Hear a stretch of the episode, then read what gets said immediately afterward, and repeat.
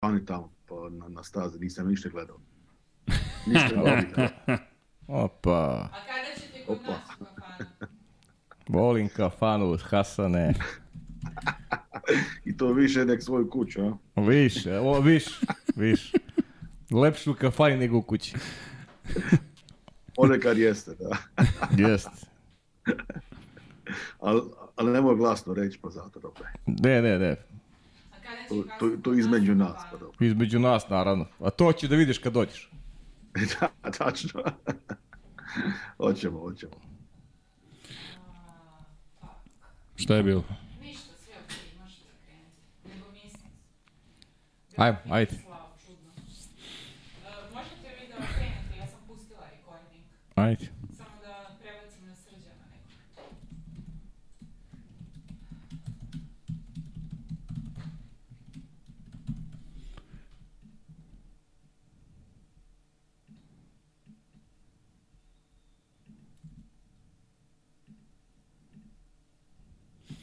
E, Ja vas još ne vidim, znate. a, ne vidiš nešto. Ne, Daj mi sekund da upalim. imam samo onaj Infinity Light Outhouse logo, onaj. Čekaj, vidiš sada? O, evo ga, evo ga. O, to ti kažem. Eto, vi, vi to je slavite nek, nešto sa šampanjcom to bilo.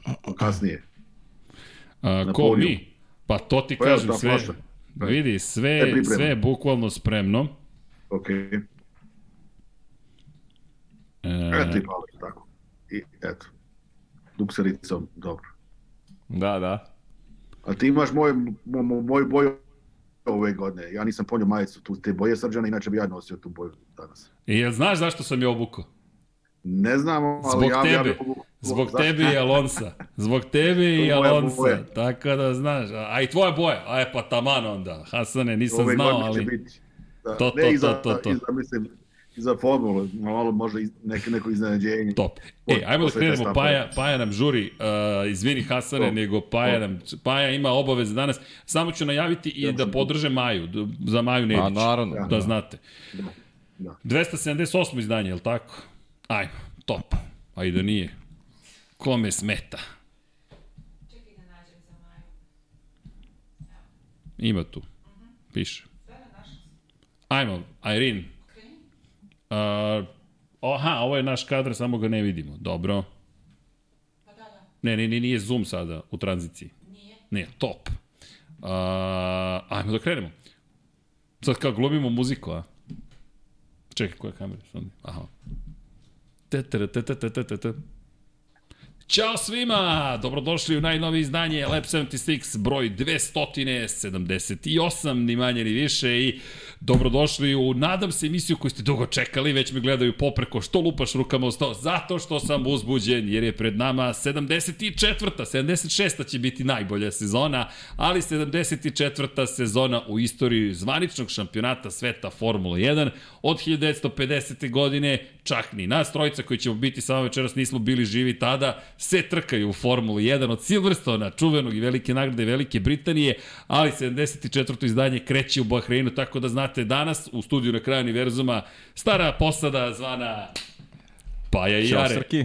Ćao Pajo, dakle Ćao, tu Jare. su Paja i Jare, da ne kažem gospodin Pavle Živković, moja maleko Srđan Erceg i na licu mesta Crime Scene Investigation, gospodin jedan jedini, Mr. Crash, Hasan Bratić. Ćao Hasane, jesi nam dobro? Ćao svima, jesam, hvala.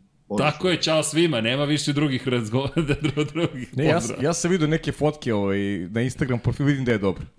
e, da, ni, rekao bih da mu nije loše. Ne, nije, nije. Ove poslednje fotke su mi pokazale da je dobro. E, One su mi moram. najviše su mi se i dopale te Ali poslednje moram fotke. nešto da primetim, a, jesi ti to prešao u videografe, pošto ono bio film, ono nije bila fotografija. Pa Eto, na, kao malo old school, po, počeo sam i ja malo da o- ove nove teme. Izgleda sa tim internetom i to da će to izgleda malo traje duže nego što mislio, pa onda ću ja nešto morati učiniti valjda na to malo. Pa čekaj, šta nas dvojica da radimo? Sad si još i u video i u Ništa, nas fotografiji. dvojica ćemo da šetamo po ovoj kiši. Po, po koji, jel ima kiše u Bahreinu? Kakva je situacija? Bilo je juče, bilo je juče tri kapa, nakon moglo se vidite, ali, ali to sve, sve brzo nestalo. Ali on, onda je, eto, ne, neki 28 do 30 stepena, jedva se izdrže, da kažem. Da, ali šta nije nestalo, a to je najvažnije, to još nisu nestali, iz kadrova nisu nestali bolidi Formule 1, to je biće u kadrovima. E, mnogo je lepo, ljudi, počinje nam sezona, napravit ćemo, naravno, standardni uvod pre nego što krenem, međutim, hoću, kažem, hoću da kažem par stvari. Jedna stvar veoma bitna, da se mazite i pazite i da budete dobri jedni prema drugima, da uživate u sezoni pred nama. Imam osjećaj da će biti super zabavna, možda me ospore moje drage kolege, ali ja ti dalje verujem u tu maksimalnu zabavu kada je reč o Formuli 1. Međutim, pričat ćemo o tome šta se dešavalo u predsezoni, u međusezoni, ko su novi ljudi, od koga očekujemo dosta, šta se to sve zbiva i nadam se doći do nekog zaključka, mada ne volimo nešto previše predviđanja jer to je kao nagađanje, ali Ima jedna bitna stvar gde možemo da uradimo nešto vrlo konkretno. Ako mogu da vas zamolim, kažem ponovo, krajnje lično za podršku za Maju Nedić, našu dragu Maju, Maja koja se bori trenutno, dakle, bitka protiv kancera je u pitanju, to je lepša polovina našeg dragog kolegi Nenada Milunovića sa sport kluba, čoveka koga svi pre svega volimo, jedan divan čovek i ne pričamo to tek tako, neko s kim sam ja imao zadovoljstvo i čast da radim NFL prenose, da komentarišemo zajedno, međutim, to je manje bitno, bitno je da smo mi svi prijatelji i da želimo da podržimo Maju. Stoga, 1445 na 30-30 koji u Republici Srbiji, ko nije, ima žiro račune devizne, može da uplati iz inostranstva, možete i na dinarski ukoliko ste u Srbiji želite da uplatite direktno ili kako god. Dakle, Budi Human fondacija je fondacija koja pomaže da se ovo realizuje lakše i jednostavnije. Treba nam pomoć na dnevnom nivou, dosta je skup oporavak, nažalost u pitanju je ponovna pojava kancera, tako da je bitka još važnija ovoga puta, pa eto, ja vas molim, za 2, 3, 5 minuta vašeg vremena. Znam da ima puno ovakvih situacija, puno poziva, ovog puta je malo ličnije za nas pa eto koristim priliku da vas pozovem ko je u mogućnosti super. Inače, ko bude bilo šta donirao, jeste ovo premijera.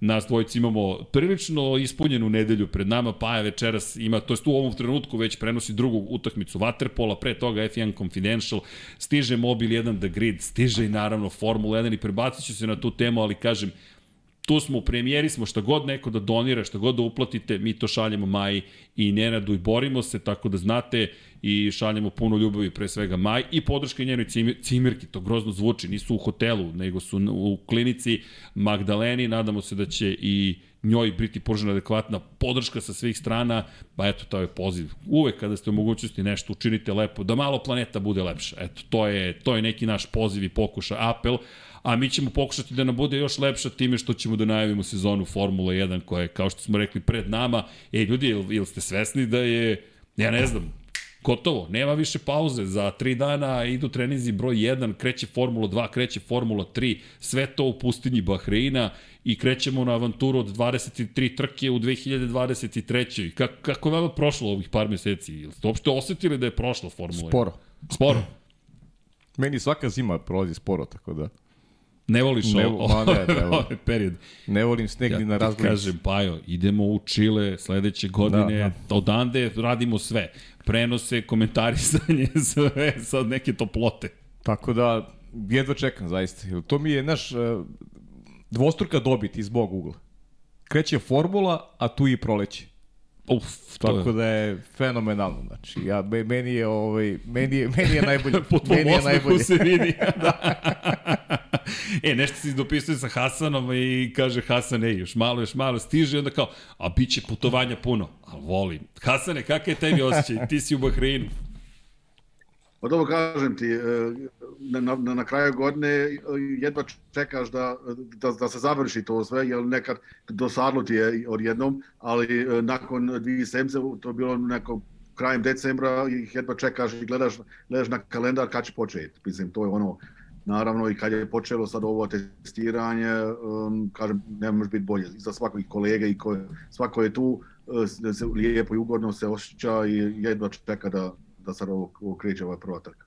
Da, to... Ja, najbolja konstatacija. Slaže se potpuno Hasan. Ja sam imao u jednom momentu onako dođe do nekog zasićenja i već ti bude, već ti bude malo preko glave, znaš, malo se to oduži, da. onda ti treba odmor, tako da to je to je onako potpuno ljudski. Verujem da je tako i vozačima isto, ne samo nama koji to pratimo sa strane, da da su željni malo da se regenerišu, ali vrlo brzo opet taj adrenalin negde radi i, i, i prosto želiš da vidiš što pre kako će stvari izgledati o, i da li će biti drugačije u novoj sezoni. Zato ta prva trka meni uvek meni uvek, uvek naj, najveća neka, ajde da kažem i inspiracija, motivacija i u poslu da Ovaj, ne mogu dočekam da vidim da li, da li su snage promenjene ili ćemo gledati sezonu koja je nalik na onu prethodnu.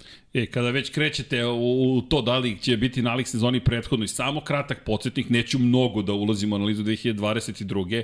Ali, evo ih polidi pred nama, nisu baš svi, imamo više smo poklona dobili kada je reč o Ferrarijima, tako da imate dva Ferrari, imate jedan Red Bull i imate jedne kadašnju kacigu Luisa Hamiltona, ja se nadam, a dobar je kadar, da se lepo vidi dakle kako to izgleda. I tu je neki trofej, o trofejima ćemo kasnije, spremite se i sa fantazi, kod je spreman, imate ga već u opisu ko je nestrpljiv, neka sada klikne na link, imate i kod, dakle, samo ko ima link, ko ima kod može da uskoči u ovu ligu, nismo hteli da bude potpuno otvorena, već volimo otvorenost, međutim da bude za ekipu iz Lab 76, tako da, momci, se trkamo ove godine, kakav je dogovor? Ja sam napravio ekipu, da, da.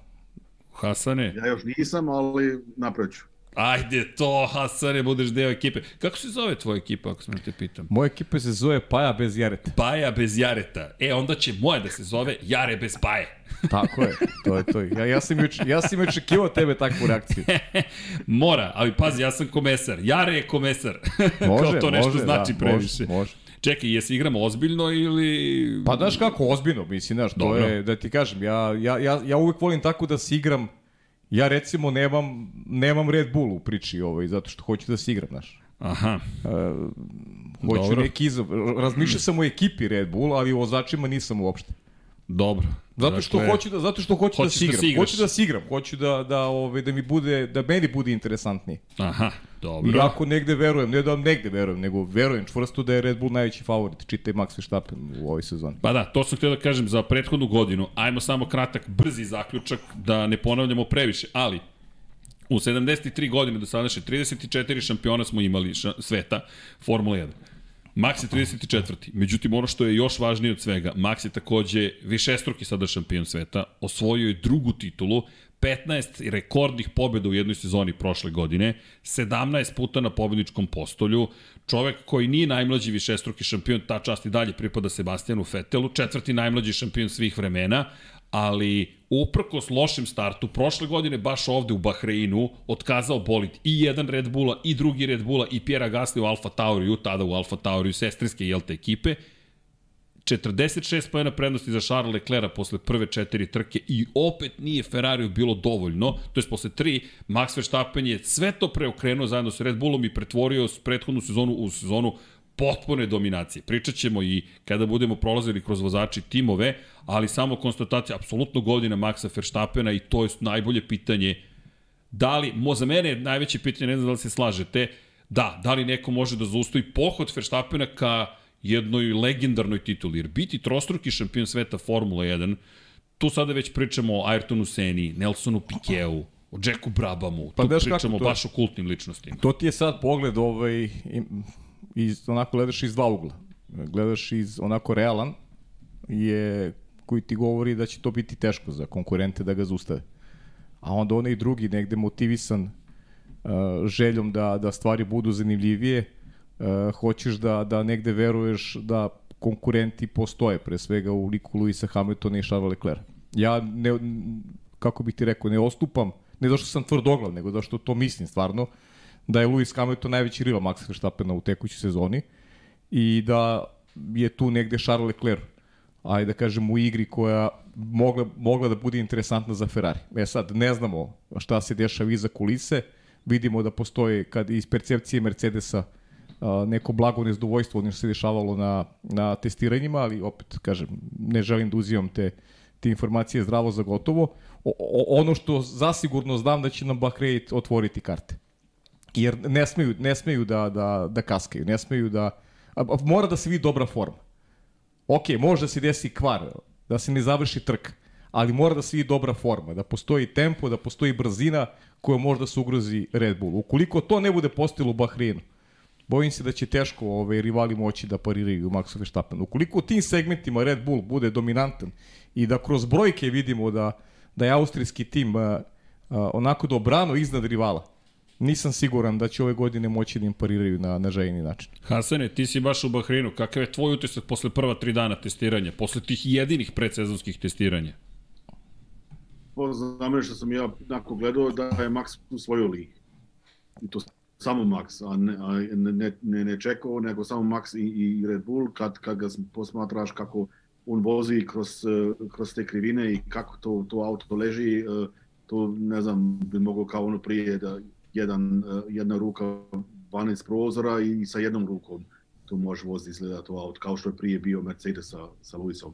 Ali um, ovi drugi, naravno, što sam pa evo rekao, Mercedes nije baš bio zadovoljan, pričao sam sa par inženjera tamo koji sam mogu stići, nako, um, naravno da ništa neće da, da kažu otvoreno, ali, ali ipak vidi se da, da ona Štimovu nije baš nako vesela bila u, u garaži i, i, ovi, i kao što Luiz i, i Russell isto rekli da još nije auto onako kako oni žele da ga voze.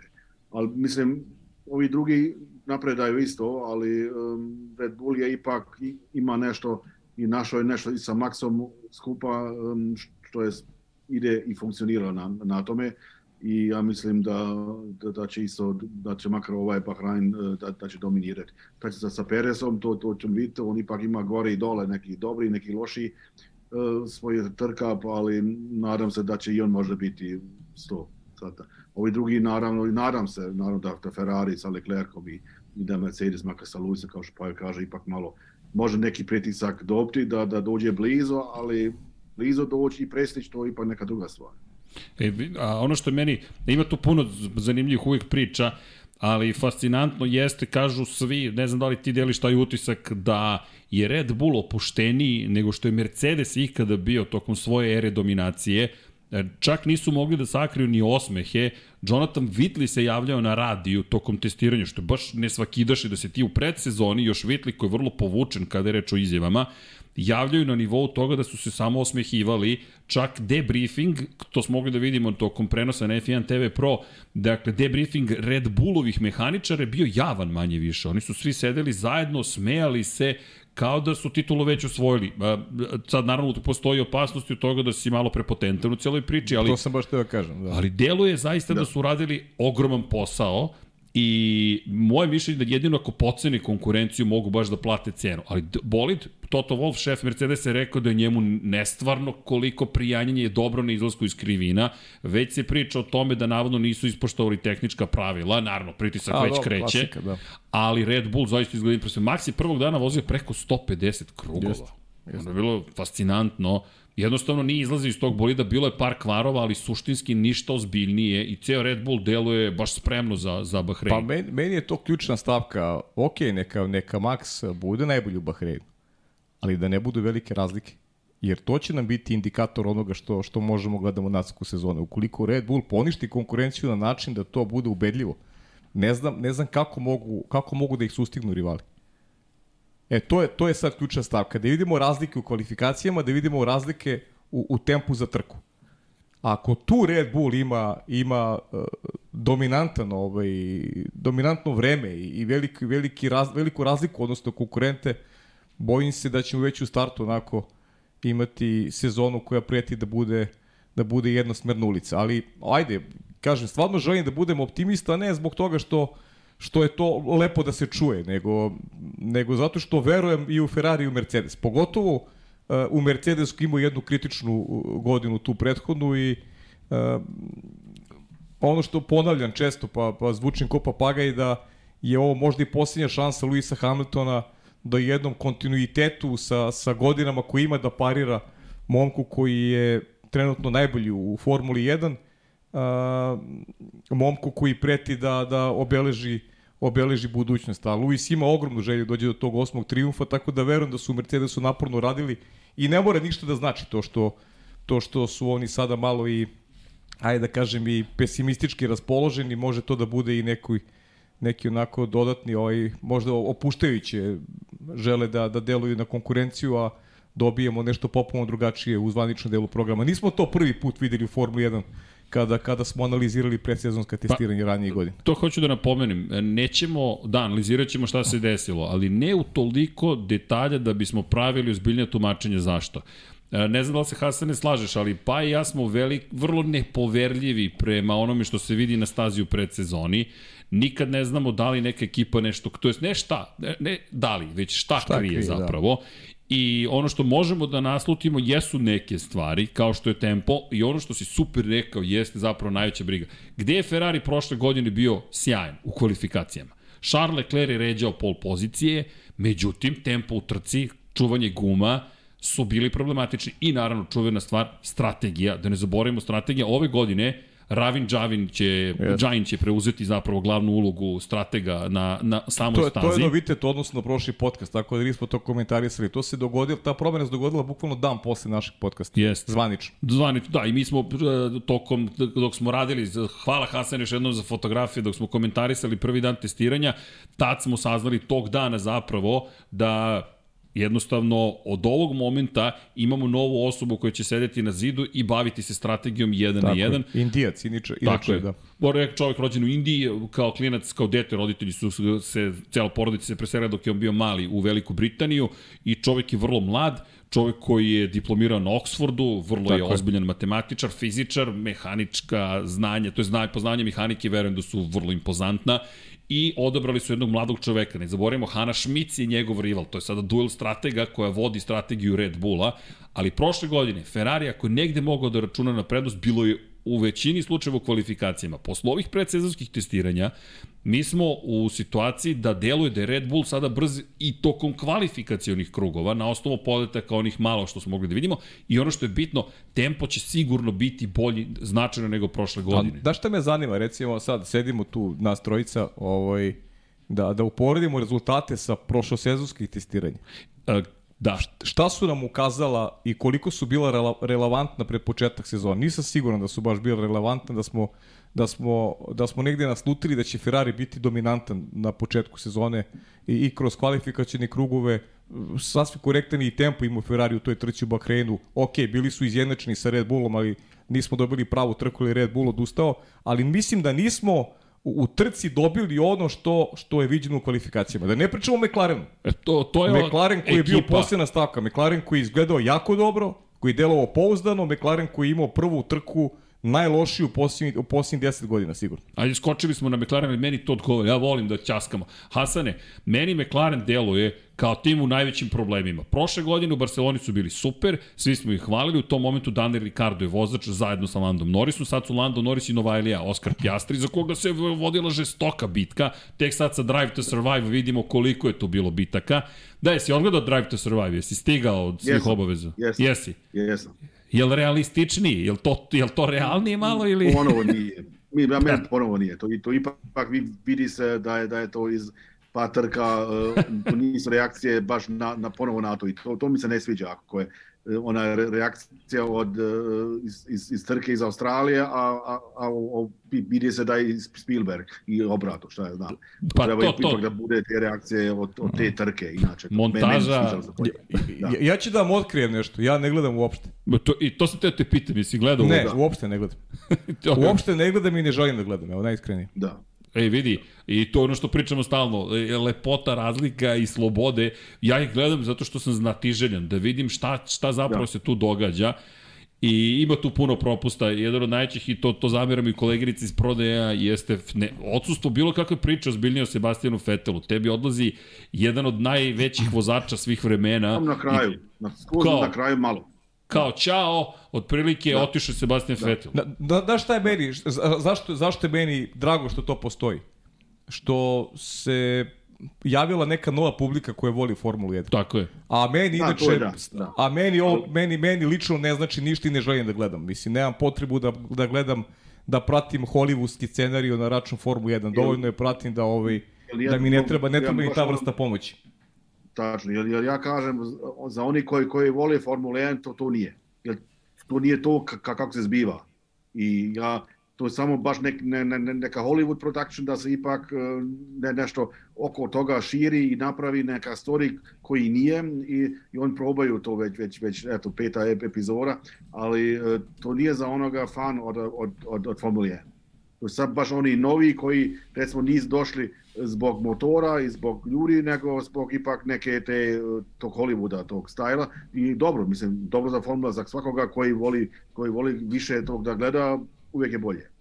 Da, što više publike to bolje, pa u tu svrhu hvala im što postoji, ali i bez mene. Da, inače Hasan me pita usput, e, dopisuje se, kaže slika staje kod mene ili moj internet loš. Tvoj internet je malo slabiji, ali sve je okej, okay, Hasane, čujemo te, to je najvažnije. Dobro. E vidi, sa internetom ću, muke ćemo voditi očigledno dok ne nabavimo opremu, ali Hasan ekipa sprema da. opremu, da. neće, ne vidi, od sad kabel, žicu nosim svugde sa sobom, to je jedna stvar, live view ćemo da nabavimo i tako dalje. Ali ej, vidi, bez obzira na to, ono što ti tamo vidiš i ono što ti znaš, i ono što ti nama pružaš je neprocenjivo, tako da najvažnije te mi čujemo, jer tvoje znanje tako stiže, a, ali lepsi čovek, odmah se razumemo. Dobar, dobar ti taj novi imidž. Čuo, obrijao si se, to si nam rekao. Hasan je aerodinamičan. Kolutka. A, ali je to. E, a što se tiče Drive to Survive, to ste upravo obojca. Privukli publiku, Hasan privlači publiku. Ej, ljudi, zapratite Hasana Bratića na Instagram. O, stigo nam je miksa, ovde se okuplja ekipa popodnevno druženje u Infinitiju i u studiju na kraju univerzuma. I samo hoću da kažem, je iz perspektive onoga što ti radiš, ja zaista, ej, prešao si 8000 pratilaca na Instagramu, idemo, Hasane, sad na 9000. Postaješ popularniji, Ma, tako se. i treba. Nema. To, ti ja toliko imamo zajedno. Nemamo ni toliko. E, ali, ali to je zato što nismo tako lepi. Pa normalno, pa nije.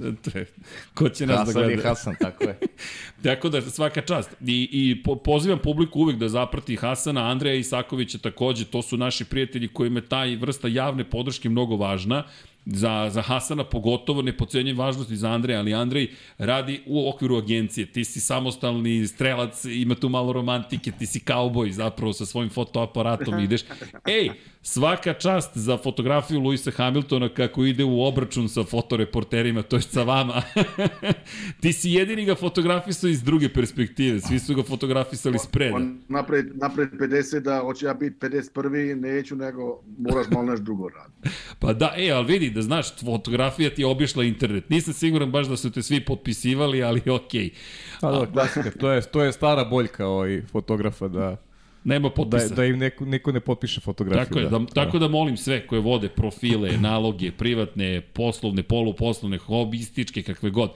Kada uzmete fotografiju od nekoga, bio to Hasan, Andrej, neko treći, potpišite koristite ih i to je upitno, ali ako već koristite, odite priznanje tim ljudima, stavite link ka njima, tagujte ih, da oni mogu da imaju više pratilaca, da onda i agencije i klijenti njihovi potencijalni znaju koje je to fotografija. Ali dobro izgleda fotografija i vratio bih se i delimično i na tu priču, e, samo apropo Red Bulla, tu smo stali, dakle Red Bull, ukoliko zaista bude imao i kvalifikacijone krugove tako moćni, kao što su u trci bili, nema pa, lepo si rekao, tu onda ne vidim kako ćeš da probušiš taj oklop, jer onda ti kontrolišeš trku od samog početka. Setimo se Majamija prošle godine. U Majamiju prošle godine smo imali situaciju u kojoj E, Sebastian, oh, Sebastian Vettel, pobegao Jana Fetela, u kojoj Max Verstappen mora da krene sa treće pozicije. On pretiče Sainca na početku, nameće mu se kasnije, pretiče Charles Leclerc i ide ka pobedi. Sad zamisli ako on startuje sa pol pa pozicije. Pa dobro, to, to nije sad, nije čak možda ni to najbolji primer. On je momak sa 10. sa 15. pozicije pobeđivao prošle godine. Mađarska, Belgija. Tako da, tako da njemu kvalifikacije nisu značile bukvalno ništa. Ako još budeš dominantom u kvalifikacijama, to onda onda ti ovaj, sužava mogućnost da gledaš nešto što, što je adrenalin, nešto što treba da, da te dovede do, do, do tačke da si o, koncentrisan uz, uz TV prijemnik od, od, od prvog do posljednjeg kruga. E, tu je sad, meni je manji problem sad u celoj priči uh, Red Bull. Jer, jer svi znamo da će Red Bull biti na visokom nivou. I nemamo dileme, bez obzira na kaznu koju su koji su popili prošle da, godine. Da, 25% manje vremena će imati za aerodinamičko razvijenje. Poenta je da vidimo šta će u zvaničnom delu programa, dakle u, u, u subotu, u petak i subotu, šta će uraditi Ferrari i Mercedes. Koliko su oni u stanju da od starta sezone stave Maxa Verstappena po pritisak. Jer šta je još Max uradio prošle godine? Eto, minus 46 posle četiri trke, jedna onako mirna glava, fokus, nisu ulazili u paniku, dakle, vrlo brzo su oni to sve stavili pod kontrolu i imali dominantnu godinu. A ako to urade, opet, vraćamo se na, na blisku prošlost. Malo vadimo iz istorije detalje. Red Bull je, uh, ajde da kažem ovo i nazovi Maxovo jeri, najviše problema imao do dolaska u Evropu. Oni su negde kaskali za Mercedesom upravo prvih 4-5 trka. Od Evrope je počela da, da raste njihova forma. Od dolaska na evropsko tlo. Ukoliko sada krenu odmah od starta sezone da budu dominantni, pa bojim se da, da se crno piše rivalima. Ali kažem, neću da verujem Ali... U to, ne samo zbog toga što što je dobro biti optimista, pa sad ajde širimo optimizam, nego stvarno verujem da, da ima nešto u Ferrari i Mercedesu što, što može da nam donese jednu sezonu koja će biti, koja će biti kvalitetnija u odnosu na prošlu. I kad to kažeš, ljudi, gde je tu u celoj priči Ferrari? Jer, ajmo ovako, Lewis Hamilton ima jednu drugačiju priču u odnosu na... e, Zanimljive su te karijere i tačke u karijerama.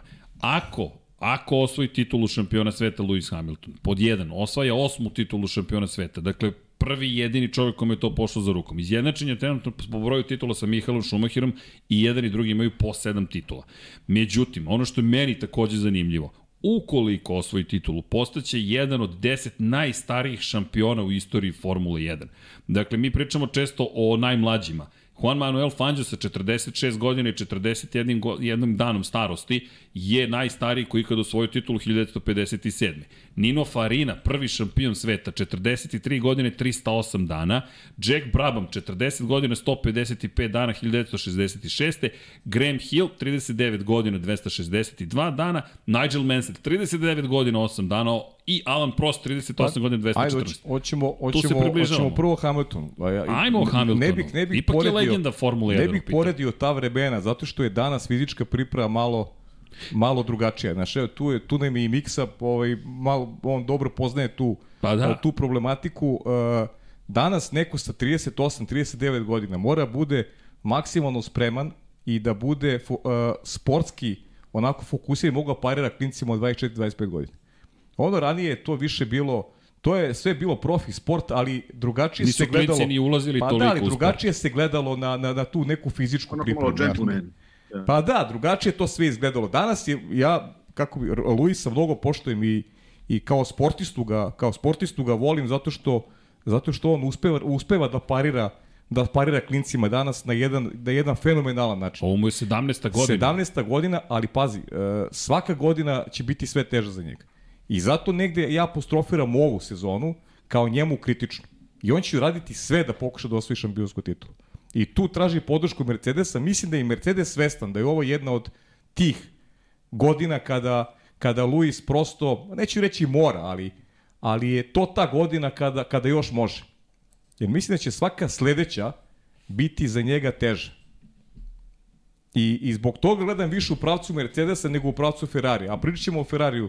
Ne, pričat ćemo, ali Pričat ćemo o Ferrariju malo kasnije. Luis je napunio, dakle on sada ima 38 godina, 7. januara, to smo spomenuli, napunio 38 godina i 1985. godište je, dakle polako se ta 40 bliži. Imamo mi još jednog vozača, ej, u čast Fernanda Alonsa, zelena boja je danas tu, jel si mu dao autogram? Znam da te spopadao tamo iza drveta i čekao. Nisam imao lovka, uzao sam se drugi put ponovo. Se, seti se prošle godine Kevina Magnusena koji je, koji je, Kako ne, koji je koji mlađi se vratio. čovek, koliko se borio sa vratnim mišićima, koliko je bilo problema da Ali otvorio sezonu petom Ot, pozicijom. otvorio petom, ok, ali Za otvorio Haas. sezonu. Ali mu je bilo teže Jeste. narednih meseci da se vrati zato što, zato što imao, imao, je, imao je fizičke bolove čovjek. Znaš, kad ispadneš, kad ispadneš iz treninga, Ma, e, to je kat, katastrofa. E, evo ti ga Dragulj iz Drive to Survive. Dakle, inače ovaj šampanjac ovde, to je Prosecco ili šta je već u pitanju, ne znam ni ja, se priprema za otvaranje na kraju sezone. Dakle, to će dobiti, u stvari ne, to ćemo zajedno da proslavimo sa onim ko osvoji titulu i dođe po svoj trofej za fantaziju, ali o tome ćemo kasnije pričati. Elem, u Drive to Survive, Magnus je njimao problem da stavi kacigu. Dakle, on toliko dugo nije u bolidu Formula 1 bio da je imao probleme kacigu da namesti kako treba i pita ga Ginter Steiner, šef Hasa, ne znaš kako se stavlja kaciga. E, jednostavno izađeš iz navika, vozio si sportske automobile drugačije, izgleda ti da je isto, ali nije isto. To, to mi je zaista bila simpatična scena i on koji, koji za godinu jednu, što kaže Steiner, kao da je sazreo 10 godina. Jer ti si, i on je rekao, bio sam nabusit ranije, bio sam pa čak i neprijatan, I onda izgubiš nešto što podrazumevaš i doza skromnosti se ušeta u život i kažeš čekaj sad imam i dete, drugačije gledam stvari, tako da zrelost mislim da donosi s druge strane upravo to, dakle drugačiji pogled na Formulu 1. Pa ne, sve, Znaš, sve, ti, sve ide jedno s drugim. To je, to je ono što smo pričali i o razlici između recimo Luisa Hamiltona, Alonso odnosu na Vettel. Znaš, Vettel ko ima porodicu, Vettel ima, Vettel je već imao drugačiji pogled Jeste. kad je život u pitanju, znaš, ti kod Alonsa i Hamiltona imaš i dalje tu neku, neku strast, imaš, jer, jer, znaš, nemaju te neke stvari koje, koje ovaj, nemaju porodicu, znaš, nemaju, nemaju tu brigu o deci, nego imaju samo, imaju taj sportski cilj i dalje, e, kod Luisa koji podrazumeva osvajanje titule, a kod Alonsa da i dalje, da i dalje da se dokazuje, da se, da se u toj trci sa mlađima predstavi u, u najboljem mogućem izdanju. On pogotovo, kada pričamo o, o Hamiltonu, Alonso neko koji, je- zašao već u petu deceniju života, to je, Pazi. to je zaista za, za ogromno divljenje. E, Dve stvari samo bih dodao. Hasane, ti te ljude viđaš lično, do nekle ih poznaješ i tako dalje, ali Sebastian Vettel je dve i po godine mlađi od Luisa Hamiltona. On se već penzionisao. S druge strane, on je šest godina mlađi od Fernanda Alonsa, koji nema još uvek decu, nije formirao porodicu na taj način. Setimo se Valentina Rossi. Valentino Rossi se trkao sve dok nije postao otac. U- U mom, Tako sve je. su se poklopile stvari i sad se trka automobilima. Mnogo manje rizičan posao od Moto Grand Prix. U svo dužno poštovanje prema svakom automobilisti, svakom kuđe automobil, opasna je situacija. Ne znam da vidiš ostatke ovde automobila, to nam je Deki malo Renault Twingo parkirao u, u, u odbojnu ogradu tamo u, u, na grobniku, ali to je sve okej. Okay. Ali imamo svoje suvenire, ali činjenica da je otišao, lepo kažeš, pa on jeste mlađi. Inače, znate što nam je palo na pamet istražujući sada godine i sve, sve, sve što, o čemu sada pričamo. Da li znate koje su tri najmlađa šampiona sveta Formule 1? Mlađa od Maxa Verstappena. Pa Vettel. Vettel je najmlađi. Znate ko je Alonso, drugi najmlađi? Alonso. A, treći Alonso je najmlađi. Znaš ko je drugi najmlađi? Drugi najmlađi. Ko bi mogao bude drugi najmlađi? Drugi najmlađi bi Ne, ne, nameće vam se. Lewis Hamilton. Tako je. Ej, tri najmlađe šampiona svih vremena, mi danas pričamo o njima kao potencijalno najstarijim, no modernim šampionima. Kakve su njihove karijere? Ne bih ih nužno poredio sa Novakom Đokovićem, Rogerom Federerom i, i, i, i Rafaelom Nadalom, ali kad pogledaš, čekaj, oni su bili najmlađi kada su osvajali titule, sad su potencijalno među najstarijima, koliko traju te karijere, koliko su to ozbiljni vozači i Max Verstappen je četvrti najmlađi. On je već tu, znaš, e, i, i to da ne zaborim. E, znate ko je, Honda imala šest titula, šest titula je osvojila sa vozačima, dodaću joj sedmu, iako se vodi kao Red Bull Power Trains. Da li znate ko je jedini čovek koji je osvojio tri titule, sve tri svoje titule sa Hondom? Ayrton Senna. Ayrton Senna.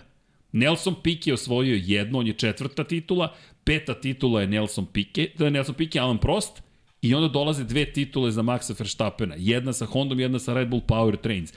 Ja ću dalje ovo da gledam kao Hondin motor. I tu mi je isto, za, za Maxa, samo da ne zaboravim, ta treća titula, pazi ti ideš u društvo sa Nikim Laudom, sa Jackiem Stewartom, sa svim ljudima koje smo već spomenuli i još ćeš biti sa Hondom jedini zajedno sa Senom otprilike. Kako, kako? Imaš još 10 godina da vozi, bez problema. imaš još 10 Pa godina. dobro, ima da, ali to je sad opet, opet ovaj, E. priča, znaš, da li, da li je on taj koji će želiti da vozi još toliko godina. On često govori da, da, da ne razmišlja, eto, ali i, i od, ako, ako zasnuje porodicu, opet, Pa to, ali evo ti ova veliko trojica. je pitanje da li će želiti da traje, da traje toliko. Opet, Koliko su ljudi, ostali. Da, ostali su, ali to je ogromno odricanje. To Jeste. je, zato i kažem, nije to ranije, nije ranije bilo tamo pre, sjeti se tih filmova, mnogo su lepi ti starih filmovi, dokumentarci, ovaj, kako je izgledala formula nekada. To su bile 6-7 trka godišnje, e, nisu oni bili, uh, oni su bili sjajni sportisti, sjajni vozači. Rizik je bio mnogo veći. Rizik mnogo ali veći. manje trka. Tako i manje trka i nije nije to tražilo ta, takvu fizičku pripremu kao što je to slučaj danas. Ne, ne, to se promenilo. Ayrton Senna nas je uvio taj savremeni automotosport u kontekstu fizičkih priprema. Michael Schumacher je to onda odveo na viši nivo i za mene je fotografija Mik, kacige Michaela Duana. Duan je to uradio u Moto Grand Prix. Oni su prvi koji su i na Tour de France mogli da idu koliko su bicikle vozili i kardiovaskularni sistem kakav im je bio. Ali Ču pravo si pa je, promenili su se Ne, stvari. danas je, danas je telo jednog 39-godišnjaka zaista mora da bude maksimalno spremno da bi, da bi mogao u kontinuitetu da se bori s nekim ima 24 godine. To je 15 godina razlike, to je ogromno u profesionalnom sportu. Pazi, prvu titulu svoje 2008. Ogromno. Hamilton. Sad I je zato ti, 23.. zato ti, ti stariji momci, a tako da ih ne zovem, koji traju i koji su toliko uspešni, oni baš zaslužuju divljenje. Baš. I Luis je, dobro je što ga imamo i dalje, što ga i dalje... Pa i Alonso. Pa i Alonso naravno, ali dobro, Luis je sad neki, neki veći level zbog čega? Pa zašto ima mašinu koja može da mu pomogne da, da ovaj da ostane na vrhu. Kad smo kod te mašine, to je sad najveće pitanje, samo kratko, iako smo rekli u četvrtak ćemo detaljno da analiziramo bolide, ali ili imamo fotografije Mercedesa možda? Ovo je mnogo bitno, hvala ti Hasene za fotografije. Mercedes se najviše izdvaja, imamo tri osnovne tri osnovna koncepta koje su usvojena 2022. godine. Jedan koncept je zapravo Red Bullov koncept, dakle sa bokovima koji, koje koriste i tekako koandin efekat, spušta se na dole zapravo sa gornjeg kraja vazduh ka difuzoru i moment kontrolisanja zapravo vazduha, obstrojavanja vazduha ispod tog bočnog otvora. Međutim, kod Mercedesa nema ničega i dalje Hasane ostali su verni svoj, svojem prošlogodišnjem eksperimentu vertikalni otvori, minimalni. I ono što je problem kod Mercedesa što oni ovaj nemaju plan B ukoliko ukoliko ovaj projekat uh, ne da rezultat. Makar makar su to neke neke prve informacije ovaj Pa ne za ovu sezonu. Da, ne za ovu sezonu i to može da to možda taj budget cap i, i, i to ima problem za njih, zato ne mogu imati drugo auto. To Zato. Tako je, budget mm. cap koji je prošle godine stupio na snagu i iz te perspektive ono što, što je Paja rekao, ti u Bahreinu ako nisi spreman, tu se formula dosta promenila za velike timove. Ako nisi spreman, šta onda? A kada je reč o Mercedesu, Mercedes koji ovde se super vidi zaista koliko je drugačiji taj bolid. Crnje, to smo spominjali za oni koji eventualno ne znaju da bi se uštedilo na težini. 20% je farba, ostalo su ugljenična vlakna. I imamo i ovaj deo, analizirat ćemo, kažem, da ne bih oteo sad podcast i pretvorilo se u tehničku analizu, baš ćemo proći u četvrtak tehnički aspekte samih bolida, ali ovaj bolid, ovo je opklada i ovo je ono što smo pričali, sad ideš na sve ili ništa. Dakle, ako prođe ovaj koncept, svi su heroji u Mercedesu, to znači da imaš naredne dve godine nešto što će biti konkurentno. Tako je. Ako ne prođe, korekcije. Korekcije. A korekcije, kao što si Wolff- rekao. A Toto Wolff Da, da. rekao na, na, na, na, na kraju sezone, e, sad ćemo ovo auto staviti u, u, naš, u naš ofis na početku hali, da kad prođemo da, da vidimo e, kao, kao e, da, da uvek se sjetimo šta smo napravili. Koliko je loša sezona sa bila. istom autom, recimo. Dobro, Mercedes je opet s druge strane ono što ono što ih hrabri svako to je finiš prošle sezone koji je bio koji je bio jako dobar. Da. Oni su oni su praktično od od to je ajde ajde da je nazovemo te letnje neke sezone, tačnije nakon letnje pauze Mercedes je izgledao vrlo korektno. Imali su par situacija za pobedu, imali su trijumf Georgea Russella i lepo su parirali Red Bullu. Bolje su oni parirali Red Bullu nego nego Ferrari u drugom delu sezone. I to je ajde da kažem neki neki ovaj pozitivan indikator koji smo dobili ovaj kada je u pitanju nemački tim.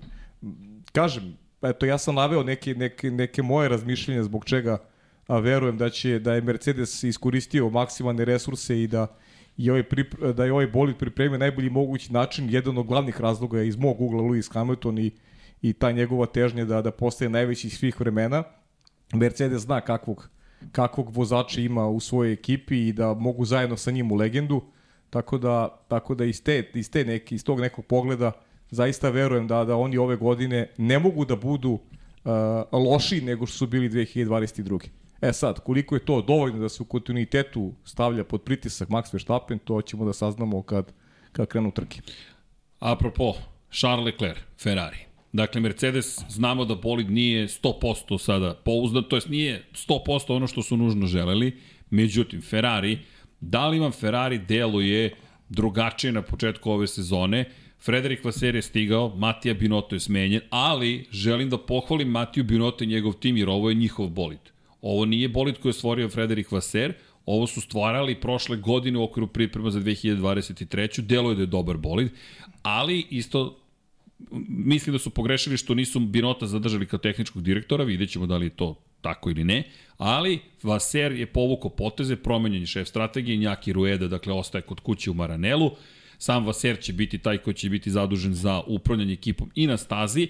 Ono što me zanima, Hasene, atmosfera u ekipi Ferrarija prošle godine, greške mehaničara, točak koga nema, greške u strategiji, tri puta ne povlače svoje vozače na vreme da promene gume. Dakle, mi pričamo o ekipi koja ima tri šanse da ne napravi istu, jednu te istu grešku i tri puta ponavlja istu grešku. E, nećemo da menjamo gume, e, nećemo da menjamo gume, e, nećemo, ali samo kod Charles Leclerca da menjamo gume i svaki put je trebalo tići na zamenu guma, koliko ti puta treba da naučiš nešto, kako ti sad izgleda atmosfera, jer ovoga puta nema dramatičnih izjava. Niko iz Ferrarija nije izašao i rekao titula je naša, sve je završeno. Vaser deluje kao da je malo spustio i očekivanja i kao da želi drugačije da upravlja ekipom. Kakav je tvoj utisak? Ti si tamo.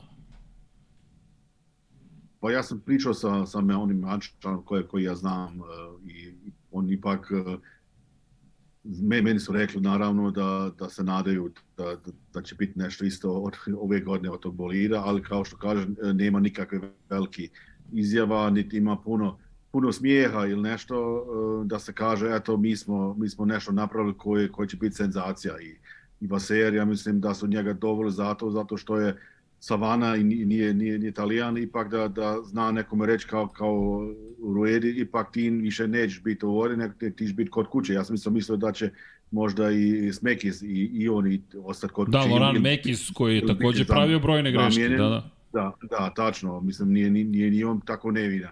Ali um, mislim da, da, da oni gledaju ipak uh, te prve trke, pa da onda možda će nešto reći. Mislim, taj, to, to, su, to su možda naučili da, da, da, da prvo trkaju se, pa, pa onda da se fale. A to pošle godine ja mislim da nije bilo tako. I mislim da, da kako se vidi, auto nije, nije loše.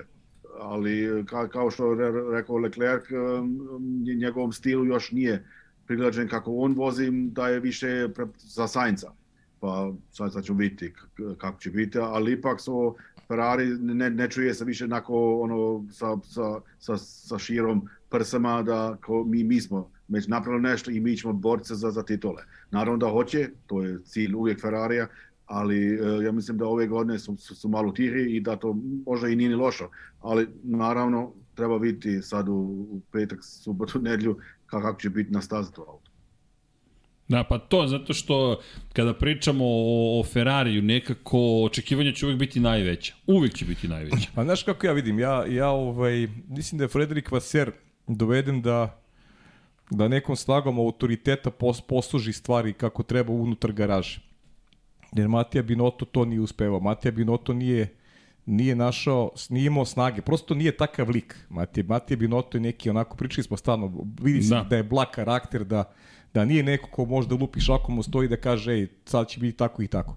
Uh, Frederik Vaser to mora da napravi. Dobar potez je, dobar signal je, e, ja gledam malo, sa, sa malo više optimizma na Ferrari nakon što je i Njaki Rueda dobio nogu. U stvari, on nije dobio nogu, on je povučen. Kulturno je sklonjen. Tako, pa sklonili su ga, ali ostao u Ferrari. On sad radi, ne znam, nešto su ga vratili u garažu kao neka podrška, ne znam čega, zaboravio se, nije ni bitno, možda nađeš to na, ovaj, na internetu. U svakom slučaju, čovek koji je, koji je pravio najviše gluposti prošle godine više neće biti uz, uz ekipu. I to je jako važan potez koji je povukao Frederik Vaser. A ono što on mora da prepozna, da Ferrari više nema gluposti tipa neprepoznavanje situacije na stazi, da mora da se da prednost.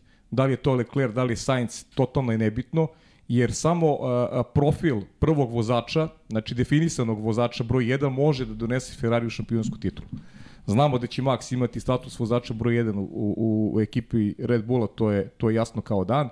Za prepostaviti će Lewis Hamilton to imati u Mercedesu, ali ostavio malo zadrške, vidjet ćemo šta, kako Russell može da se suprostavi. Ferrari Ferrari u tom pogledu mora bude jasno definisan. Tu brzinu, taj kvalitet koji ima Charles Leclerc, oni moraju da mu omoguće da ima prednost na stazi u odnosu Carlosa Sainca. E sad, kako će da pomiri uh, uh, Frederik Vaser? Očigledno uh, dva lobija koje postoje unutar Ferrari.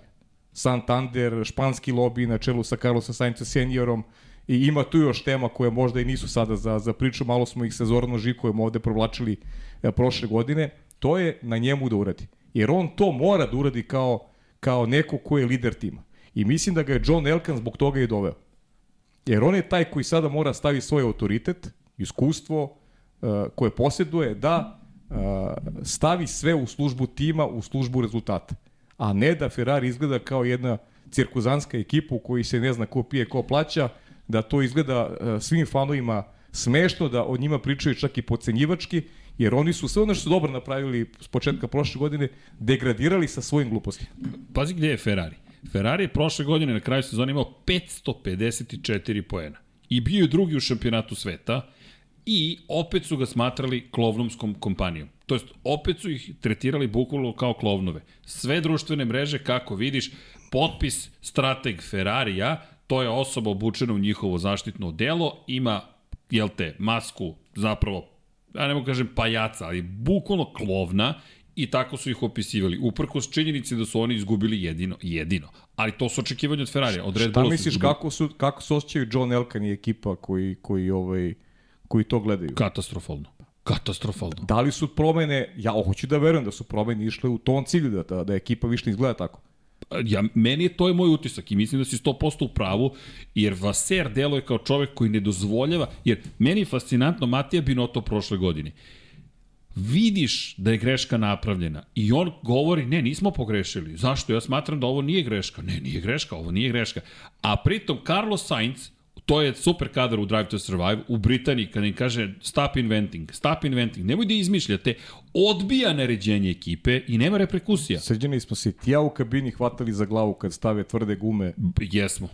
Je, ne, mi smo bili Stoji, znači, šokirani izborom guma. a, a ljudi koji žive od toga, koji, Kako je to koji jedini zarađuju posao. jedini posao da naprave takve greške da i- ispravo im se ceo svet sme. Pazi, Loran Mekis, ja mislim da si ti Hasane hiljadu miliona posto u pravu. Pa, da, pa svi smo Sportski očekivali, direktor. da. Svi smo očekivali da će, da će on dobio nogu isto. Mekis koji prošle godine izgledao najzbunjeniji od svih.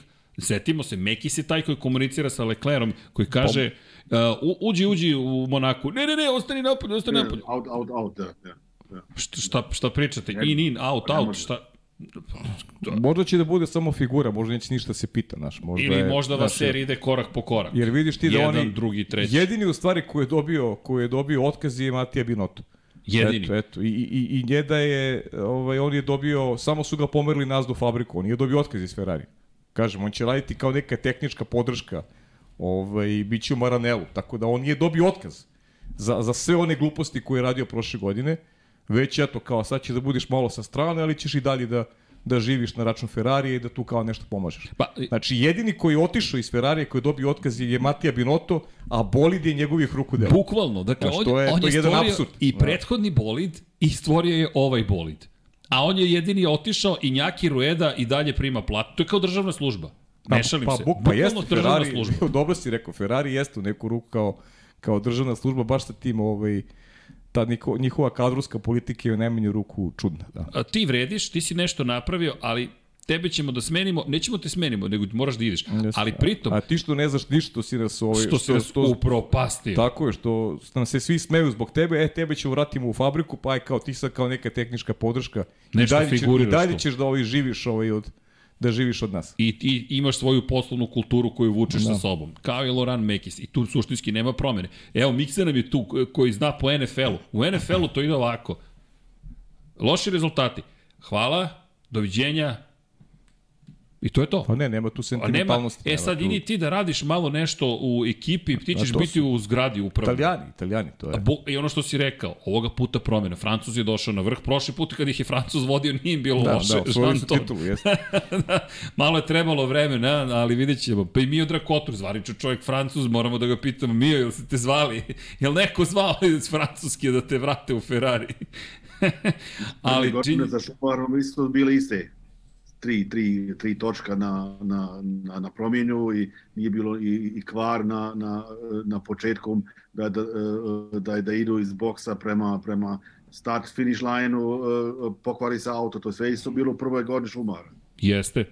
Ali nisu, to- nisu smenili, nego su, uh, uh, to je postavili su, ali ja zaista mislim da Binotto nije smeo da radi sa ljudima i stojim pri tome. Da, da, pa ne. Ne, to on je, to je super suštinski. inženjer, ali al nije vođa.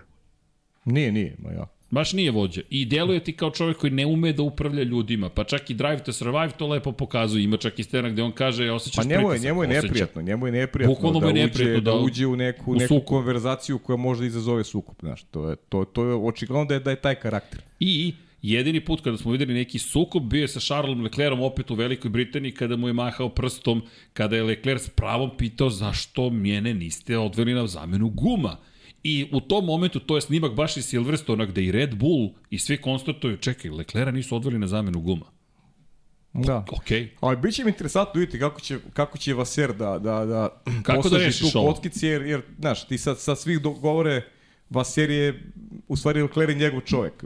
On Jeste. je vozio u Zauberu kada je Vaser bio šef ekipe, tako da ta saradnja postoji već ovaj, onako od malteno početaka Leclerovih u Formuli 1.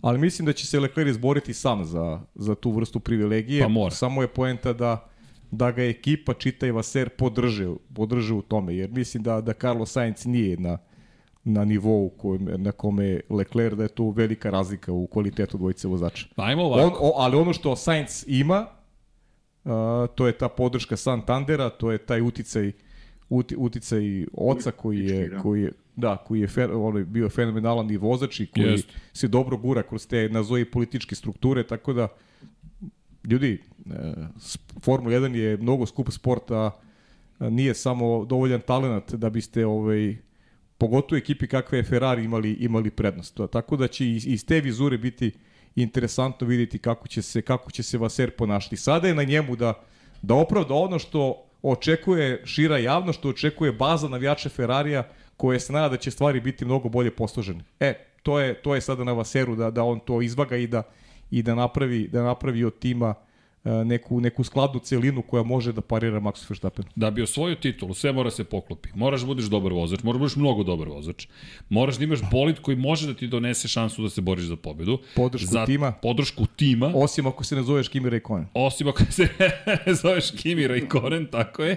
Da, i Kimi koji inače deseti najmlađi šampion svih vremena. Čisto da, da ne zaboravimo i Kimija legendu koja, je- koja Jed, jedino je. Kimi u Ferrariju gde, gde je i Mihael Schumacher sedeo u garaži gde Felipe Massa osvojio šampionsku Da, titulu. sedeo na suprotnoj strani Tako garaže. je, sam protiv svih Kimi, ali zato je Kimi Kimi. Pa, da, ali Kimi koji je pod uvijek bio fazonu, ne zanima me. Pa, ja ću da radim ovo moje i to vam je, to vam je što vam je, pa sad vi vidite kako ćete dalje.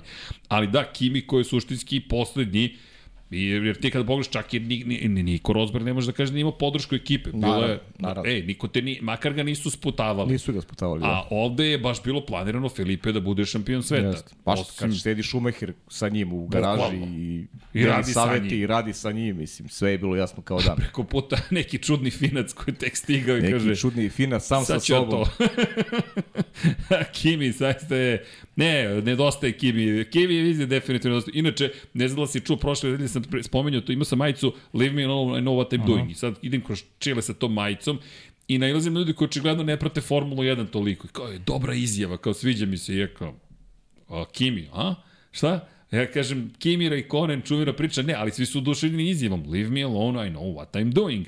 Jer izjava je savršena. Čekaj, to je kao Hasanovi dođemo. E, vidi, dečko, ti objasnim ja. Sad uzmi ovaj objektiv, a malo pomeri fotoaparat levo. Znaš, čaman, ljudi, ovo je moj posao, ajme pustiti da ga radim. E, ali da se vratim na Carlosa Sainca i evo, pitanje za vas dvojicu. Da li znate koja je ovo sezona Carlosu Saincu u Formuli 1? Pa recimo šesta neka. Hasane, šta ti kažeš ovako na pamet? Brojiš, brojiš, a? Vrtiš fotografije. Brojim, brojim, brojim. Ja mislim da je više od šest. Deveta. Devet. Deveta. Ja ni, ono, ja sam isto ko Paja pomislio da je šesta, sedma. Ne, ne. Da. I onda Ne, ovako ne. gledam, deveta. A znate koji mu je najbolji plasman u karijeri? U šampionatu sveta. Ne na trci. U šampionatu sveta na kraju sezone. Pa četvrto, peto mesto. Dva puta peti. Pa da, za Ferrari. četvrto, peto. Nikad iznad pete pozicije. Čak ni prošle godine sa pobedom u Ferrariju nije bio iznad petog mesta. Charles Leclerc je ovo šesta godina Zamisli, u Formuli. zamisli da je Albon imao devet sezona i da je bio dva puta peti. Ne bi više bio u Formuli. Ne bi bio, ne bi smo ga A to ti spominjali. kažem, to je, to je podrška sponzora. To politika, da, da ima. Tako je, tako je. Tako To je. za I, to. A sad imaš Charles Leclerc kome je ovo šesta godina, peta godina s On Ferrari. prosto, dečko, nije dovoljno brz za velika dela. Ja mislim da si 100% To je, pravo. to je to. Charles je bio četvrti u svojoj drugoj sezoni 2019. i prošle godine vice šampion. Postoji razlika. Postoji. Postoji Kako razlika. Ne, ozbiljna razlika postoji. I to je to. Čak i ta velika Britanija kada pogledaš, da Ferrari nije pogrešio sa strategijom sa Charlesom Leclerom, Leclerc bi bio najverovatniji pobednik te trke. Sainz, da. Da, ne bi Sainz pobedio. Čak ni da. tu pobedu. Ok, 150. trka dobio je pobedu, idemo dalje, ali Ferrari mislim da si paju 100% u pravu, jer bolid deluje da je dovoljno konkurentan da budeš tu negde. Deluje. Sad, da li možeš kombinaciju Max Verstappen Red Bull, za to moraš da imaš apsolutnu podršku ekipe. Pa evo, znaš kako, mislim, to, to prednost dati prvom vozaču je u situaciji da možda se boriš za titul, znaš, ne moraš a priori da je daješ ukoliko nema, Kad- nema tog uloga. znaš. Kao što je bio slučaj Prošle 2020. i 21. Tako je, to je bukvalno, da prošla godina je jasno definisala pozicije i kako Ferrari može.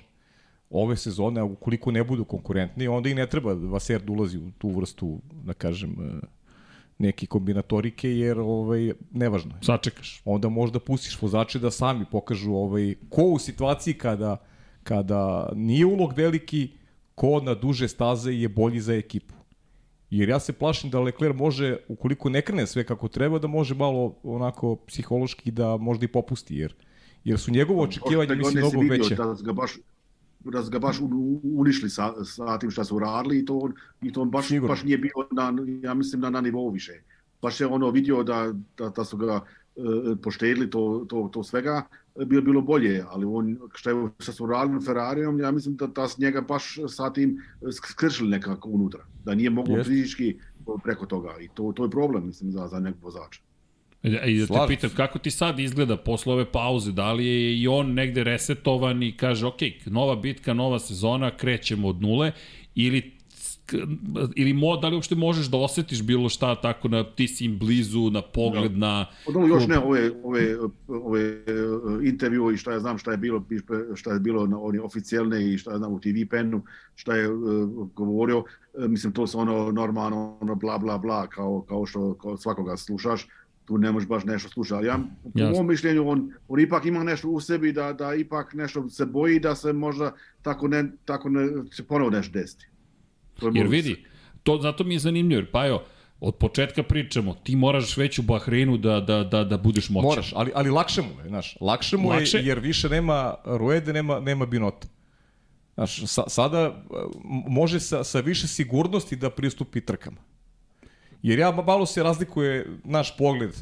Ok, da vozač treba da pokaže, treba da pokaže neki stav i to, ali opet uh, ja mogu da razumim i Leclerc. Znaš, ti očekuješ, ako ja radim posao kako treba, maksimalno, očekuješ da druga strana Tako je. garaže, da, da tim isto obavlja posao kako Jesi treba. ti bio Znaš, profesionalan? jer ja nisam ja plaćen ovaj, za, za, za to da radim tvoj posao. Ne samo to. Znaš, Zašto hoće- bih ja glavu opterećivao time? Jer ako ja pokažem na stazi da sam brži od svog timskog kolege, očekujem da za to budem adekvatno nagrađen. A ne da budem, ne da budem ovaj skrajnut i da, i da se o meni priča kao sad. Sad tema je, e, e, nije priča zašto Ferrari greši, nego je priča zašto Leclerc nije agresivniji. Pa nije. E, ovo je priča. Zašto Ferrari a, a, a, strateški nije odgovorio bolje na, na sjajne vožnje Charles Leclerc. To je veća priča od, od, od Leclerc. Ajde da dodam još jednu dimenziju, izvini. A to je sledeće. Ko je odbio naređenje ekipe prošle godine? Carlos Sainz. Sainz. Koja je bila kazna za to? Dobio je pobedu. Dakle, ti si nagrađen zato što si rekao ekipi neću da vas poslušam. Nisi rekao neću, nego si rekao molim vas nemojte, please guys, don't, don't, stop inventing, stop inventing i nisi zaštitio Leclerc. Jer poruka u Britaniji je bila daj 10 bolida dužine prednosti Charlesu Leclercu. De facto čuvaj mu leđa. I on je rekao ne. Suštinski je rekao ne. Koja je bila kazna ekipe? Nije bilo kazne ekipe. Ekipa je rekla, ok, mi slavimo pobedu našeg vozača, mi smo srećni, Ferrari je pobedio. Poruka Leclercu je, zato kažem, ti si 100% u pravu, ali očigledno da ekipa ne funkcioniše kako je rekla da će funkcionisati. Jer ako ti daš naređenje i neko ne posluša, a poruka je pa u redu ne moraš da poslušaš, to je samo hoću da kažem, nažalost, Leclerc onda mora da počne da razmišlja u tom smeru. Ali sad nova era, da li počinje, vidjet ćemo, novi menadžment je tu, nova uprava je stigla i mene sad zanima u Bahreinu, na primjer. Šta ako nađemo se u situaciji da Ferrari mora da donese neku vrstu te odluke? Naprimjer, različite strategije imaju Sainz i Leclerc, da li će biti, ej, propusti ga jer ima različitu kako, strategiju. i, i u vreme pokojne Gensa Ferrari, on je uvek imao, nikad nije krio da, da ima više simpatija prema nekim vozačima u odnosu na drugi, ali, ali ekipa uvek radila u službi, u službi onoga što je, što je konačni cilj.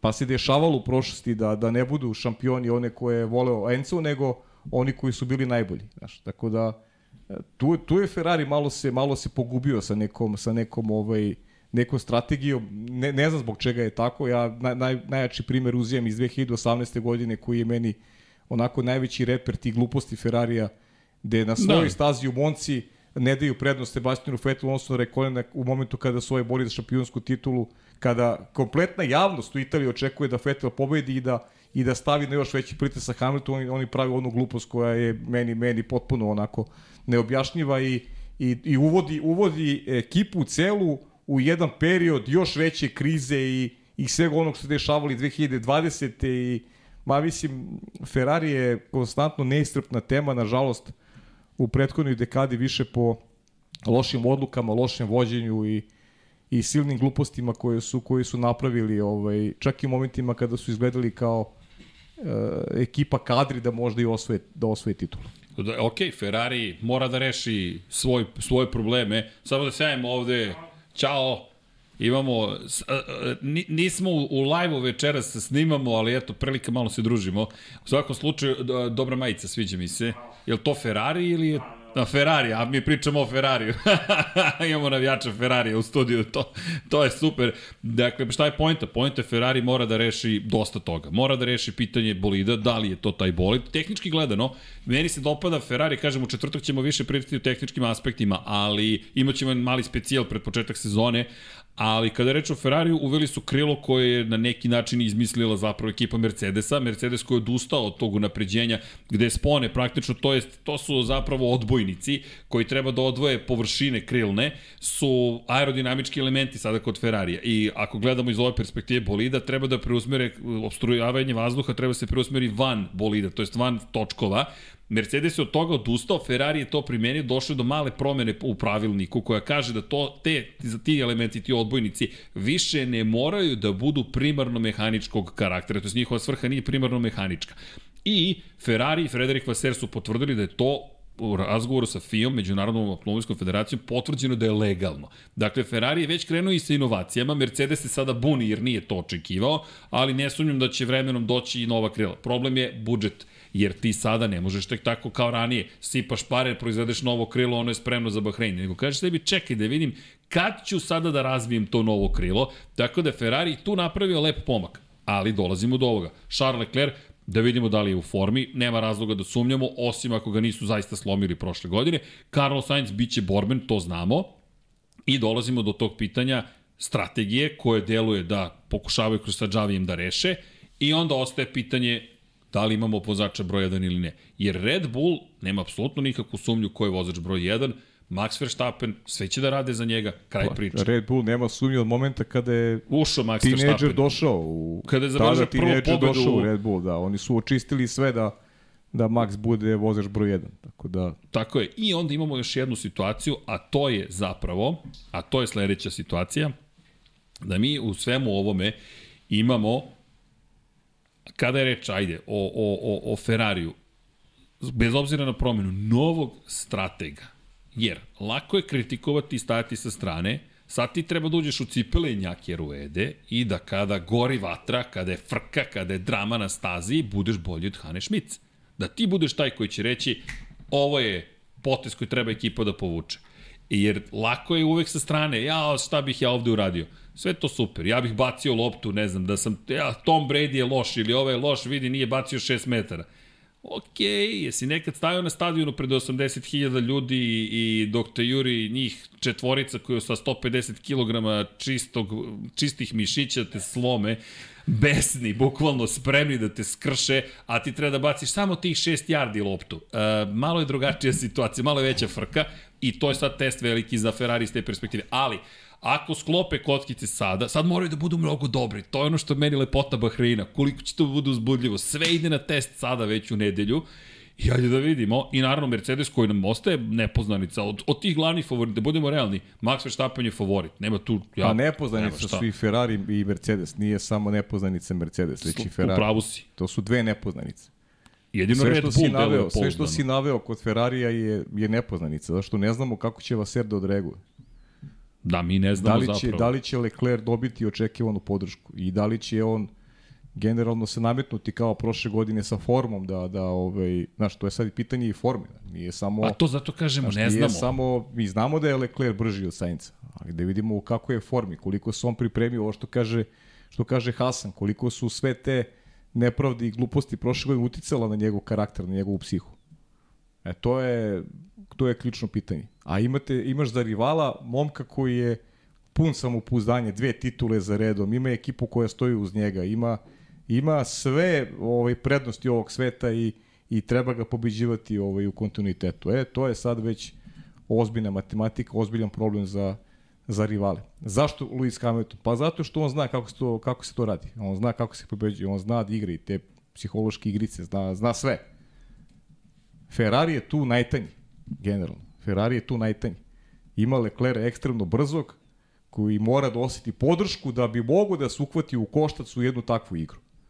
On samo uz maksimalnu po- podršku može da se uhvati u koštac u takvu igru. E, to je zanimljivo, izvini, Drive to Survive, ako se Hasane sećaš kadra sa za Miku Schumacheru i, i Hasu, gde baš pit, nemački novinari pitaju Gintera Steinera, pošto je pričao Miku Schumacheru, šta treba da ima vozač? Treća stavka je podrška ekipe i svi gledaju Steinera i kao, pa jel imao podršku ekipe ili nije imao podršku ekipe, ali to je neka druga priča. A da, ali, znaš, po, pa Svugde je važno. Znaš, kako nije važno? Svugde. Jel, jel on da bi, da bi mogao da, da vodi rat, po znacima navoda, s konkurentima, mora da ima mir u svojoj garaži. Ako nemaš mir u svojoj garaži, pa kako ćeš onda izađeš na megna rivalima ako ti nemaš mir tamo gde ti treba mir? Ma tamo gde To se isto, to ti podrazumeva isto da kao imaš u, mir. naš, u kući imaš nemira, treba kao da budeš u poslu dobar. Pa ne može, ne ide. I ti si Mora da super imaš u kući, mora da imaš u kući mir da bi bio na poslu dobar. To je nešto uzemno. I Znaš, uvek, jer, jer ti se kuća ti se, kuća ti se odražava na posao. E, to ti je, to ti je slučaj Leklera, to ne samo slučaj Leklera, to je, to je slučaj i Sebastina Fetela i Fernanda Alonsa, što nisu imali mir ovaj, u garaži. Nisu imali tu stabilnost koju ekipa trebala da je. Pazi, ta, dvoj, ta dva šampioni su to imali. nego su morali da se bore za A svoje ne mesto pod suncem. koji je neki, za njih je neki klinac koji, koji još nije ovaj, došao do toga da sa statusom šampiona sveta se bori za neko svoje mesto po suncu. A to moraš da učiniš u momentu kada je Red Bull u najboljoj formi možda u svojoj istoriji. Jer prošla godina je, ne zaboravimo, bila najbolja u istoriji Red Bull Racinga. Ljudi, njima je to najbolja godina ikada. Najviše poena, najviše pobeda, najviše pobedničkih postolja, vraća na Ma, titulu dominacija, šampiona je. Vettel nije na taj način dominirao. Ne, nije, nije. Vettel čak ni sa svojih devet uzastopnih pobeda nije imao takvu sezonu kao Max Verstappen. Nije. I sad ti sve to moraš da, da postigneš. Red Bull, ok, da, ne ponavljam, tu su gde su, Ferrari ostaju pitanje od prošle godine, čekamo odgovore, Mercedes ostaju pitanje od prošle godine, to je ono što je ludilo, kao da rade na tome da pomognu Red Bullu. Jer ono što ti Hasane super rekao za Mercedes, B- W13, ovo nam je podsjetnik na sve poraze, najgori bolid koji smo ikada proizveli i onda spremamo specijalno iznenađenje za 2023. Isti bolid, samo crne boje. O, okej. Da. Znaš, kao, šta sad, nemam pojma. Ali i ono što smo rekli, kladionica. Međutim, Sebastian Vettel, dovodiš me paju do četvrte ekipe, Aston Martin. Pazite, znam da preskačem i Alpinu i McLaren po poredku iz prethodne godine. Preskačem i Alfa Romeo. Međutim, moram da pitam da li Hasane je zaista Aston Martin toliko napredovao, da se o njemu toliko priča da je, ne znam, Fernando Alonso izjavio da je bolji Aston Martin bolid trenutno od Ferrarija ni manje ni više. Rezultati su super optimistični, Alonso Da, kao da je prvi put u karijeri pogodio gde da ode. ne znam da možda prvi put, bukvalno. Ne računam kada je prešao u Renault iz Minardija, to nije bilo teško. Ali mi deluje kao da je prvi put posle svih svojih kockica. Ajmo u McLaren, ajmo iz Formule 1, ajmo u Renault, to jest u Alpinu, u Aston Martin, deluje na osnovu svega da je novac odigrao veliku ulogu, ali da li su pogodili zaista, da li je to ne, ekipa koja Pa će nas zaista toliko iznenaditi? Tako baš pa izgleda vrijeme i koliko, koliko su išli krugova, to je sve kažem, ne- nevjerovatno dobro i svi, svi ovi kolege, isto žurnalisti koji znam, isto su veoma iznenadili se tome kako to ide i, i ja kad, kratko sam pričao sa, sa Alonzom, on kaže da, da je, da je ve- veoma zadovoljan što je, što je tu prešao i što je sad, sad napravio tu i on, i ono kaže odmah od drugog dana kad je, kad je počeo, kad je izašao iz Alpine i došao u, u uh, Aston Martin, počeo 100% za, da, da radi za to, za sebe fizički i, i u fabrici. On, oni, ali su, taj neki čovjek ima ne, nešto da zna sa ljudima, da, da, da i privlače na, na, na svoju stranu i da, da rade nako kako, kako on želi. On da 100, on vidje da on da 100%, onda ćemo i mi dati 110 ako treba. Ali taj, taj bolid izgleda super. Jer to je najveće iznenađenje koje smo imali u predsezoni. Nekako Ja smo... ću samo da podsjetim da je McLaren izgledao slično prošle godine. Da, da, da, za da, da, da, poštenost. da, da, da, da, da, imaš pravo, da. Pošteno, pošteno.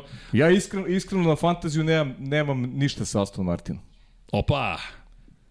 kim imaš? Sa McLarenom. O! Imam oba vozača McLarena u ekipi. Baja, a- a- agresivno i oštro. Kada pogledamo... gambling, pravi igrač. Da, pravi igrač, Da. a vidi, ovo je bolid Aston Martina, hvala ti za ove fotke, definitivno kopija Red Bullovog koncepta, ali nije to tako loše s obzirom na činjenicu da... da To ne, dobre stvari treba kopirati, zašto Pa da, ne? čekaj, radi, osvojili su titulu u konkurenciji konstruktora, vozača, funkcioniše, ok, nije Red Bull Power Trains, to je Honda, nego je Mercedes unutra, ali aerodinamika, aerodinamika, deluje da bi to moglo da funkcioniše. I ne zaboravimo, dobar deo Red Bull racingovih inženjera je prešao u Aston Martin. Jest. Logično je da filozofija bude slična, ali Volao bih da imamo, ovaj, da možemo da pustimo deo podcasta od prošle godine koje mislim da smo slično pričali Aston Martinu i tada. E, to je to, jesmo Sigurno pričali, jesmo, puni pa ne, 100%, optimizma, da. Fetel, da li može, ne može. Ovo je Drugović, mislim, na, na slikama, pa kako izgleda, ako ne može Stroll voziti, da će on voziti. No. a, E da, bravo, to je interesantnija priča, da, vezano potvrdio za... je Aston Martin Jest, to. ako ne bude Stroll Drugović sigurno, da. Da. Čak je bilo priča, videli ste, verujem da je Sebastian Vettel, je bila je opcija Da, da, pa dobro, ali to ne da vjerujem, možda on vozi bi prvu ipak trku, bilo- ali da. Da. Da. ali to bilo pre, pre, pre, prema, prema, sve prema ono što je, što je on govorio, mislim, protiv Formule Jest, i ono, svaka jest. i tako, to, to i ja ne mislio da, da, da, da je bilo šanse da on vozi. Pa da, jednostavno i odmor i penzija i kao što si rekao, njegov stav generalno u Formuli 1 trenutnoj. Drugo, ni, ni on ni Aston Martin ne deluje kao da su se baš... Ali moguće kao da- to bio skladan neki Pazi, brak. nije njih. nemoguće ovaj, da, da ga nisu pitali. Da, ne, Da. ne, onaj Krak je pričao sa njim, onaj Mike Krak, Da. ja znam njega, To je to. Mi smo pre, pre, pre, pre, kad smo mi u petak smo pričali malo, e, ne, on, on je bio u kontakt sa njim, ne, ne, to, to je tačno, ali e, Aha. na kraju ja mislim da, da neće baš, da nije bilo ono 100% da će doći. A to nam Hasane otkriva i znamo da je Pa to da. tebi svakodnevnica, ali daj nam malo te juicy details, što kažu Ameri, Pa eto, malo. Ja sam, prepostavio sam da je tako, da, prepostavio sam. S obzirom od kojih izvora je dolazilo, prepostavio sam da je, da je, da je tačno. Da, Krak kao šef ekipe, ali to je zanimljivo da, da su hteli, zamisli kombinaciju Fernando Alonso, Sebastian Vettel za prvu trku sezone. Makar i za jednu trku. Da. Ej, dobro zvuči. Da. Da. dobro zvuči. Neki od, pa ono malo pre što smo pričali na početku podcasta, od četiri najmlađe šampiona sveta, svu četvoricu smo imali prošle godine. Vettel, Hamilton, Alonso i Verstappen. I sad zamisli e, prvi treći najmlađi svih vremena šampioni u istoj ekipi koja se zove Aston Martin protiv Luisa Hamiltona u Mercedesu i Maxa Verstappena u Red Bullu. Još ako Aston Martin stvarno brz dodaš Ferrari u cijelu priču, uhu, žurka. Ja bih jako volao da ovaj, sve najbolje želim mlađem strolu, naravno, ali ovaj, neka se oporavi i posle Bahreina. da vidimo Felipe Da, Anastazi. da vidimo Filipe Anastazi, baš bih volao da ga vidim. Kakav ti utisak o Felipe? Jesi uspeo da stekneš makar neki utisak? Felipe je redak Brazilac sada u Formuli 1. Radi ono, baš ono ka- kako treba. Svi, svi ovi koji, koji su došli su, su napravili dobar utisak. Koji ovi Da. mladi. I on, on znaju da imaju tu, tu šansu koji, koji imaju i to, i to jednom lifetime i ako, ako to ne, ne tvali, on može na ako 5-6 trka, on je, njega mogu dru, sa, sa drugoga promijeniti, znaš, pa ipak e, nemaju tu reputaciju ko, ko ovi veliki koji su bili, ali, e, i- ali Drugović svoje posebno mislim da i jednom je stao na e, bolid, ja ne znam šta je bilo, ali to kod njega je bilo jednom, ali inače nije, nije napravio nik, nikakve greške. To je, mislim, A, za, to je za to. sve ove nove ruke iz dobro. To je elektronika bila na početku prvog To je dana. jedna od, jedna od najlepših polskih priča u Formuli 1 nazad 10 godina sigurno. Da neko ko nema podršku sa strane, već samo porodice, da je, da je došao do, Do Formule 1. do Formule 1 i zbog toga bih i voleo da eto, vozi da. tu trku, šta će biti kasnije od njega zavisi, znamo da je, da je eto, nigde Vrisi recimo iskoristio šansu vozeći prvu trku, to naravno a priori neće značiti da, da mlađeni strol, znamo da će onda vozi sigurno, Naravno. nije to sporno, ali, ali ti staviš do znanja da si spreman da da jedan trkački vikend uradiš kako treba. To je mnogo bitno. Pa, pa evo, pričali smo Kimi Raikkonenu, poslednji šampion koji nije imao podršku ekipe koji je osvojio titulu. Evo sada imamo Filipe Drugovića koji nije imao tu veliku podršku. Sad se promenila situacija, ali svi vole pobednike. Osvojio si titulu u Formuli 2, ušao si odjednom kao rezervni vozač, probni vozač u Aston Martin, ostavio dobar utisak. Jer pazi, posle prvog dana nije bilo izvesno ko će nastaviti testiranje. I onda su rekli Fernando Alonso vozi ceo drugi dan i onda pomisliš da li je Felipe uradio dovoljno u, toj, u tom prepodnevnom Pa testiranju. dobro, ali znaš čega se plašim i sećaš se ti dobro i Davide Valseki osvojio Formulu 2. Jeste. Pa, pa je bio test vozač i I evo sad, Ali- sad glumi, ali to glumi, hoću- klovna, ali zato glumi, glumi klovna na stazama, znaš, u nekim intervjuima, a prosto nije dobio podršku nikada da, da vozi. E, Ali- zato je Filipeu važno ovaj vikend ukoliko dobije šansu Ali to hoću da, da kažem. pokaže nešto. To što je pre podne vozio je bio pri, za, za, je bio zapravo test za ekipu da vidi da li on zaslužuje svoje mesto. I znaš kada sam bio gotovo siguran da će voziti? Kada su ga vratili trećeg dana testiranja u bolid. Jer ti si dobio jedno pre podne i ti možeš vrlo brzo da vidiš da li od tog momka ima nešto ili ne. I ti si drugog dana stavio Alonso jer ti treba Fernando Alonso da obavi testiranja i trećeg dana si rekao ide Drugović ponovo u bolid. To je potvrda kvaliteta. Za mene je to Pa bio jeste, ali, indikator. ali ajde iskreno, ajde, Čekamo. Znaš, znaš da, da volimo i obojica volimo Filipea. Ima još jedan segment važan. Skupa je treća opcija, znaš. Košta, okej. tre, košta treća opcija. Dobro, ima i toga. ima i toga koliko bi ti Fetel Pričamo, naplatio. pričamo, pričamo o budžetima, Jasno. znamo da su ograničeni. Skupa je treća opcija, Da, da, da, pitanje, da budemo da. iskreni do Dobro, kraja. Znaš. Tu, tu, tu imaju slobodu da ga angažuju, ali pitanje je koliko je Lorenzo Stroll platio za Fernanda Alonso. Pa, da, ali, znaš, nije, nije, nije jednostavno baš ovaj, i Ve- koga, koga izabrati, znaš. Ne, imali, imali su oni opcije. Čak i Mick Schumacher je mogao da, da vozi za Aston Martin. Mogli su da dovedu u, u, u cijeloj ovoj priči Štofela Van Dorna. Dakle, imaju Ricciardo, oni... recimo, kao isto ne bilo, znaš. Ko je bio, izvini? Ricardo, Ricardo. Ricciardo, Aha, čak i on. što bi mogli, da. Pa dobro, Ali on je sad Red Sad Bull. je Red Bull, malo ne vidim da bi ga Da, baš da. doveli. Da. Ali, okej, okej. Okay. On, on rado skinio taj kontrakt sa Red Bullom da samo da jedan posto. A, vidi, Daniel Ricardo, ja mislim da on zaslužuje svoj specijal. Kako loše povući poteze u Formuli 1 i od čoveka koga svi žele do toga da te niko ne želi. Da, Jer to je fascinantno. Ne niko, ali da te mnogo manje pa ja, ljudi ja želi na čak taj nisam način. toliko ovaj, negativan naspram njegovih odluka. Meni je, meni je više Meni je odlazak, odlazak iz Renaulta. Alpine. Pa to, To, to je meni najveća odluka. Ne A to što je odlazak- napustio Red odlazak Bull. iz Red Bulla, apsolutno sam onako podržao Isto. kao, ja, ja, ja bi uradio isto na njegovo mesto. Meni je prelazak bih u želeo- McLaren problem. Znaš, odlazak, eh, odlazak iz ekipe gde ne želiš da budeš u senci jednog momka, meni je to popuno okej. To To to je dokaz da imaš stav. neki sportski, neku sportsku Pa da. ambiciju, znaš, i to je, to je okej, ali prosto neke druge kockice, Ne, ne, nisu Renault kad je repustio, Da, Renault, to je to meni je- najveće pitanje. Ta ekipa je bukvalno pravila ceo tim oko tebe. Ti si bio taj izabrani čovek koji treba i taman kada su rezultati stigli, ti si rekao, e, aj čao. da, to je, to je, to je ključna stavka. To, ajde, ne odluke, jedna veoma važna odluka. A opet, s druge strane, kad pogledaš, znaš, motivisani su ovaj, novcem, te njegove odluke, znamo da je bio tih vozača jednom periodu uh, kada porediš plate vozača Mercedesa, Ferrari, Red Bulla u vreme, vreme kad je on vozio za Red Bull, on je bio daleko ovaj, ispod neke granice, najmanje plaćen vozač, ubedljivo je bio Daniel Ricardo, tako da verujem da su ga kasnije motivisale ovaj, malo i mm, zelene novčanice, da je, da je ovaj, da se njima rukovodi. Pa- Ali dobro, to, su, to je sad Pa i stvar. to je ljudski, vidi. Pa jeste, stvar, stvar izbora. Znaš, Znaš, svako gradi karijeru prema, neki, prema je. nekom svom nahođenju, tako da... Evo, evo Fernando Alonso, izvini, kad već pričamo o Aston Martinu, kao pričamo o Aston pričamo mi o svemu, ali a, prošle godine, to mi je dobar bio kadar na Drive to Survive, kada Alonso kaže, pozvao me Lorenz, pitao me, ti imaš dugoročni ugovor sa Alpinom? Ne, ja nemam ugovor sa Alpinom, ja čekam da ga potpišem i Lorenz mu je to veče poslao ugovor, Alonso se samo nasmeo i rekao, recimo da je bio zadovoljavajuć za mene, ponuda koju sam dobio. Mogu samo da zamislim šta su mu da. ponudili. Gde on rekao, odoh ja, još ako je stvarno boli toliko brz i dobar, to je, pa to je potpuna pobeda za Fernanda Alonso. Dobio si novac, dobio si podršku ekipe i dobio si kvalitetan bolid, možeš da se trkaš.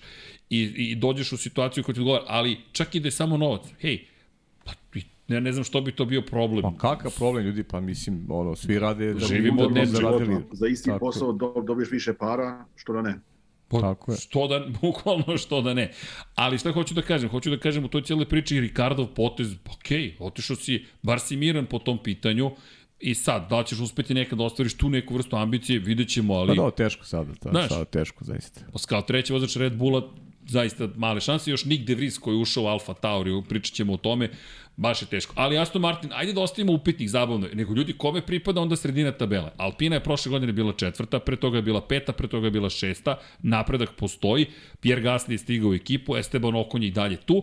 Ono što smo videli po pitanju bolida je da je dosta tvrd, dakle svi kažu tvrd je bolid, nije baš bilo toliko krugova koliko su želeli, ali oni su prezadovoljni. Oni govore da su njihovi podaci koji su prikupili, govore da će imati izuzetno visok nivo zapravo negativnog uzgona, to je čuveni aerodinamički pritisak, da ne kažem nizgon, i oni su zadovoljni. Sve što stiže iz Alpine je zadovoljstvo. Čak Otmar Schaffnauer trenutno je pa i na osnovu onoga što smo videli, vrlo zadovoljan zapravo kako se sve rasplilo na kraju, ali on se otišao nekim svojim putem, Oskar Pjastri koji je trebalo da bude njihov vozač je otišao u McLaren o kome ćemo pričati, koji deluje da se muči i Alpina koja kada je napravila pomak u napred. Najlakši bolid su imali, deluju da su dobili ono što su želeli i sada da li ćemo vidjeti nastavak bitke između Alpine i McLarena, Aston Martin tu uleće ili Alfa Romeo, da li uopšte možemo da imamo odgovor. Pa ja, ja mislim da će Alpina imati podršku kao nikada do sada.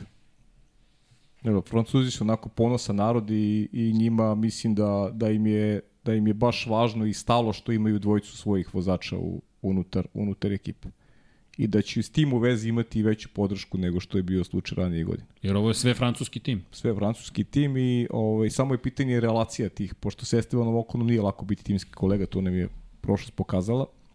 S druge strane, Pierre Gasly dolazi iz godine koja je bila najlošija njegove profi karijeri, I tu je sad onako enigma kako će to, kako će to izgledati na stazi. Nemam dilemu da će se oni boriti za tu četvrtu poziciju. Da su oni, ajde, možda u ovom trenutku, u ovom trenutku kada bih trebao da izdvojim ekipu koja bi je favorit za to četvrto mesto, rekao bih Alpina. Rekao bih Alpina pre Tako nego da je... McLaren, pre nego McLaren, pre nego, pre nego ovaj, kako se zove, mm, Aston Martin. Ok. U ovom, u ovom trenutku, naravno, naravno. Kako? Kao da su cijeli test uvijek bil pun pun, pun benzin, pun rezervora bi bio za, za benzin. To je to. to, to je Jer to, oni da. deluju veoma optimistično. Imate naj, najbolja vremena, ali, ali zato su za, za long runs i, i za, za, za, za, za trku bili odlični. Zato da.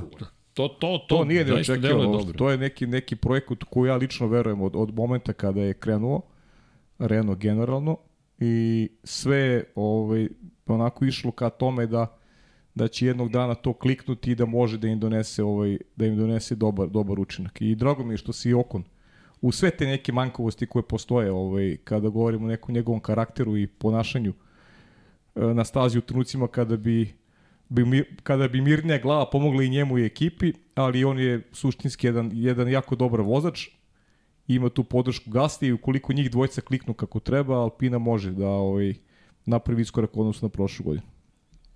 Da, Alpina malo nepoznata, ali ovo super informacija, hvala Hasane. Dakle, da. pun rezervoar goriva, Kako to ne, ti govori da si siguran u sebe. Da, to, da. Ti, to meni govori da ti samo planiraš da optimizuješ sve za trku, a da veruješ u kvalifikaciju. Jer ako su tebi korelacije između vazdušnog tunela, simulatora i onoga što si video na stazi u tri dana testiranja takve, da ti kažeš, ok, mi znamo i u simulaciji kako će nam biti kvalifikacioni tempo, ti si onda siguran u sebe ti si onda siguran u sebi, ok, da pažljivo gledamo Alpinu. Tim, I deluje baš ozbiljno. I Schaffnauer je lepo rekao, kaže, ljudi, ja izgledam naivno, ali ja volim da pobeđujem. Ne, nemojte me poceniti u celoj priči. I baš ima osmeh na licu kad je shvatio da bi mogao da tuži McLaren za 5 miliona dolara za uzimanje Oscara Piastrije. Na kraju rekao, nema veze.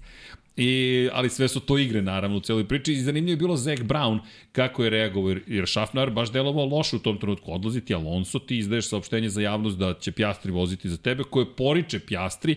Pjastri kod jednom e, ima ugovor sa McLarenom, otišla ti je zvezda jedna, drugi koji bi trebalo bude buduća zvezda takođe neće da dođe kod tebe, šta ti radiš? Na kraju potpišeš ugovor s Pierom Gaslijem i deluje da si radio dobar posao. To mala slatka osveta i pobediš McLaren u borbi za četvrto mesto u šampionatu konstruktora.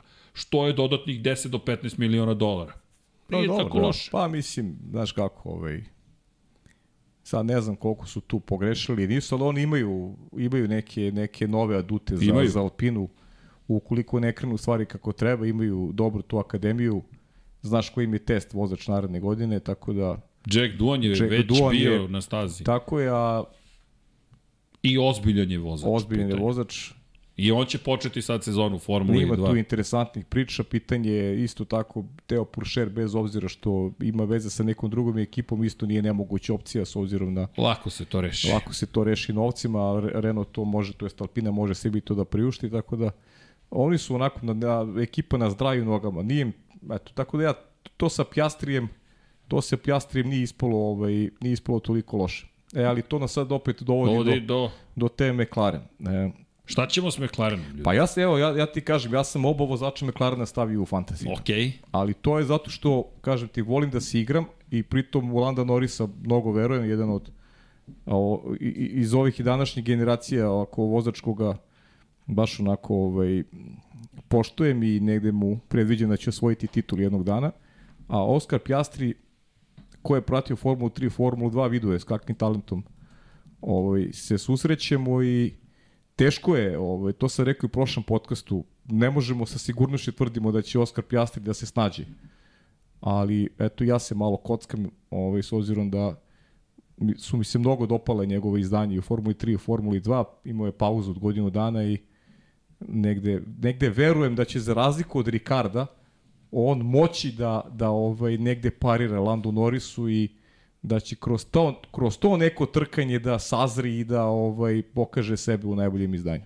K kako je tebi Hasan izgledao tokom... Aha, imamo poruku, official fantasy liga, na tome koleginica Brode podsjeća. Da, da, dve ekipe su već, već uveliko prijavljene, znamo koje dve. Čekamo Paju bez Jareta da se pri, prijavi, imate link Pa u su opisu. se prijavio, jesam, a? Jesi? Nisi još? A nisam još. A, vidiš, da, dobro.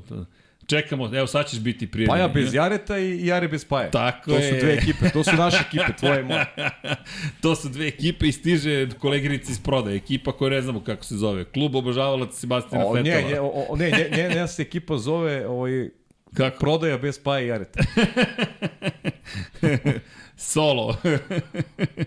Čekaj da pitamo gospodine, hoćete čašu vode?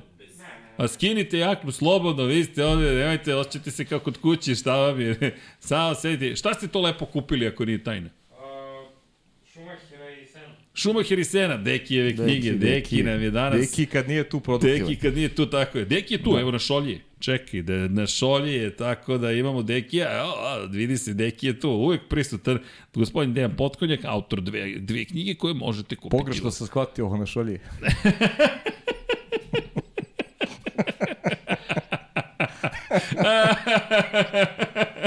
Dobro, moj mozak, moj, moj mozak. Kasane, to je moj mozak, šta da radim? Uvek tako mlad, da- uvek. Žao mi je što Hasan nije bio u kadru, kako se Da. nasmeo se, Hasan se smeje. e, da, dobro. Ovaj, ali Deki je prisutan svojim duhom, da. Svakako Paja je uvek u svom raspoloženju. Dejan Potkonjak, tako da ja htio da kažem shop.infinitylighthouse.com stižu i šampioni, nemojte da brinete, poslaćemo i e-mail svima. Najzad je stiglo, najzad je stiglo odobrenje iz Velike Britanije, pa eto i to najzad možemo da pustimo u štampu. Ali to smo pričali prošlog puta koliko je to sporija industrija, kako tamo sve ide lagano, ne, šta, jedna, dve, tri nedelje, dva meseca, tri, e, Da, ne, laga, Mislim se lagano. kada bi tako bilo Formuli 1, ovaj šampionat bi počeo 2024. ali to je sve okej. I tako. Evo, Hasane, Felipe, ne Felipe, izvini, Felipe. E da, za Felipe sam samo zaboravio da spomenem, dao je sjajan intervju, pogledajte na astonmartinf1.com u kojem je rekao, ljudi, ja sam samo 701. osoba u lancu koja je u ovom bolidu. Ja, 700 ljudi je učestvovalo direktno u pravljanju ovog bolida. Ja sam 701. karika. Tako da, šta god i da postignem, da ne zaboravim ovih 700 ljudi u fabrici, a bolid je mnogo bolji u odnosu na prošlogodišnji, presrećan 72 časa pre nego što je trebalo da vozi i saznao da uopšte treba da ide u Bahrein, uradio je posao, ali čisto da pohvalim i njegov pristup, izuzetno inteligentan jedan momak koji želi da bude sledeći brazilski pobednik u Formuli 1. To mu je cilj. Hoćemo da, hoćemo da, jednu malu kadionicu, šta mislite ovaj, vas dvojica? Da li će da vozi Stroll za vikend ili neće? Vidi, Ne. ako teoretski Ne, a? je moguće. Ti misliš neće, Hasane? Ja mislim da neće da je povreda ozbiljnija nego što su nam rekli. Zato što su šake u pitanju koliko... Hasan Kako ti mi sam ja ispravi. čuo, oba prebio. Tako je. Da. Je tako? Slomio je oba, oba zgloba i jednostavno Nema fizički, Tu, tako je. nema tu voz formulu, da. Jer, I ne samo za prvu trku, nego je pitanje i za drugu Ne, ne, trku. i, I ovaj drugi je 2, 2, 3 i, i to će biti problem. A, misliš i Australija, znači do, do pauze možda. Možda tek posle pauze, a? Pa treba vidjeti, mislim, i, i, to mislim, to može brzo, to će biti kako treba, mislim da, da te kosti e, budu jedno Za rastu, a? ali za rastu, da, to je brzo, ali e, te, te G, G, e, ove, Mišić? mišiće i to sve, treba taj, ti, ti, ti, vi, na, vi se vidjeli on, on, onaj video kad, kad oni svijedno ko, kad, kad, kad je. treniraju, na ono, i pa, pa volan Imaju tegove na rukama, ima tegove i tako, mislim, Jeste. to, taj trening samo da, da on može Jeste. završiti, bi, bi bilo dobro. A kamo da, da sjedi u pravom autu i da 60-70 krugova tako ide, a to, Jeste. mislim, to će biti veliki problem za njih. Ne, ne, povreda za Strola je vrlo velika i vrlo ozbiljna i prema onome što smo dobili od informacija, krije to dosta Aston Martin, ali ono što smo dobili od informacija, e, k- u teretani to često imate super kadrovi. I, i Sergio Perez, na primjer, kada navlači volan levo, pa navlači desno, mi govorimo o silama bočnog ubrzanja i ne samo bočnog, pravolinijskog, dakle negativno ubrzanje na kočenju, najmanja su ubrzanja na dodavanju gasa ona su ogromna iz perspektive vožnje, dakle do dve sile zemljene teže. Međutim, na kočenjima ide do pet sila zemljene teže negativnog ubrzanja. Ti se držiš za taj volan, bukvalno i koliko god da si vezan. Takođe, glavu svoju držiš, bočne sile ubrzanja. To ide i do, u mo, ne, ne Monci, u Muđelu, izvinjavam se, u Muđelu smo išli skoro do šest sila ze, zemljene teže. Dakle, mi govorimo o strašnim naporima za ljudsko telo i što kažeš, kosti će da zarastu, ali sada ti treba vratiš mišićnu masu, povratiš osjećaj i voziš trening 1, trening 2, trening 3, kvalifikacije, trku, i sve to izdržiš, a pritom budeš dovoljno brz i precizan da ekipu ne oštetiš potencijalnim gubitkom poena. Ali to nismo napomenuli. Fernando Alonso je rekao da je gubitak Lensa Strola vrlo velik i ne mislim da je to govorio iz Courtoisie. Rekao je, Lance Stroll je jedini čovek koji poznaje prethodni bolid i ovaj bolid. Sve i povratne informacije koje ja dajem ekipi su možda samo krajnje subjektivni moj osjećaj. Ja poredim ovaj bolid sa mojim prethodnim bolidom. Da li je papučica, hoda, kočnice predugačka, prekratka. Iz, iz te perspektive rečeno, verujem da, da je iskren i da Tako je. i slažem se. Jer Lens je Ali, jedini... sam, ali samo iz te perspektive. Samo iz te perspektive. Kaže, Lens je jedini koji može da nam kaže šta je bolje nego u odnosu na prethodni bolid. Oni to nemaju. Felipe je ovo prvi bolid u karijeri Formule 1, tako da je Strollov gubitak dosta velik za tehni, iz te perspektive pripreme za prvu trku, ali ako ne može da vozi, Felipe će dobiti šansu sigurno u Bahreinu. Mislim da će to biti za njega i test da li će dobiti na drugoj, trećoj eventualnoj trci ili će reći, ej, moramo ipak da dovedemo nekog drugog. Ali da ne zaboravimo, hvala Hasane, to je to, to, Pa dobro, to, opet to u, do, u, mnogoj, u dobroj meri zavisi od učinka Fernanda Alonsa ovaj, u prvoj trci. Jeste. Ukoliko rezultat bude dobar, a Filipe to ne bude pratio, onda će moguće ekipa potražiti neko rešenje, jer, jer će im prosto želeće da iskoriste momentum i da osvoje što više poena. Tako da, e, zato smo i rekli, tu praćamo se na, na staru priču. Bahrein. Mlad momak poput Filipea mora da zgrabi sada šansu. Pazi, on je, A opet treba da budeš i racionalan, treba da ovaj naš da odradiš posao dovoljno dobro da da da ekipa izvučeš neki maksimum da ekipa kaže bravo, to je to. To smo od tebe tražili, Tako to je. smo dobili i idemo sada idemo sada dalje. Krak mu je rekao za prvi test, samo nemoj da slupaš bolid.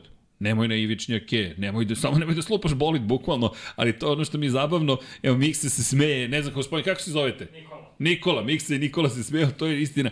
To Pa će jest, svaki pa šef to- ekipe da vam kaže kad uđete prvi put. Pa zato je Mick Schumacher ostao bez mesta u Hasu, zato što je Slupao zato bolid što je slupao, previše puta. Da, više puta je slupao bolid, da. I košto je ekipa. Saudijska Arabija, i to je on sam rekao, u Saudijskoj Arabiji sam preterao, dakle to možda nije baš staza gde treba da guraš granicu, zatim je slupao bolid u Monaku, na dve ulične staze si slupao bolid i onda ona čuvena greška u Suzuki kada je trening bio već završen, ti slupaš bolid. To, to je baš loše urađen posao. Inače, Dekiju su takođe rekli nemoj slupaš bolide, zato su ovi delovi ovde. To je Twinga nemoj da slupaš, Šalim se malo na Dekijev račun, ali sve je to okej. Okay. Ele, a, samo da za- zaključim jednu stvar. A, apropo, hvala, pogled na pogled na, pogled na šta? Na, aha, na, na, na automobile. Hvala, to je taj lepi kadar. Dakle, ima jedna bitna stvar za Felipe, a znate od koje godine ljudi, naravno, pripremajući se za, za početak sezone, od kada je poslednji put jedan brazilski vozač pobedio? Da li znate koje godine? Pa sad ne znam koja godina. Pazi, Masa, koja godina sad, ajde. 2009. Pa dobro, da. Ljudi, 14 godina od kada je poslednji put jedan Brazilac pobedio u Formuli 1. Imali smo momka iz Venecuele 2012. koji je pobedio Pastor Maldonado, Pa, ima- Brazilca ima ne. toga. Pogledaj kad je posljednji, kad je posljednji put Italijan pobedio. u Formuli. Kada je poslednji put, a ne, imali smo Đovinacije, da, kada je poslednji put pobedio Italijan, to je dobro pitanje, A, vjerojatno to Giancarlo ti- Fisichella Pa, Fisichella ili... ili Arno Trulli. Je bilo je neki Italijan da je pobedio posle toga? A ne, Ja ne, se ne sećam. Fisichella ili Trulli. Fisichella ili Trulli, to je da, to. Nema, nema to je ko. ta decenija. I Brazilci isto. Tako da, Felipe ima baš onako dosta toga kod sebe. Ali, ali, ali. Da se mi vratimo samo malo korak unazad, pričali smo o Ricardu, ima tu jedan australijanac, zove se, jel te, Oskar Pjastri. Kako tebi, Hasane, Oskar Pjastri izgleda ovako na prvi pogled kao sada vozač Formule 1? On će ove godine biti sa Landom Norrisom u McLarenu. pa ništa posebno.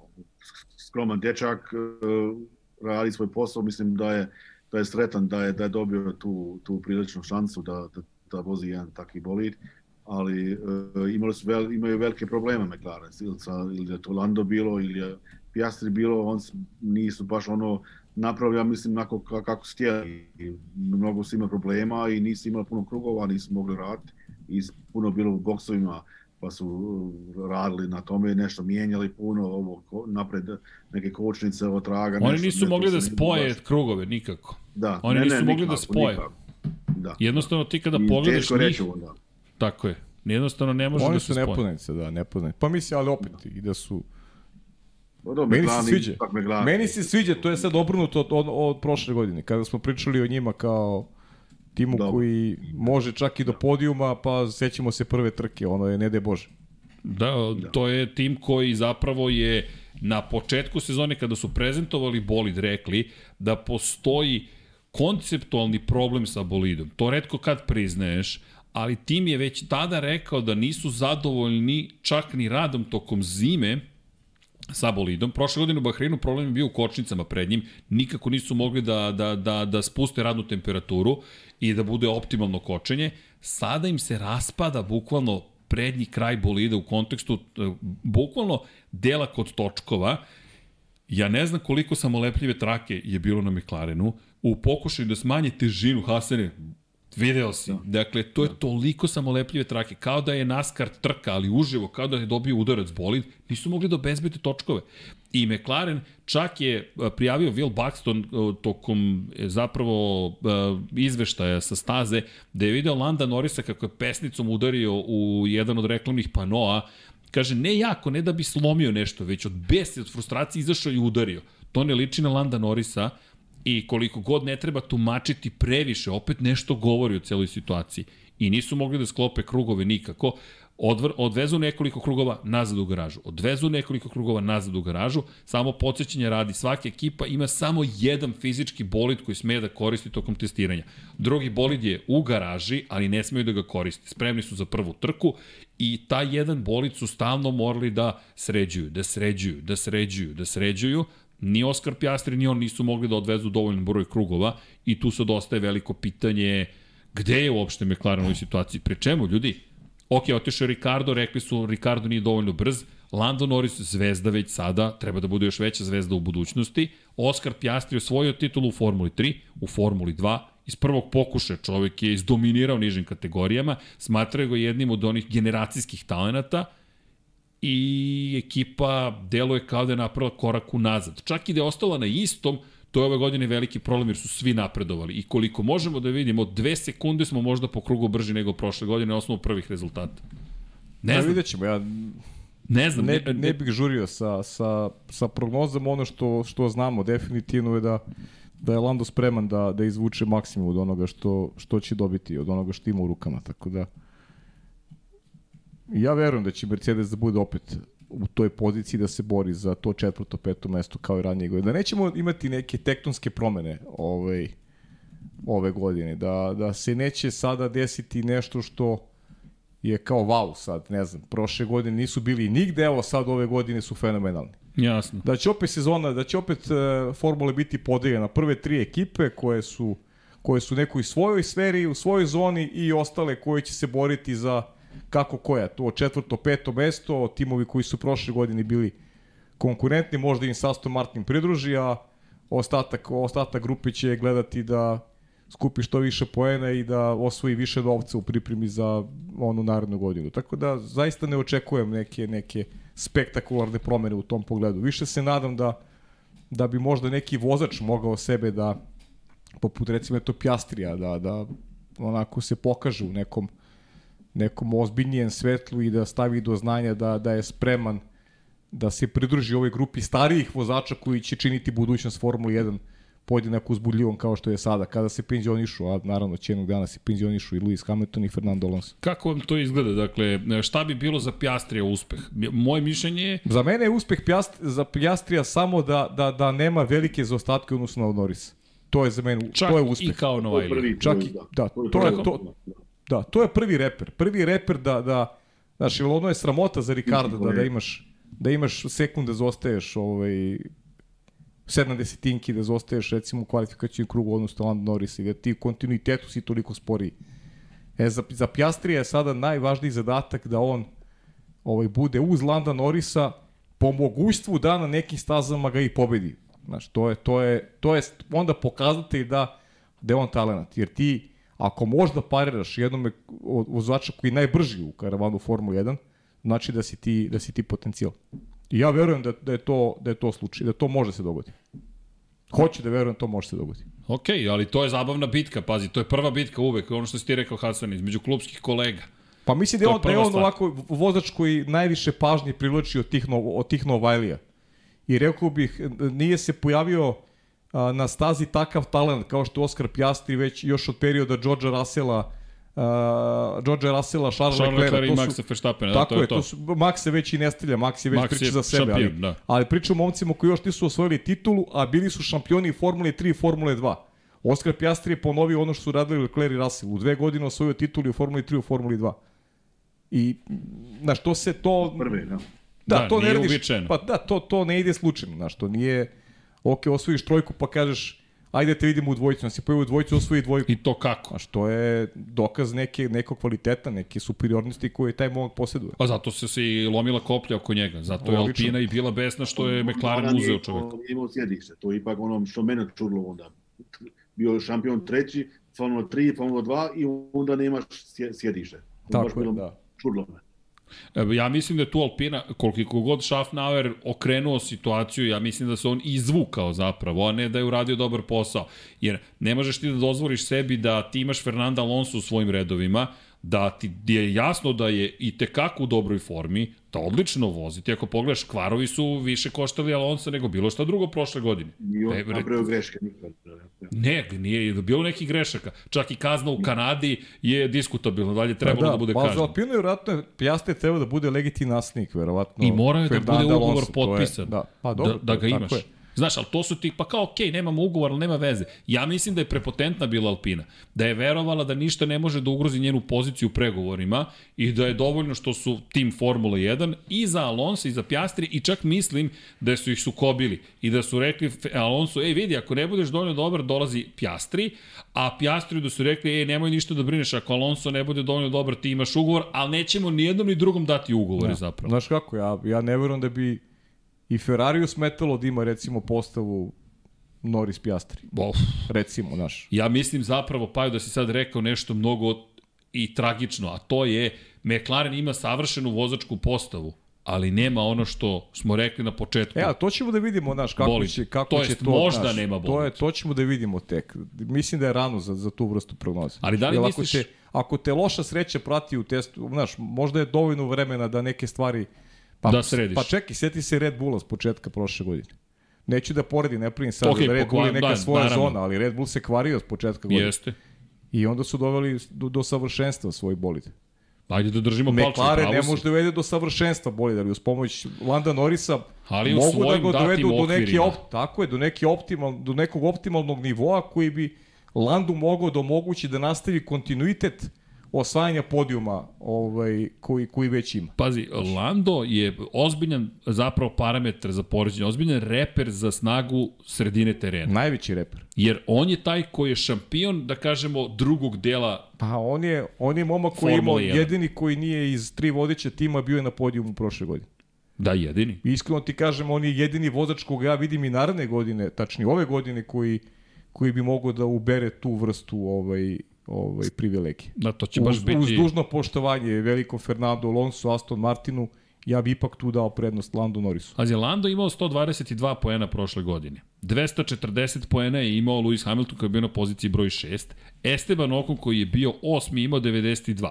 Dakle, ti imaš skoro duplo manje poena od Hamiltona, očigledno da ne možeš da uđeš među vodećih šest. Ne, ne, ne možeš, među Ali- tri ekipe ne možeš. ali imaš 30% više poena u odnosu na svog sledećeg rivala kada je reč o toj poziciji 7. U McLarenu za koji smo negde naslutili na osnovu mučenja Daniela Ricarda da nije nužno najbolji bolid koji si imao. Samo govori upravo tome koliko je dobar Norris. Zašto Crki čekamo 2026? Zato što će onda da se promene možda ove stvari u Formuli 1. Mm, McLaren, Jer Honda. do tada, do tada teško da ćemo dobiti neke tektonske promene, da. Da, in, inače, apropo promena, ajde pričamo o toj sredini tabele, nekako Alfa Romeo, ne, neko mora da, da dođe na red kasnije, ali Alfa Tauri, najnovije informacije iz Red Bulla kao korporacije je da je novi menadžment, eh, to smo negdje slutili da bi moglo da se desi, procenio da povraćaj investicije u Alfa Tauri ekipu Formula 1 nije adekvatan za marketinške promotivne eh, zapravo aktivnosti i da planiraju da prodaju ekipu da je Alfa Tauri najvratniji tim koji će biti prodat. Već se spominje Andreti kao potencijalni kupac, jer lakše je kupiti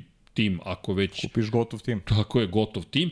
I, ili ukoliko Alfa Tauri želi da preživi, da moraju da presele sedište iz Faence iz Italije u Veliku Britaniju, u Milton Keynes i da budu uz Red Bull.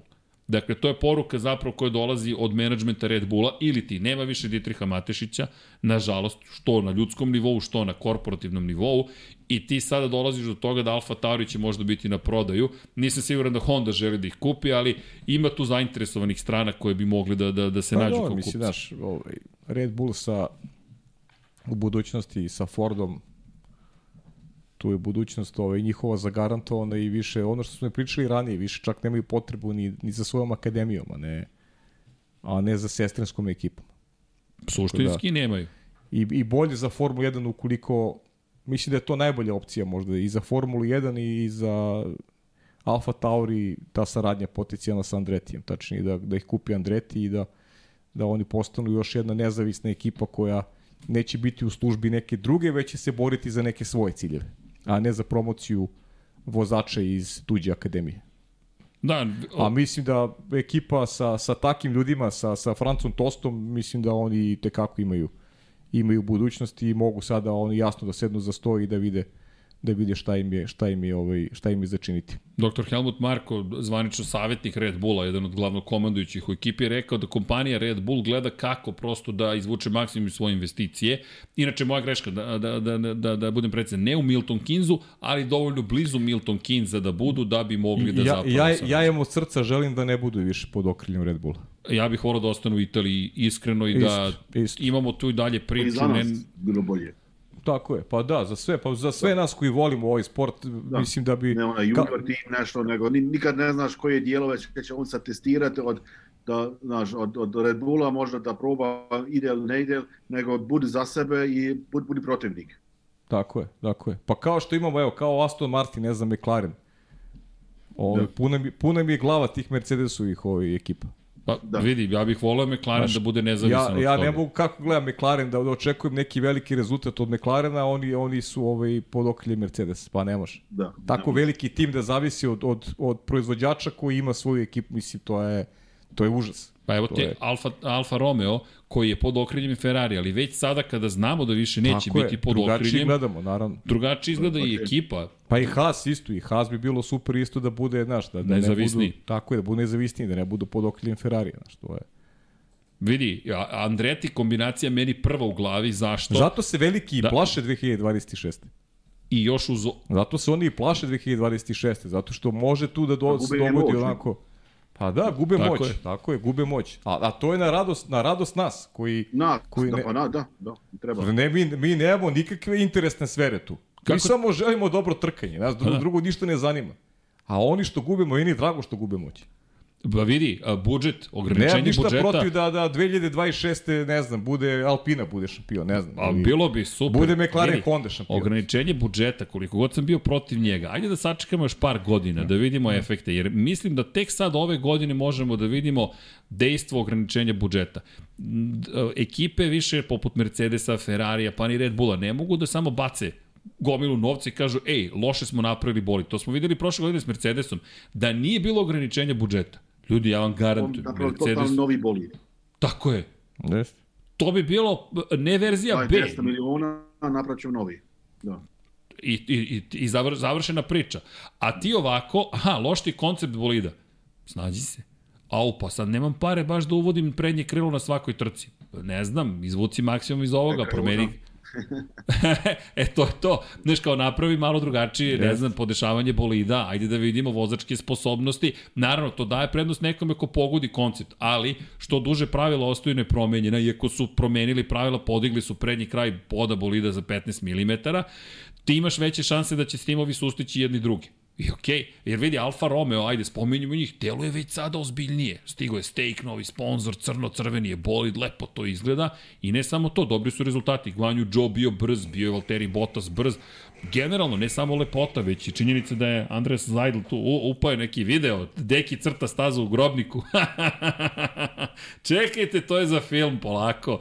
Ali, e, šta hoću ti kažem, kako, ajde, da, da, da ne pobim, ima puno stvari, nego Hasane, ajmo i Alfa Tauri.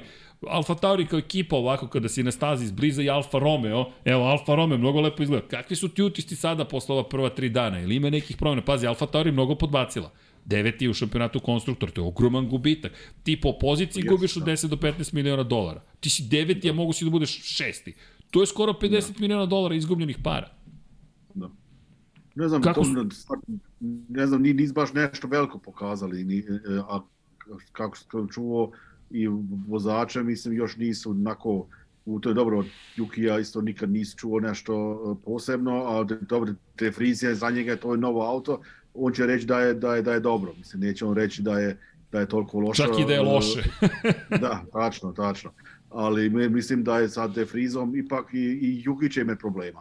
Mislim, on je uvijek gledao da, Da, da, da. da bude number one u svom timu, ali, ali nije ni, nikad kroz to, kroz svoj karakter ipak to ima malo bilo teže izgleda da, da dođe na to, ali e, sad De Vries je ipak jedan momak koji je, koji je ozbiljno sve radi i, i, i 100% radi. I kad on sjedi za volan, ja mislim da će on biti bit brži od, od Jukija na kraju.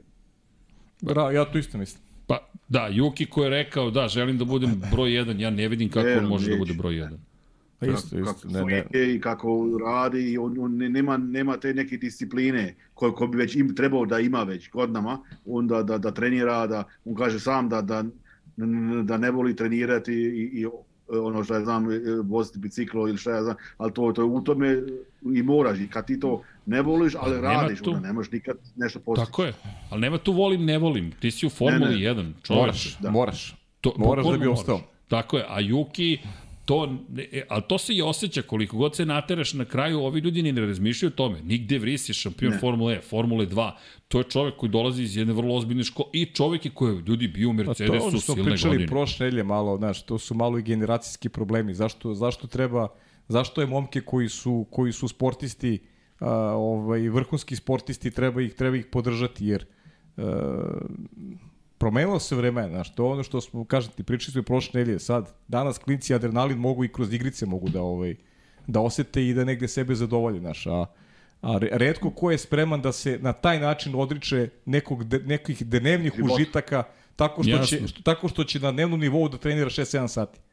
To, to više nije slučaj. Tu dan. se vremena potpuno se promenila, to je, to je sad jedan drugačiji pogled i, i, i neko koji dalje spreman da, evo, pa evo primjer Novak Đoković, neko koji dalje spreman da, da stavi profesionalni život iznad privatnog, mislim, ili da ga negde nađe neki balans To je to. pravi da se odrekne nekih užitaka kojih ovaj, većina ljudi ne želi da se odrekne, on će da pravi rezultate. E, Juki Tsunoda očigledno nije taj tip, a, a, a nema, nema talenat e, kojim bi mogao da, da ovaj parira recimo Prekrije. Niku De Vrisu. Da, nema talenat kojim bi mogao da parira. A ako nemaš radnu disciplinu, a pritom nisi talenat, pa ti si osuđen na propast.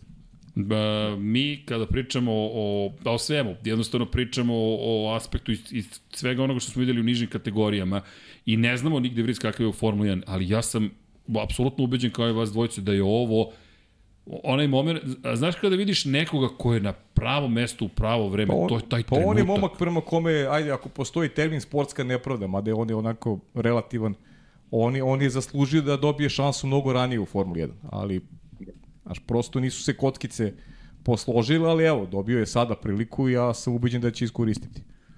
Ubeđen sam da će iskoristiti. prvu trku Da. i dobio po, pojene odmah.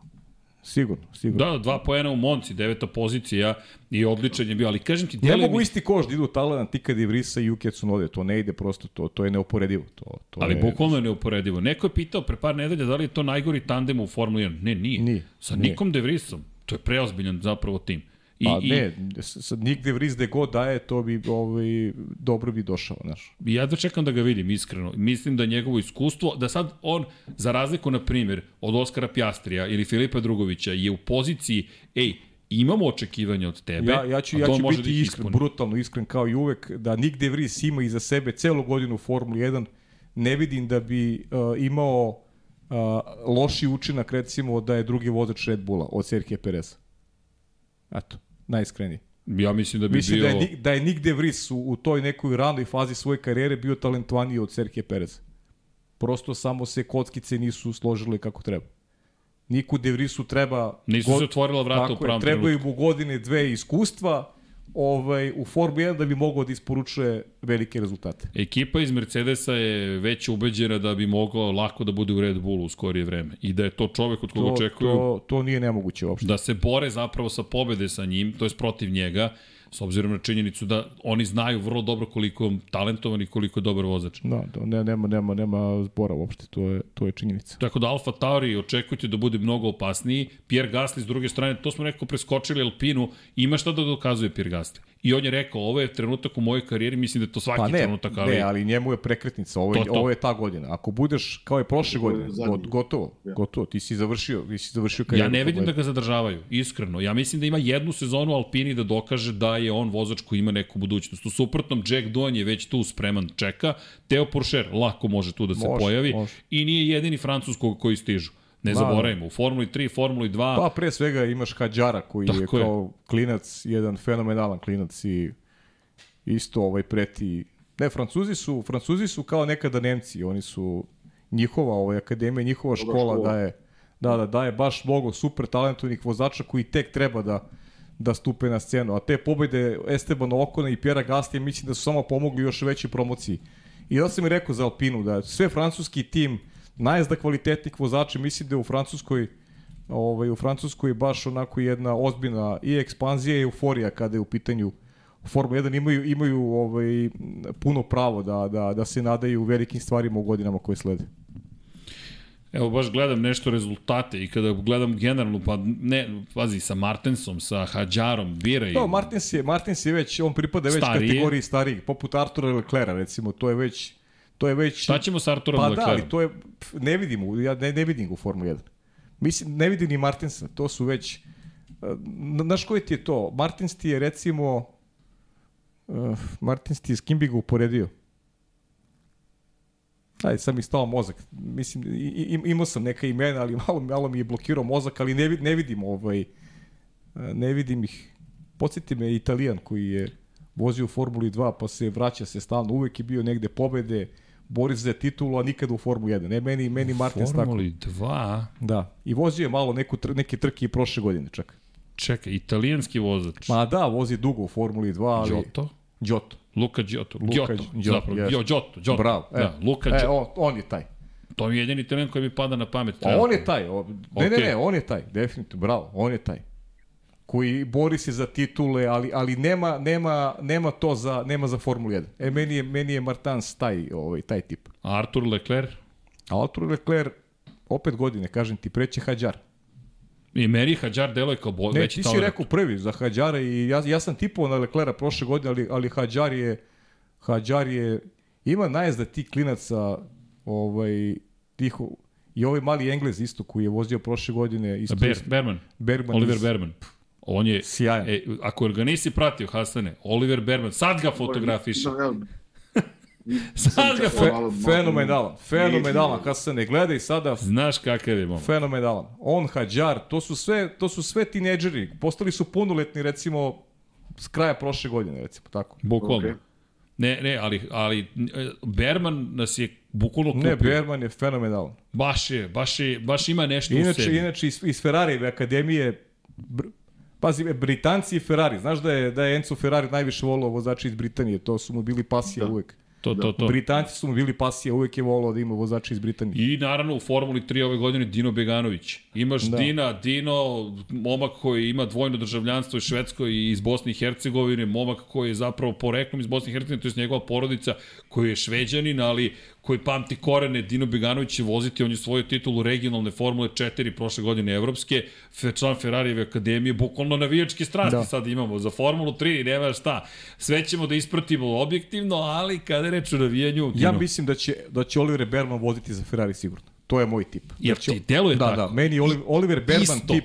Oliver Berman mi je tip ovaj, za Ferrari. kao, ne- neću baš da ga poredim s Nigelom Menselom, ali taj, taj vrsta momenta gde, Ne, gde odlično. Britanac u formuli, A, u ali Ferrariju i može. ta istorijska konekcija. Da.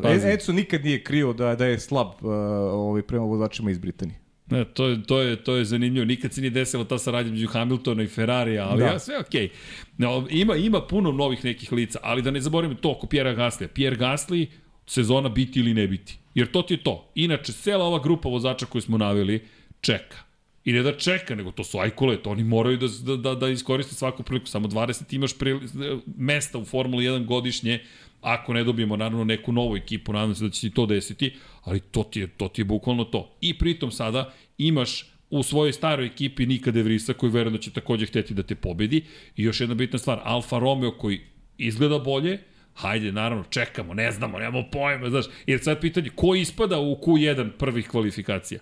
Jel sad možemo zagarantovano da kažemo, e, to će 100% biti Alfa ili će biti ne znam ko? Da. Ili će biti Williams. Williams, mada Williams delo i dalje, koliko god da je bolji trening bio nego prethodnih godina kao ekipa koja će dalje biti na začelju. Da, prosto tako deluje. Mm. Nadam se da, da će imati neku šansu veću.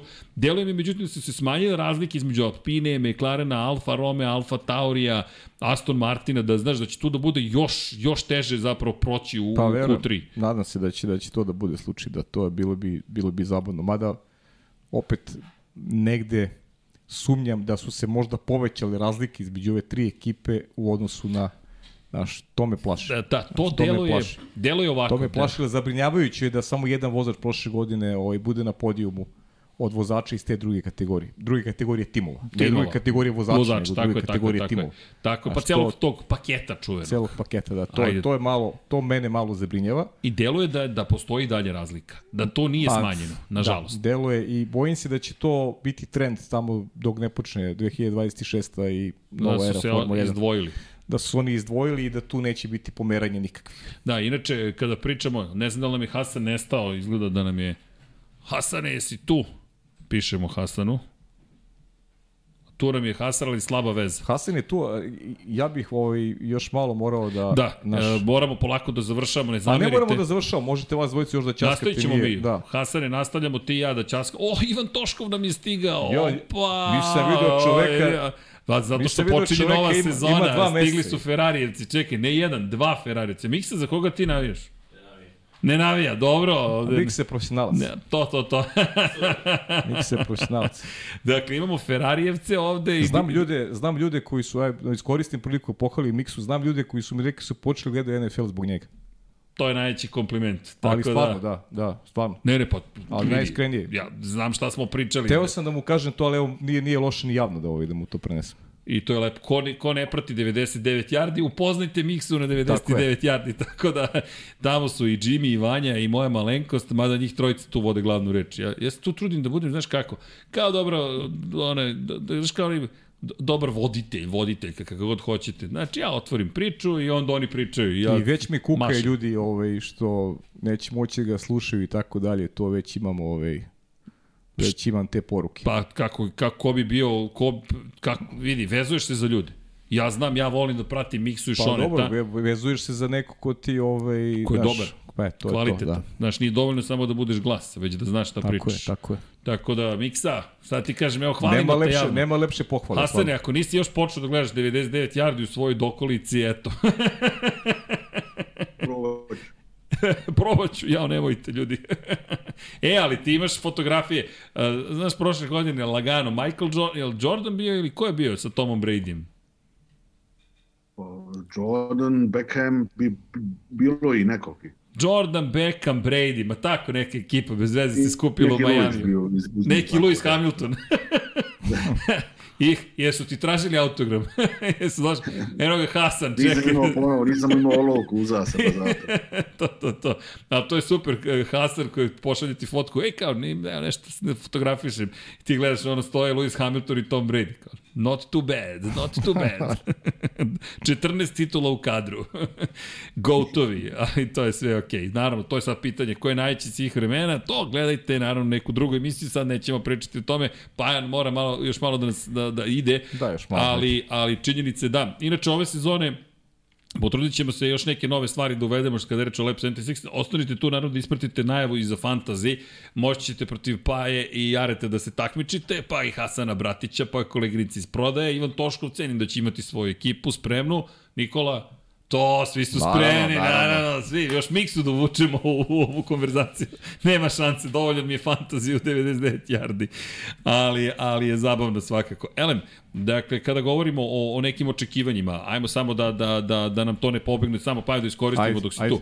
Dakle, kada je reč o, o, o toj tabeli, nismo spomenuli Haas. Ljudi, veterani vladaju. Evo ja ti kažem, ovaj, meni je Haas druga ekipa, ovaj, Jel ti druga ekipa? Da, da, da. To. Da, ove godine izmeni u fantaziju. Birate dve ekipe, Dve ekipe, sada, da. ne jednu. Pa upravo, upravo sam se, malo sam šarao, baš u neko, kažem ti, hteo sam napravim sebi da mi bude izazov neki, znaš, da, pošto, ovaj, da kažem da imam neka velika očekivanja od Hasa i nemam, ali postava koja je, više bih volao da ostao Mick Schumacher, ovako imamo dva, dva veterana koji znaju da osvajaju poene, pa eto, na, ku, na tu kartu igram i ja.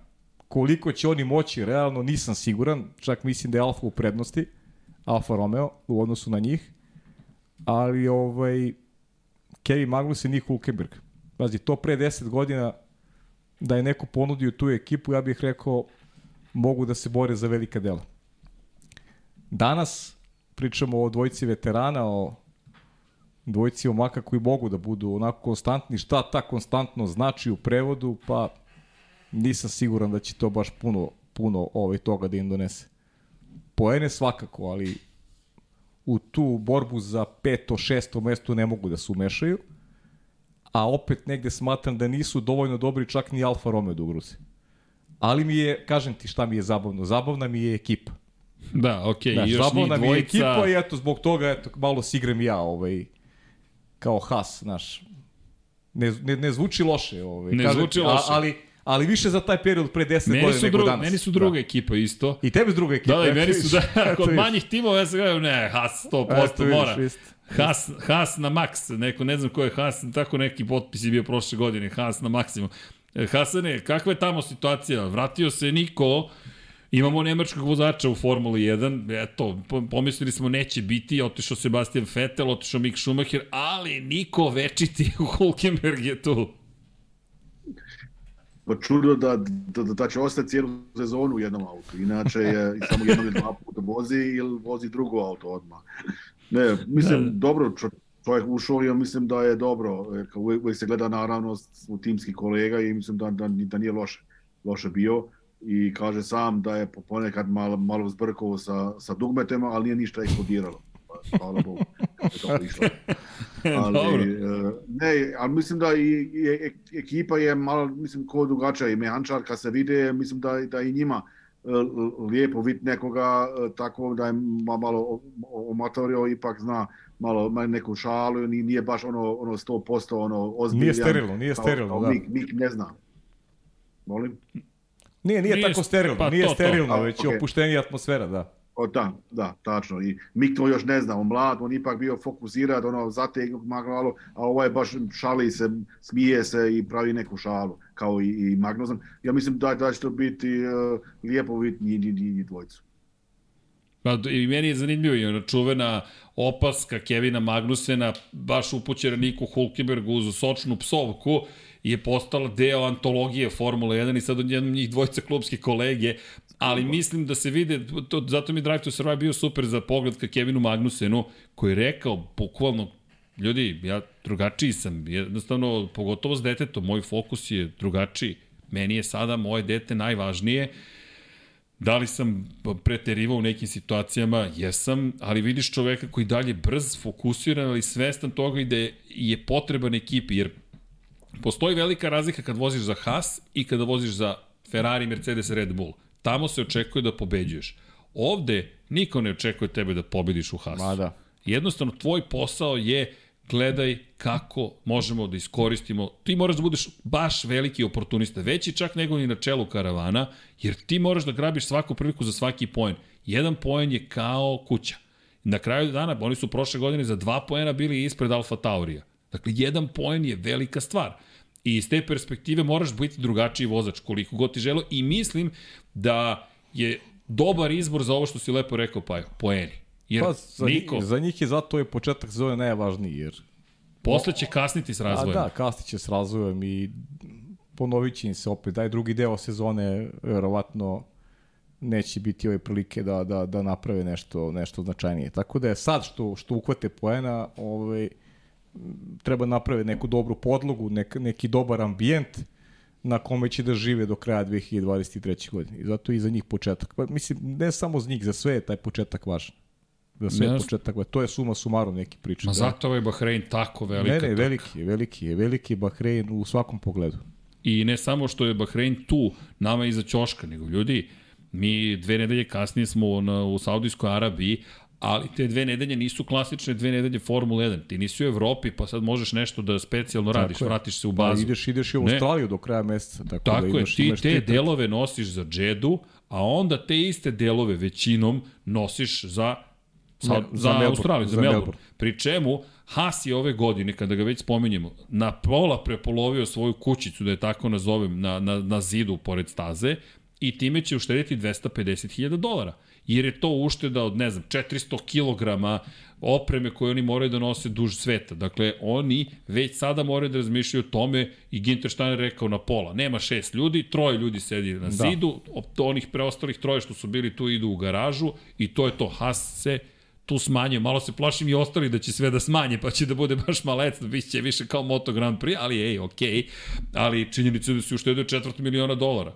Nije mala stvar. Dakle, ti sad gledaš kako da uštediš budžet, budget cap, jel te, kapiranje budžeta, ograničenje budžeta radi svoj deo posla. Ali, ti imaš te tri trke i onda velika pauza od 28 dana, zahvaljujući činjenici da, Da, nema velike nagrade Kine. bukvalno, da, A čak nedelje. ni tada nisi baš kod kuće, jeste u gradu koji pripada i Aziji i Evropi, ideš u Baku, to je državi koja pripada i, i Aziji i Evropi, ideš u Azerbejdžan, to je četvrta trka sezone. Ta četvrta trka u stvari opet je tih mesec dana pauze znači će velikima više nego, nego mali. nego malima. Znaš, jer moći će da eventualno dorade naš neke, neke nedostatke koje su budu ukazali. Ti sad ove tri prve trke, ono što vidimo u Bahreinu, gledat ćemo, gledat ćemo, ovaj, gledat ćemo zaključno sa A Australijom. pazi, peta trka je Miami.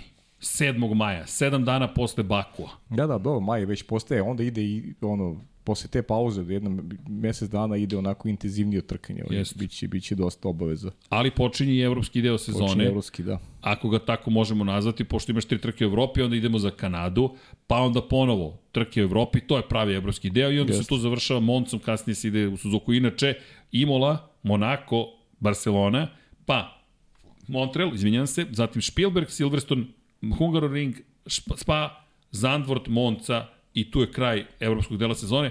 Japan, Katar, pazi, vraćamo se u Katar, idemo u- Lusail ponovo, bit će valjda unapređen značajno, pa onda Amerika, to jest ide se u Austin, Texas, pa Mexico City, pa Interlagos, to je Brazil, pa Las Vegas i onda Abu Dhabi. To će tek da bude, to će da bude super intenzivan deo kalendara. Momci, ja ću morati da vas napustim. Pa evo, Morat ću vas šta napustiti. ti kažem, Mislim hvala da smo- kao i uvek. da Samo nam je da, Williams prošli ostao, to smo negde. Da, da, to je Williams. Ajde, mogu da kažem Logan nego što odem. Sargent. Pa mislim, Logan Sargent je neko ko meni uopšte uliva poverenje. Mislim da je to više ovaj, ovaj, izbor bio moranje nego, nego što je ovaj, neka procena da, da se u njemu krije talenat. Tako da i sve što se događalo u Williamsu odlazak i osta kapita i nekako Williams mi je ovaj nažalost a, najmanje simpatičan od svih ekipa. A, kad kažem najmanje simpatičan, aludiram na neka, neka očekivanja. Albon je super što je tu Albon, nek mama koji ima koji ima talena, šta god on uspe da izvuče, to će biti ovaj veliki benefit, ali oni moraju da se fokusiraju na 2026. i da nađu neki način da uz nekog proizvođača se pokušali da se vrati, da, da vrate makar delić stare slave, jer oni su ekipa koja je najviše izgubila tamo od, od 90-ih, ovaj, neprepoznatljivi su zaista i želim im od srca da se uporave ove godine očekivanja nula. Mislim da je svaki osvojen bod veliki, veliki benefit, a bojim se da će ih biti malo. Čitaj šta uradi album, to je to. Pa da, ne, ne, slažem se 100%, da te ne zadržavamo, pričat ćemo Hasan, iskoristit ću Da. priliku kad si već tu, do Loganu Sargentu, ma, ma, malo da pričam. Pajo, srećan rad danas. Hvala lepo. Hasane, pozdravljam te puno. Kad završim ovo, molim te, vrati se u onu ležaljku i odmori još malo ovaj, do vikenda. Šalji, šalji slike, ajde, šalji slike. Daj sliku, hoće. Ajde, ajde, čao Hasane. Ćao, vidimo Pajo, se, čao. vidimo se mi. Ćao. Dakle, pa, pa nam ide, mi nastavljamo da snimamo, imamo još par stvari da prođemo, nadam se Hasane ćeš izdržati, ja ću posle malo da sednem da odvezem, to ćemo da snimimo. Naravno, da kako ti se vozi. Formula 1, ne brini, evo koleginica prodaje me gleda šokirana, ne brini, pošto nema paje, nema ko da komentariše, tako da ćemo to da ubacimo da mali snimak, da odvezemo Bahrein, da se zna koja staza nas to čeka, ili hoćete to da ostavim za, za četvrtak, za tehnički za tehničku analizu, ako želite. Može za četvrtak da ostane. Ajde, onda ćemo za četvrtak da ostavimo vožnju. Ali, Hasane, Logan Sargent, ej, vozio je trećeg dana, bio je, bio je prilično vredan. Da, da, da.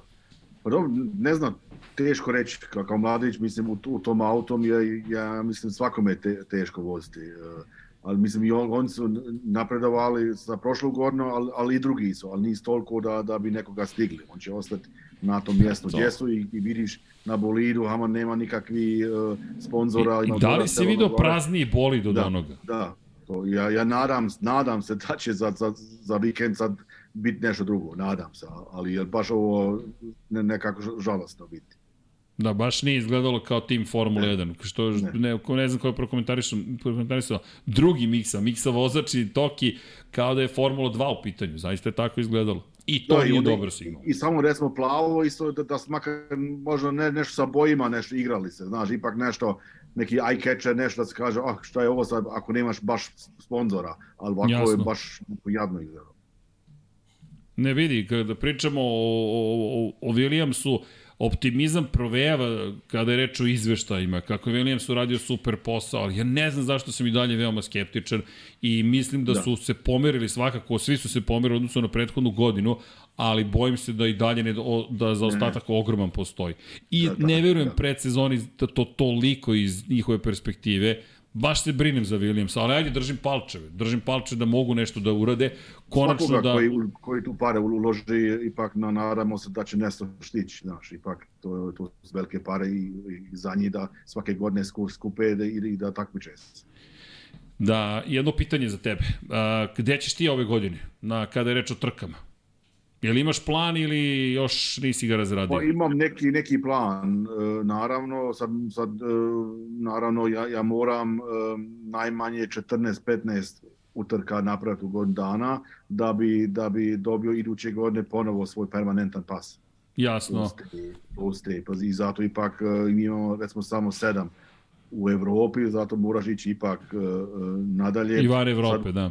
U Dedu neću ići i u Australiju, mislim da neću, jer ipak e, letovi su nenormalno skupe, moraš gledati malo isto na, na troškove. E, Ja mislim od, od Miami, da, od Miami ću sigurno uraditi i onda naravno sve te evropske trke.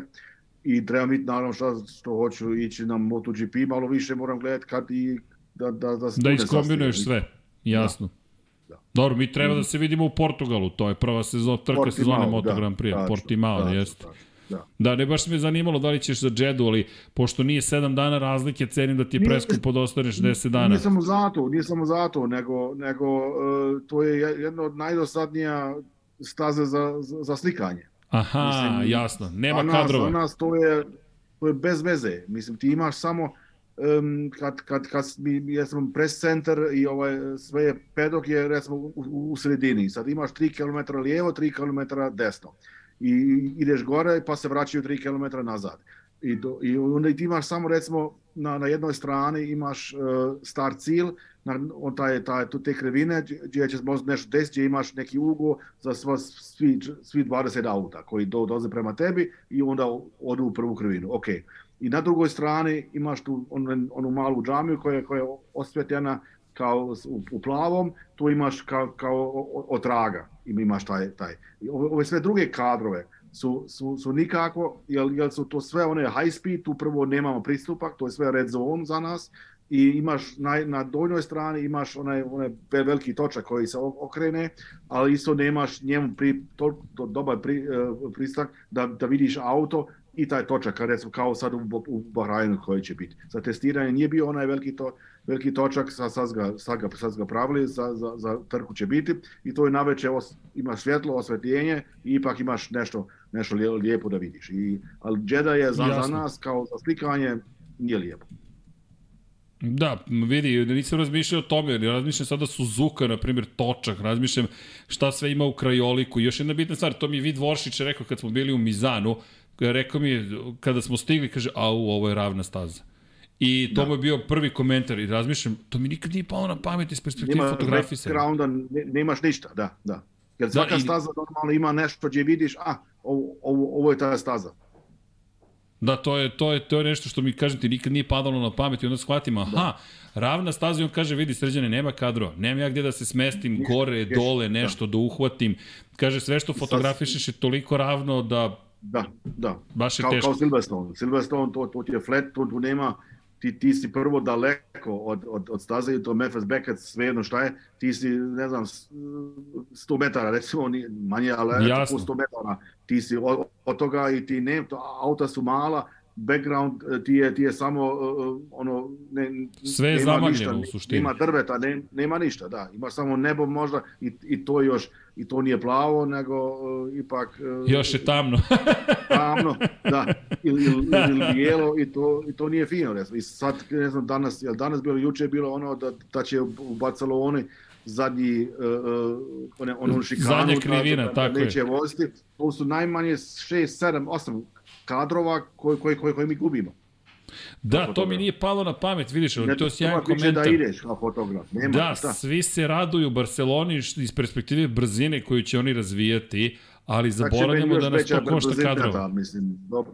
Ali, ko, mislim, ti si imao traga kadrova, ti si imao sa, sa, sa vanjske strane kadrova, sa, sa, sa donje strane, mislim, uvijek bilo 6, 7, 8 kadrova si imao samo iz te šikane.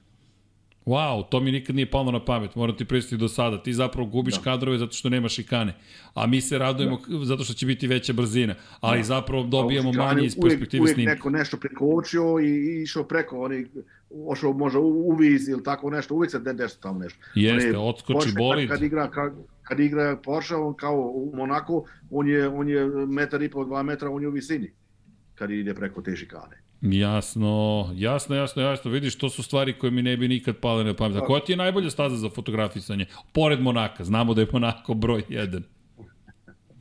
Dobro, mislim, e, e, te, te uvijek, uvijek neš, nešto lijepo ako imaš ne, neki kadar od traga. Mislim, uvijek noćne trke kao recimo Bahrain, Abu Dhabi, Singapur, to si ipak nešto, Jasno. možeš igrati sa, sa svjetlima, e, možeš, mene, meni je uvijek tako e, dobro kad ja mogu u najkraćem vremenu napraviti najviše kadrove.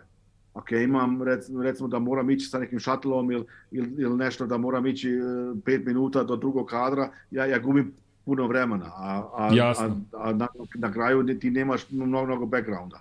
I zato recimo Silverstone je tako, isto nije tako, tako lijep za slikanje. Ali Jasno. recimo, ako si bio 30 puta u Barceloni, isto više nije onako kako, ono, uvek naći nešto novo, ali ipak imaš nešto sa tribinama sa gdje, gdje možeš napraviti nešto. Suzuka je, je, je odlična zato što ima to ta osmica jedino što imamo tu, tu uh, taj most što može nešto napraviti ispod njega, iznad njega, uh, to, i, to je ipak nešto novo, mislim, za, za nas. Ali, ali uh, Monako je, će, će ostati Monako. Sad ćemo naravno, konkurencija će možda doći od Las Vegas, to ćemo vidjeti. Da, to može da bude vrlo zanimljivo. Dobro. Da, da, da. Dobro. Čak, ok, to su zanimljive stvari, vidi, to mi nikad nije pametno. Ali da mi pobegne početak sezone. Ima par stvari koje bih napomenuo. Apropo kalendara, kada ga već spominjemo, dakle, mi ove godine ponovo imamo i tekako ispunjen kalendar. Dakle, krećemo sada, pazi, već sada, mi, mi govorimo o, o martu, i ne martu, bilo kom martu, mi govorimo o 5. martu kada je trka, završamo 26. novembra, Bahrein, Saudijska Arabija, Australija, Azerbejdžan, Miami, Imola, to jest Emilija Romanja, pa Monako, Španija, Kanada, Austrija, Velika Britanija, negdje je to polovina sezone, Velika Britanija, Mađarska je 12. trka, Belgija je spojena sa Mađarskom ove godine, 30. jula se završava 13. trka i onda imamo 10 u drugom delu sezone. Dakle, mi govorimo o velikoj nagradi Holandije koja je na programu 27. avgusta, četiri nedelje kasnije I zatim imamo Italiju, to je Moncu, pa Singapur, Japan, Katar, Sjedinjene američke države, Meksiko, Brazil, Sjedinjene američke države, to je Las Vegas, Abu Dhabi, 26. novembra. Kada je reč o, o samom kalendaru, nije toliko ispunjeno na početku sezone. Mi od 5. marta do 7. maja imamo pet trka. Zapravo tu je onako dosta razređeno sve. Onda počinje malo agresivnije. Mi imamo Imola, Monako, Barcelona to su vikendi za vikendom, tri vikenda za redom, imamo triling, 21. maj, 28. Jan, 8. maj, oprostite, 4. jun, pa onda pravimo malu pauzu, pošto je 11. juna 100 godina do 24 časa Lemana. Tako da 11. juna imati trku Moto Grand Prix-a, ali inače Mugello je na programu tog vikenda, 100. izdanje 24 časa Lemana. Zatim, 18. jun, dakle, Kanada i onda imamo trku za trkom, imamo Austriju i Veliku Britaniju, drugi, to je 9. jul, pa onda pauza od dve nedelje do Mađarske i onda trku za trkom, to je vikend za vikendom, Mađarska, Belgija, pa pravimo malu pauzu, onda Holandija i Italija su spojene, 27. august, 3. septembar, spojeni su Singapur i Japan, 17. to je 24. septembar, i evo ga, ga Paja koji je ostao bez očiju, da ne kažem naučara. Pajo, uživaj. Dakle, 8. oktobar, inače, moj rođendan, ali to je velika nagrada Katara, pa tu imamo dve nedelje pauze, to je eto, zanimljivo. Imamo, e, tu imamo triling trka, da, to sam zaboravio. SAD, Meksiko, Brazil. 22. oktober, 29. oktober, 5. novembar, to je triling trka i, i to pazi kakav triling trka. Dakle, ti ideš zapravo iz SAD-a u Meksiko, iz Meksika letiš za Brazil. Zatim Las Vegas dve nedelje kasnije i osam dana posle Las Vegasa koji su država u subotu, da ne zaboravimo, pošto je to noćna trka u Sjedinim američkim državama, ali danju će biti vožena rano ujutru po evropskom vremenu, i onda osam dana kasnije Abu Dhabi. Ima da se ovde onako lepo naleti, naputuje, Formula 1 pokrila da. celu planetu. Neka, neka, sve to. E da, i da ne zaboravim sprint trke, Dakle, kada govorimo o sprintu, Azerbejdžan je prva trka sprint, to je već 30. april, mnogo bitan moment, pošto tu dobijamo nove poene. Dakle, ne nove poene, mi tu sada imamo, kada je reč o bodovanju, baš važan, važan vikend. 25 poena ostaje za pobednika, jedan poen za najbrži krug. Dobijate ko ako si među vodećih 10. 18 ide za drugo mesto, 15 za treće, pa 12, 10, 8, 6, 4, 2, 1 do 10. pozicije. U sprintu 8, 7, 6, 5, 4, 3, 2, 1. Prvih 8 dobija poene i sprint kvalifikacije zapravo, nije trka, sprint kvalifikacije, određuju startnu poziciju za nedeljnu trku. Kvalifikacije redovne se u tim vikendima voze petkom, Azerbejdžan je prva trka i zatim ogromna pauza do velike nagrade Austrije. Zatim u Belgiji se ponovo, pazi, sprint u Belgiji, to će biti. E da te pitam, jel ti sprint pomaže i što da li ti znači iz perspektive fotografisanja? E, mal, zato što je, mislim, tre, trening, mislim, trening ili il, uh, kvalifikacije su isto sat vremena, ali ipak, ali Jasno. ipak su su ono 15, 20 i tak minuta ipak e, nema. Mi, auta su naravno e, sat vremena više, mislim imam više auta na stazi, Jasno. više slika, ne? ali, ali tu, tu nema, nema neke pune akcije, jer, jer niko ne, neće da slupa svoje auto za, zbog nedelje. Dakle, imaš start i to ti je prvi i cilj i to je da, to, a cilj... To jedino i inače gleda, ono, gledaju i, on, i oni da, da, da, da drugačije oni voze start za sprint i, i start za, Jasno. za ovu glavnu trku. Jasno, to može baš da bude skupo. Jer da, ograničenje da. budžeta te i tu sprečava da ti rizikuješ previše, slupaš da, bolid. Da, niko ne da slupa svoj auto, da. Za manje poena, da, da, to je baš, to je baš nezgodno. Dakle, imamo Belgiju, to, pa imamo Katar, SAD i Sao Paulo. Sao Paulo, svi se radujemo Brazilu što se tiče sprint trke. Azerbejdžan, pazi, Baku, sprint trka, ulična staza, zidovi, hajde da vidimo, ne znam. Nisam baš siguran da to ovo što si rekao, to je baš onako rizično. Da. Ko zna, možda je to nekom šansa od manjih timova, kažemo, idemo na rizik jer ako Pa se mora, provučemo... mora, ako vi nećete, ja ću pokazati. Da, da. Ako, ili, ili ovi mladi, šta će? Mo- Mora on se nešto pokazati i to mu jedina možda šansa u tome da, da ide preko ovih stariji. Jasno. Jasno, zanimljivo. Inače, što se tiče tehničkih promjena, da to je isto detalj, detalj, da taj isto aspekt ne zaboravim, ima nekoliko stvari kako bi se izbjeglo poskakivanje, koje smo videli i upoznali tekako u 2022. godini. Dakle, ivice poda će biti podignute za 15 mm. Takođe će biti podignuto za 10 mm i takozvano grlo difuzora, tako da će i ono biti podignuto. Biće ojačane ivice difuzora, s obzirom na, na činjenicu da smo tu imali baš ozbiljnih da kažemo ušteda u težini, pa su bili prilično krhki ti delovi poda, pa su morali da ih vezuju posebnim sponama. U svakom slučaju biće dodati još jedan senzor koji će proveravati i pojavu efekta poskakivanja koji povećava i težinu i sad to treba vidjeti kako će da se iskoristi i još jedna bitna stvar s obzirom na činjenicu još jedan test će biti dodatni uveden za zapravo savijanje poda i iz te perspektive biće još strožija pravila. Sve to treba negde da pomogne da se smanji efekat poskakivanja, po, dosta kontroverzno, s obzirom na činjenicu su timovi u velikoj meri ovladali time i to je ona scena. Kako je tebi izgledala ta scena iz Drive to Survive kada Toto Wolf manje više neću reći preti, ali i, i tekako je agresivan prema ostalim šefovima timova kada im kaže igrate se s ljudskim životima, ukoliko neko završi u zidu zahvaljujući poskakivanju, bit ćete odgovorni gde mu Christian Horner kaže promeni svoj bolid, promeni Da, svoj mi smo bolid. svi promijenili. Da, Tako je. Onda je bilo, idi, idi centimetar ili centimetar i po povisi auto, nema poskakivanja. Naravno da se Tako je. onda, da, da nisi brz u krivinima, nešto, ali, ali znalo se rješenje. Onda, kao što uh, change your fucking car. Ja? I Tako je, to mu je rekao. Uradili. Svi drugi su to uradili i, i, i Red Bull i, i, i sve ko je bio i, i odmah nis poskakivali. Ti naravno neš zato što, što se onda, onda nis, nis brz tako, eto, to ne može taj kompromis, mora biti ne, nešto. Šta hoš sada? Da, da, jer ti kada pogledaš, eh, to, meni je ta scena fascinantna bila, eh, Christian Horner kao šef Red Bulla je pitao, "Jel ovo za kamere, šta sad ovde radimo, a Toto Wolff koji nikad nije izgledao tako pogubljeno, potpuno besno da. i koji govori, i, ti si, drago mi zbog tebi, ti si prvi, ti si, i onda kaže Horneru, ja imam izjave odštampane Aleksa, ne Aleksa Albona, već Serhija Pereza da je nije zadovoljan poskakivanjem Red Bulla.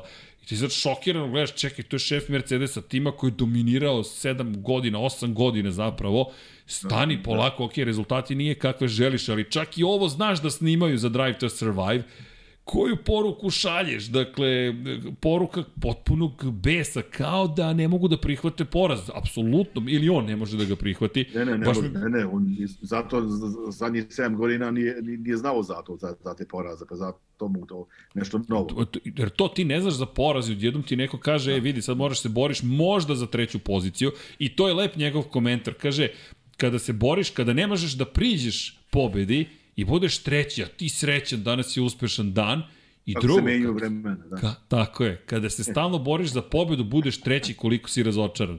Ali to je, to je bilo, da, to je bilo zanimljiva scena. Inače, promenjeno je još par stvari, ne malih, ali neće se toliko videti nužno, a to je zapravo da će e, roll hoop, da to jest zapravo zaštita za, voza, za glavu vozača od incidenta Guanju Joa je doneta odluka da se zapravo promeni e, čvrstina tog elementa.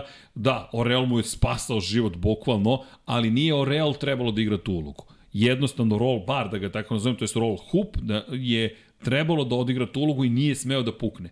Tako da su to dodatno ojačali ove godine, što će naravno učiniti i jednostavno ono što će biti važno jeste zapravo ta minimalna visina od momenta gde se primenjuje homologacija tog elementa. Tako da to treba takođe da poveća bezbednost. Povećane su, zapravo retrovizori su povećani sa 150 mm puta 50 na 200 puta 60. Tako da bi trebalo da se poboljša i vidljivost. Zaista su mali retrovizori, ti to najbolje znaš kada fotografišeš bolide. To Kako on uopšte nešto ide u to, mislim, auto se trese, ide sa 300 i da on gleda u špiglo i ima nekoga tamo, to ipak Ba- e, bukvalno. Ne, ne, vrlo, zaista vrlo zanimljivo. A, a, a, a nama to nekako se podrazumeo da te ga ti vidiš. Kako da ga vidim?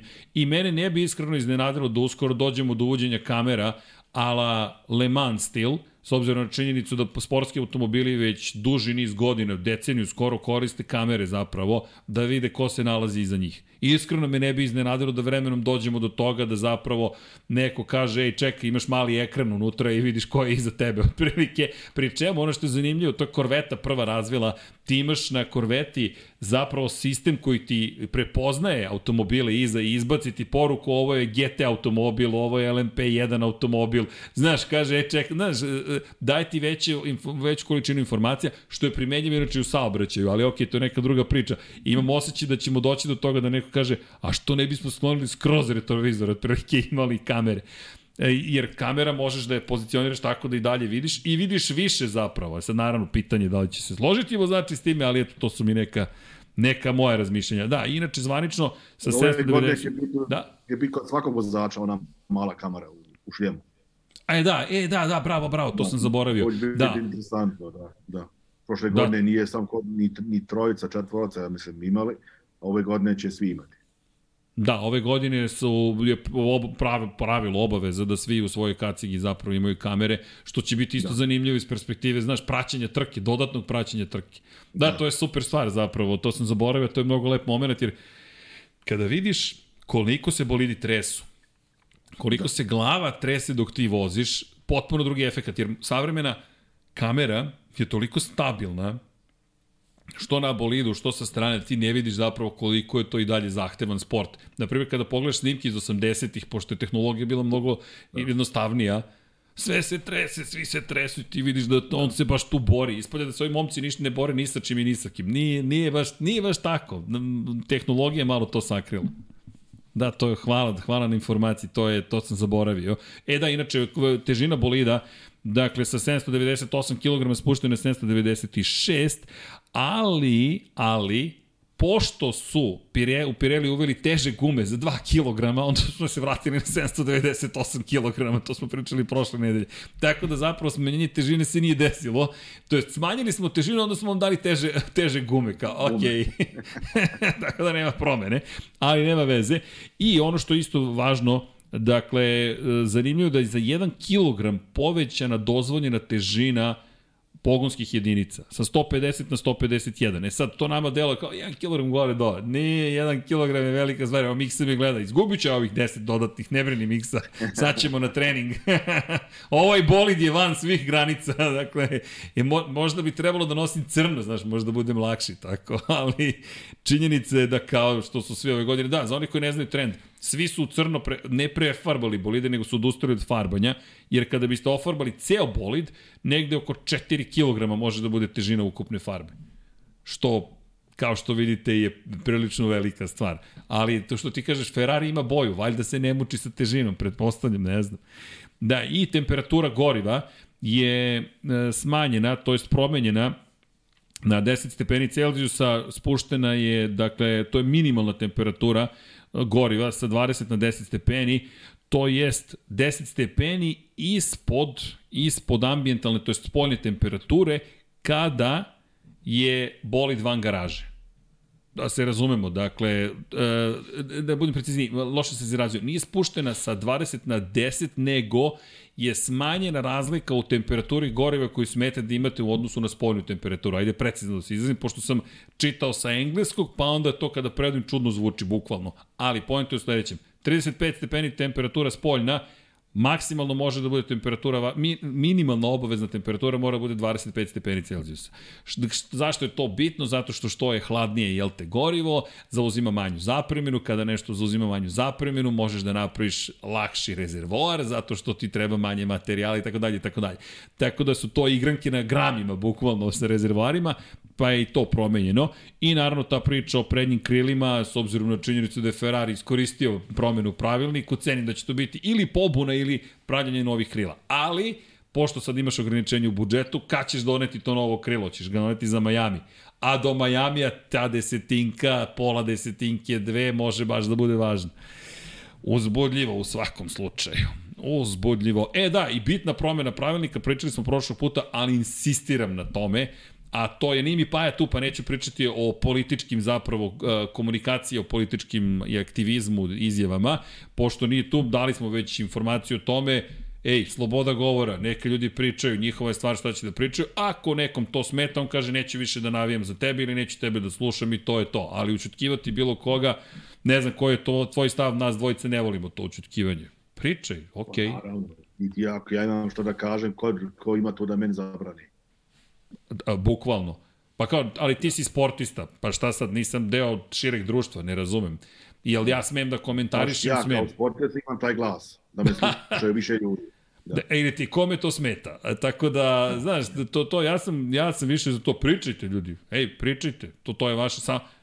Bolje mi je da pričaju nego da se biju. Dakle, ajmo da pričamo na jedan normalan način. Komunikacija, dijalog, argumenti, kultura komunikacije i tako dalje. E, razumem da je to uvek osetljivo pitanje, ali prosto naš stav je, eto, dosta jednostavan. I da e, još jedna bitna stvar ove godine na 135 miliona dolara je smanjen budžet kada već pričamo o ograničenju budžeta tako da se zna. Inače imali smo uh, 142,5 miliona dolara je bio za prethodnu godinu, trebalo bude 140 miliona i ima još jedna bitna stvar, a to je ono što smo promenili iz prošlog puta za trke koje su posle 21. trke, umjesto 1,2 miliona po trci, sada će biti dozvoljeno da trošite 1,8 za te konkretne stvari. Tako da je to A što se tiče ograničenja budžeta, ne bih zaboravio ni to da ćemo pažljivo gledati timove koji su malo premašili budžet kada je bila uvedena ta prva godina budžetiranja. Naravno, Red Bull kao šampion pogotovo je tu pod ozbiljnom lupom da vidimo šta se tu zbilo. Aston Martin isto zanimljivo probio budžet, a eto zanimljivo Aston Martin deluje odlično ove godine. Ali eto, tamo, samo da konstatujem, ništa drugo, samo neke korelacije. I tako, Jesi ti uzbuđen, Hasane? Ajde ovako ljudski. Ba, ba. Pa, naravno, slušaj, pa, naravno, ja jedno čekam u četvrtak otići tamo u pedok i po, ljudi dolaze i ono počinje i fanovi dolaze unutra i VIPs i one polako ide posao, idu track walks, idu pres konferencije i onda u petak naravno ideš eh, na, na prvi trening, super. Da, da, to, to, to, to, to, to je meni super, znaš, da, to, to je nekako znak da je sezona počela, kao vesnik proleća, vesnik sezone su tvoje prve fotke sa, sa staze u smislu, ej, tu su vozači, četvrtak je, da, sutra vozimo, ali već kreće akcija, već je sve to da, nekako... To, Intervju, ja, televizija radi svoje, to, to sve ide u četvrtkom. Da. To, to, to. A još tenzija nije skočila. Četvrtak je meni mnogo lep dan na Moto Grand Prix. Nisam bio na Formuli 1 kao komentator, davno kao novinar, pa, ali ne sećam se više četvrtka, ali mi je taj moment bio četvrtka toliko dobar uvek. Dođeš i nekako, svi su i dalje opušteni, nekako nije stigla publika, nije baš krenula cela akcija, nekako da. drugačija atmosfera. Da, I onda u petak da. kreće tenzija, kao da je neko uključio neki generator napetosti, samo č, u petak ujutro. Da I Nema isti smijeha, vozač... Samo, da, to, to. Da, isti vozač, mislim, koji, koji još stao sa, sa tobom i priča i, i juri kraj tebe, jel, jel, jel, jel, jel zna, mora biti u nekom mitingu sa inženjerima ili, ili što ja znam tako, je.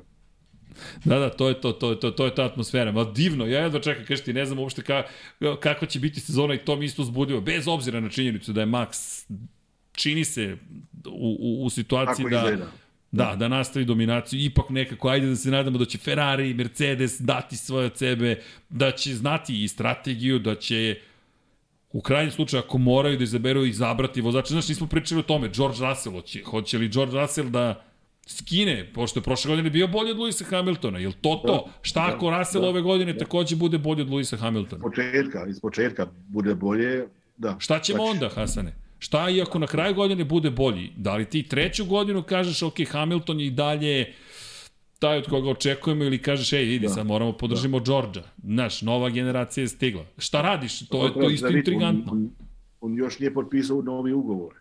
Luis, mislim, to isto, isto treba se vidjeti do, do, mislim, do, do, do ljeta će on to riješiti, ali kako će riješiti, mislim, i onda i on čekaju sad recimo ovi po pola sezone, pa da vidimo hoće, hoće Russell baš, baš biti naslednik i šta, šta ili, ili će Hamilton kao, kao stari reći ne, preko mene to. neće niko, ja hoću svoj, svoj osmi titel i, i onda ćemo predužiti ugovor. A zato moramo Mercedes pružiti neko, jedno auto koji, koji može osvojiti svoj titul. Jer to je sad pitanje, ti ako, ako, ajmo ovako, ako ti s Mercedesom ne možeš dalje da dođeš do titule, šta onda? S- Ti, ti ne, ne, Charles Leclerc peta godina u Ferrariju, ali Da, ja ne vidim da. tu priču da će se desiti Ali- sad odjednom da će Hamilton ne biti u znam, Ferrari. po, po, mi, po mi smislio, jako bi Hamilton došao u Fer- Ferrari da, da, da, da, da, i, da i on ne bi uzeo titul. Ne, kako imam taj osjećaj. Je jedino, Pa je- s, mo- sad može ne, ne- nešto Red Bull biti, ali tu mislim da, da neće ići dok, dok je Max tamo, naravno. Um, drugo je 2026. Ne, ne znaš šta će, šta će biti dotle no, ili i hoće li on još ići dalje tamo, to se ne zna. Jasno, Ali jer vidi, da će biti baš neka koja se, će se dokazati im, ima li snagu tu i volju. Da, da, Pa ne, intrigantno je. Znaš, ti ako pogledaš, ugovor je već trebalo da bude potpisan uveliko. Oni su o tome pričali pre mesec, dva, gde je Toto Wolff manje više davao izjave kao da je to formalnost prosto, a najnovije informacije su takve da da je Telegraf je o tome izveštavao britanski, Jenson Button, nekadašnji klubski kolega Lewisa Hamiltona iz vremena u McLarenu i svetski šampion iz 2009. s Bronom, je rekao da je njegovo ubeđenje da Hamilton čeka da vidi koliko će biti konkurentan ovogodišnji bolid. Da. Da. I. Wolf, Da. Toto Wolf je potvrdio, rekao je, m, pretpostavka je da prosto Luis želi da vidi u kakvom smo, u kakvoj smo situaciji. Jer prošle godine je dosta izjava bilo i javno i u Drive to Survive je bilo na nivou toga, izvini što smo ti dali, da ne kažem, ajde, neću da ih citiram, ali parafrazim ovo džubre od bolida, otprilike. Da. I vraćamo se na početak tvoju prvu izjavu. To, đubre od Ja. bolida, smo vratili samo u crnoj boji. Samo crno, da, da. I šta sad, da.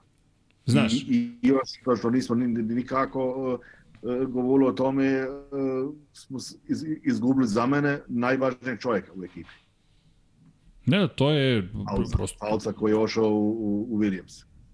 Ne, ne Zašto? neverovatno je. Znaš, ti si, ti, ti, ti dakle, otišao ti u Auls, da. Da. otišao ti, i pre toga ti Red Bull uzeo veliki Da, broj ošao i ljudi. su nekim od, motora i to, da. da ja, Tako je. Da, izgubili smo mnogo. Mnogo, Mnogo je njih otišlo i mi smo to 2020. pričali kako polako odlazi iz Mercedesa, 21. prvi poraz, 22. drugi poraz, jer to su ipak porazi za Da. Mercedes i sada 23. bolid i dalje ne izgleda kako treba. Ali ono što je pitanje moje, ok, nema, Mercedes nije više to što je bio, šta onda za Luisa Hamiltona ako želi svoju osmu titulu? Teško. Ne znam, Znaš, ti imaš samo Red Bull i Ferrari. Osim sad Red Bulla ne, nema nikakvu alternativu. Nema. Ne znam, Znaš, zamisli Red Bull ekipa Lewis Hamilton, Max. Verstappen. ne znam ko bi pre odbio da potpiše taj ugovor. To, to je bilo onako prosti sena. Ne, ne, to su dva zida, znaš, kao prosti Sena i Valentino Rossi i Jorge Lorenzo, dva komada. Specijalni zidovi. Ne, ne sam Da. ni da zamislim tu ekipu, ali vidi, jedno bi bilo sigurno, to bi privuklo dosta pažnje. Odmah da se razumemo, ja bih voleo da budem u toj garaži celu sezonu. Ali, ali to bi bilo zabavno, bilo- da, bukvalno. Da, sad je bio onaj Luka Dam, D'Ambrosio u, garažu u Mercedesu. On je, on je prije vozio uh, Formulu i onda form, Formula E i valjda nešto možda da on na, ide na mjesto Faulca, nešto sam čuo, pa da vidimo šta će biti toga. Ma, ajde da vidimo šta će da se desi. Da. ali iz perspektive onoga što mi negde, što smo videli, znaš kako, to je čudno u Mercedesu, ti zapravo, osim Jamesa Ellisona, sada, i Tota Wolfa, kao baš zvučnih imena, sve manje ljudi koji su bili deo tog šampionskog. Lowe je otišao još ranije, Bonington, Bonington je tu, je onaj uh, inženjer od, od Luisa. jeste od Luisa. Ali, ali, ali mnogo drugi su otišli, da. da. Znaš, ljudi koji su ti bili zaduženi za pogonsku jedinicu su ti otišli, otišli su ti aerodinamičari. Sa Ellisonom si bio na stazi van staze, ide na projekte s jednog na drugi, treći, četvrti. Baš dosta toga se promenilo. I ja mislim da odatle proizilazi mnogo problema za Mercedes zapravo, ali u kojima se ne priča. I onda pride imaš Rasela koji želi da skine naravno Luisa Hamiltona sa, sa, sa trona. Od, od sva, svi oni govore, ej, vozač Formula 1 je sebičan, mora biti sebičan u krajnjem slučaju, a prva meta ti je uvek u klubski kolega. Jer tu temu nekako nismo... Je jednu pobjedu. To to, ko je jedini pobedio prošle godine? Da. Samo, samo Russell u Brazilu. Niko u Mercedesu drugi nije pobedio. Lewis Hamilton. I da, da ne ispadne ovo kritika. I mi smo i dalje ubeđeni da Lewis Hamilton jeste taj vozač koji može do titule. Ali Bolji, bolji je, da. da. Znaš, ali ima tu jedna bitna stvar. Mi ne znamo ni koliko je Hamilton zaista testirao prošle godine, ne bili pomogao ekipi, o tome se dosta priča i tako dalje i tako dalje. Samo da eto konstatujemo negde da, da, da, da u celoj toj priči ima ima stvari koje koje su tako rekao bih što je fenomenalno nedorečene, a to su priče koje bi mogle da se ispričaju ove sezone. Zato imam mnogo uzbuđen pred ovu, ovu godinu. Znaš koliko lepih priča. Da li Max može da postane trostruki šampion sveta Formule 1? Da, I to tri puta za redom. Još jedna bitna stvar. Hasane, da li znaš koliko je vozača osvajalo tri titule za redom u Formuli 1? I, ok, ajde da ti ne pitam koji su bili, ali... Tri, ne više. Nije ih bilo previše u, u, u, u, u istoriji sporta. Dakle, Juan Manuel Fangio je jedan od njih. Čovek koji ima pet titula šampiona sveta. Kao, s koje svoje četiri za redom. 54. 5. 6. i 7. Zatim, Mihael Schumacher, koji je osvajao titule 2001. 2. 2000. 2001. 2. 3. 4. To je pet za redom. Lewis Hamilton je uspeo da osvoji titul tri puta za redom 2018. 19. 20. Pre toga, 2008. pa dve za redom 14. 15. 16. uzo Rosberg i onda 17. 18. 19. ne, izvinjam se, 17. 18. 19. i onda 20. četiri puta za redom. I pazi sad ovo, Sebastian Vettel. Gledam ovde koleginici iz prodaje značajno koje je četiri za redom osvojio 2010. 11. 12. 13. Dakle, mi govorimo Fangio, Schumacher, Hamilton, Vettel. To su četiri vozača. Alan Prost, dve za redom je osvojio. Ayrton Senna, dve za redom je osvojio. I ostali velikani, Lauda, da. Lauda takođe je osvajao, ali ne za redom tri puta. 50, 75. 77. 84. Pike 81. 83. 87. Znaš, nema mnogo šampiona koji su tri puta za redom osvajali, što je najbolje od svega, nijedan od njih se nije zadržao na samo tri za redom. Samo, pazi, samo. Nego je odmah išao i na četvrtu, pa kasnije i na petu.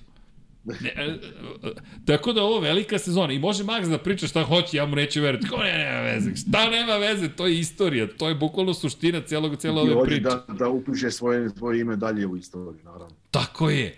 I sad, pošto se to vozi kao Red Bull Power Trains, Red Bull Power Trains imaju jednog šampiona, da ne kažem ja to i dalje, i to i dalje gledam, posmatram kao, zapravo kao eh, Hondu, jednostavno kao, ka, bukvalno kao Hondu. Uh, ja sam u fazonu, ovako, ovo je ta godina, mnogo bitna godina. Tri puta za redom. Znaš, to, se, to, je, to je baš teško učiniti. I zato gledam ka, ka Verstappen i onda, znaš, ta čuvena priča Ferrari. Hoćete li više izabrati vozača broj 1? Jer moraš da izabereš. Ti ne možeš bez njega, ne postoji teoretska šansa. Ako podele poene, bit će samo drugi, eventualno treći u šampionatu sveta. Mislim, Ja- ranije je bilo u Ferrariju sam, samo glavno kon, konstruktore. Ferrari uvijek kaže, mi konstrukte, ove vozače nas, nas ne interesuje. To je bilo ranije. Ali sad, sad ne možeš ti više. Sad je to, sad svako hoće ob, oba uh, trofeja i naravno, ako hoćeš ići dalje, ti moraš imati jedan, jednu jedinci i jednu dvicu. To je, to pom- pomaže. Vidi, Ali to je teško naći. kad su poslednji put osvojili titulu šampionatu konstruktora, ako im je toliko važna titulu šampionatu konstruktora, moraš se vratiš do Mase i Raikkonena 2008. Ili, da, i njega, da, jest baš i rekao, da, onda su... Da, jer pazi, kad je Kimi osvojio titulu, oni su bili šampioni. Kada Masa nije osvojio titulu, bili su šampioni poslednji put. I onda ide deveta, Bron, tada je Bron bio najbolji, onda ide 10. 11. 12. tre- 13. kada je Red Bull dominirao i onda ide Mercedes. 14. 15. 16. 17. 18. 19. 20. 21. Jer su oni osvojili titulu i 21. ako nije Luis bio šampion. I onda imaš 22. kada je osvojio Red Bull. Dakle, ko je osvajao titule? Red Bull i Mercedes. I jednom Bron Grand Prix od onda. Samo dve ekipe su osvajale titulu u šampionatu konstruktora. Red Bull i Mercedes. Prethodna decenija, Red Bull i Mercedes. I sad smo opet tu, Red Bull i De Ferrari. Znaš, oni čak ni tu nisu osvojili titulu. Ja bih rekao, ok, Blizu, ako, da, da. ako vam je to glavna stvar, super, de, gde vam je ta titula? Mislim, E, e, da. Ne, tačno. Da. Nema je. Pri čemu, evo ti još jedna stvar koja može biti problem. Red Bull je potvrdio da je našao rešenje za bolid koje pomaže da i Serhiju Perezu odgovara sada bolid i njegovom vozačkom stilu i Maxu Verstappenu. E, Evo, ovde se Nikola hvata za glavu. Bukvalno.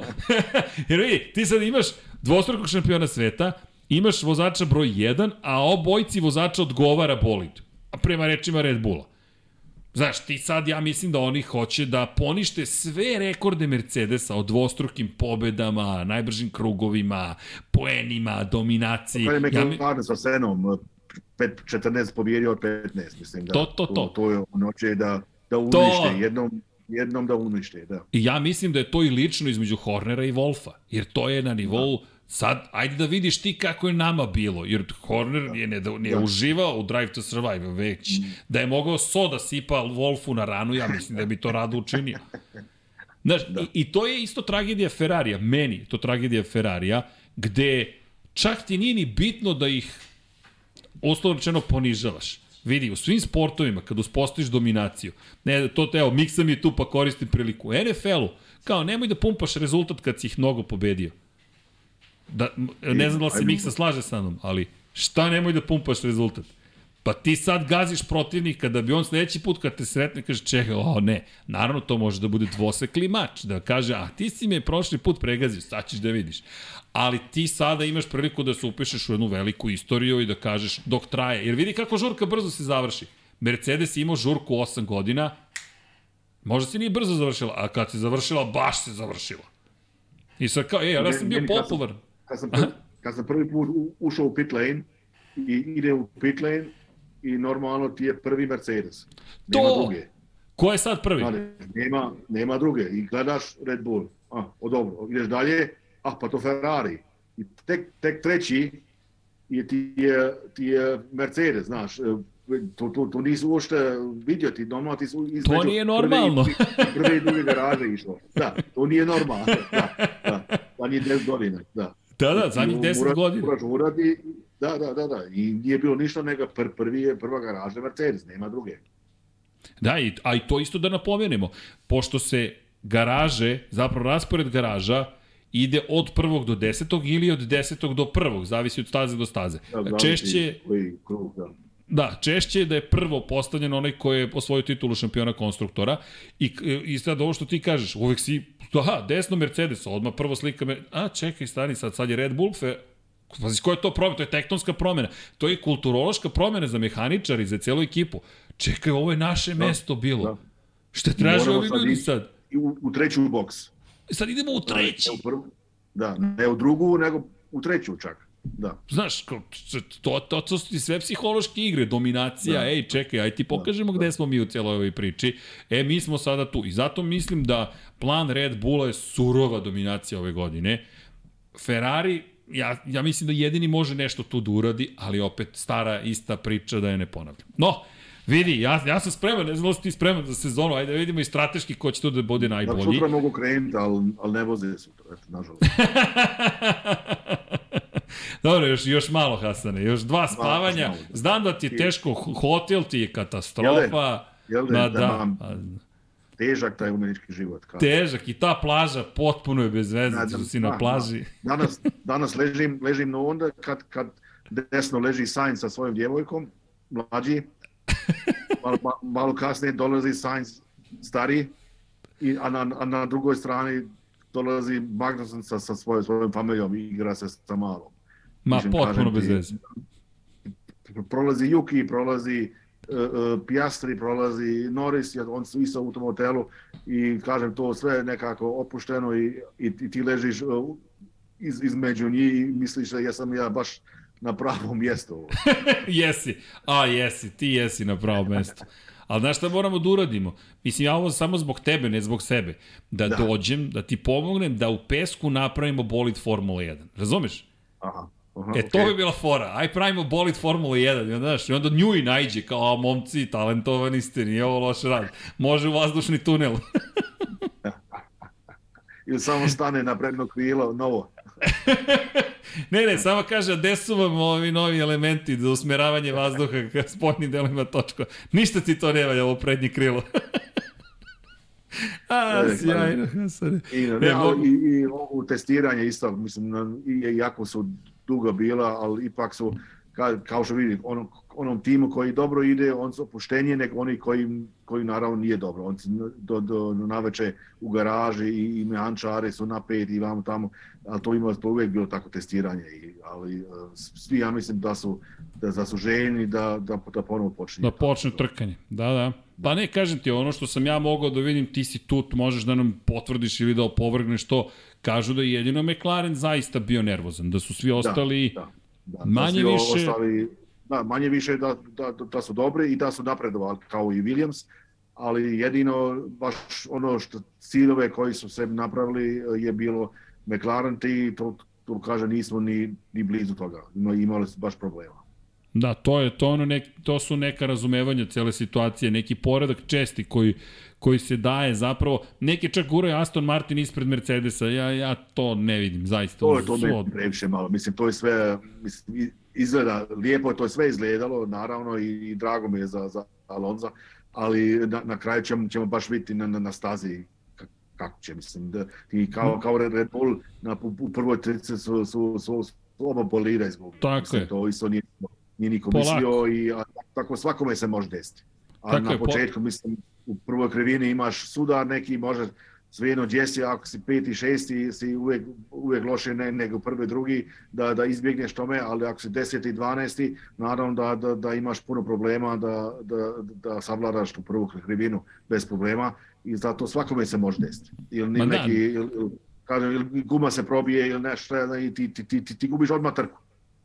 Pa to je, to, to je pojenta što ti zapravo u svemu ovome imaš samo neke naznake sezone, ali to je lepota meni, da spekulišemo malo. Znaš, mi imamo power rankings za 99 yardi pred početak sezone. I znaš što onda uzmemo na kraju sezone i gledamo i smejemo se sami sebi kao, čekaj, au, au, au, šta smo uradili. Tamo je mnogo kom, i, i kompleksnije, ali samim tim i bolje zato što posmatraš više elemenata koji mogu da utiču na, pre svega gledaš igrače. Znaš, ovde imaš nepoznato, ovde imaš industrijske tajne, nemaš ti pojma ko će koje krilo da donese. Tehnički je sport Može drugačije, kiša, ne, ne, Tako ne, je. Sve će može biti, da. ali mi Evo, daješ danas vidim- ideju. Da vid, vidim slike u, na, na Paul Ricardu, ima testiranje neko od neki uh, GT auta i, i snijeg pada. Pa to pada sneg, znaš, na, da, bo, da, to, na jugu Francuske. da, da, da. Zato kad Ne. ne. mi nećemo imati neki snijeg, ja mislim, u, u toku formule, ali, ali ipak ta, ta kiš, te kiše će biti, onda ipak ne znaš. Ali čekaj da te pitam, zamisli ako padne sneg u Bahreinu, pa to su fotke. Naravno, neće desiti, ali opet, Ali, zamisli samo. Ali nisam ja, nisam ja sam tamo, pa zato kažem da je bilo na zimskim gubama, da. da, i to ćemo lijepo, da, da. E, da, da ne zaboravimo, šeste trke od velike nagrade Milija Romanje stižu nove kišne gume, dakle, koje bi trebalo bez grejača zapravo da... E da, i grejači, od ove godine ne, ne bi E, trebalo da imamo grejače da, gume. Tu se da, Lewis Hamilton dosta bunio i rekao je da je to za njega potpuno pogrešno. Bi, da, bit će problema. Jer, kažem, Problema. kogod je... Aha. Ja mislim, ona je, na- naravno, lako je reći, on, onda id polako na, na početku, znaš, ali, ali to, to, on, to njima nije, nije u krvi da, da idu polako. I on naravno, on već znaju, to, to, to je s- sto stepeni, ja, ja mogu odmah ići nakon dvije krivine, ja sam tu. I sad će treba možda jedan krug da, da, da dođe, ili, ili neko treba više, imaju auta koji, koji bolje zagrijaju, koji, koji ne zato to, to će biti mnogo, mnogo, ozbiljno te, te prve krivine e, i naravno možda i lakše za ovog drugoga da, da, da ga pretiče. Pa da, sad vidi, i to isto nepoznanica, hoćemo mi dobiti pravilnik, to jest hoće se realizovati zaista ono što smo pričali pre dve godine kada su najavljena nova pravila, da će omogućiti lakše trkanje i lakše preticanje. Jer hajde sada da vidimo, ako ste podigli bolide, to jest naterali timove da, da, da, da i taj efekat poskakivanja smanje, ali da smanje i, i nivo prijanjanja, hoćemo li doći do situacije da zaista ta promena pravilnika nam omogući i bolje trkanje? Nema odgovore na to. Prošle godine vidio? isto bez DRS-a nije išlo ništa. Da, ništa se nije... Jako Iako je... promijenili sve i ta, ta, da nema, nema toliko ti, ti, ti dirty air, ta, da, da, da, da dođu bliže automobilu i to, ali bez DRS-a nije, nije mogu niko Haman da, da, da ide. Jasno. I to se, ali, i, lepa je bila prošla godišnja trka, taj DRS zapravo duel koji su vodili Charles Leclerc i Max Da. Verstappen.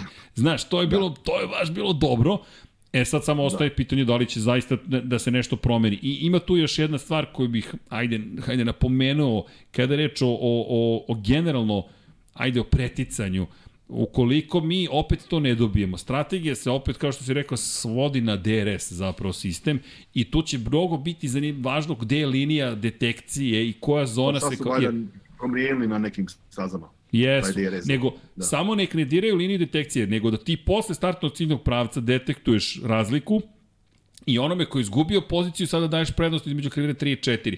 Jer ako ti pred poslednju krivinu detektuješ samo, onda onaj ko je bio iza ima DRS i na startu ciljnog pravca između treće i četvrte krivine. Ne vidim kako možeš da odbraniš poziciju ikada. Da, ne može, ne može. A mi smo imali fenomenalnu trku prošle godine iz perspektive duela koji su vodili i Leclerc i, da. i Verstappen. Meni ono bilo fenomenalna trka i uz Audija. Saudi isto bilo tako. Jeste, Saudija, isto tako su se vrtili. Na kraju niko nije, nije htio da, da prođe. Da, da, da, neće niko da prođe, to je isto zabavno. Ne, ne, aj ti, ne, ne, aj ti pođi. I ono što je bilo dobro, nije bio isti pobednik.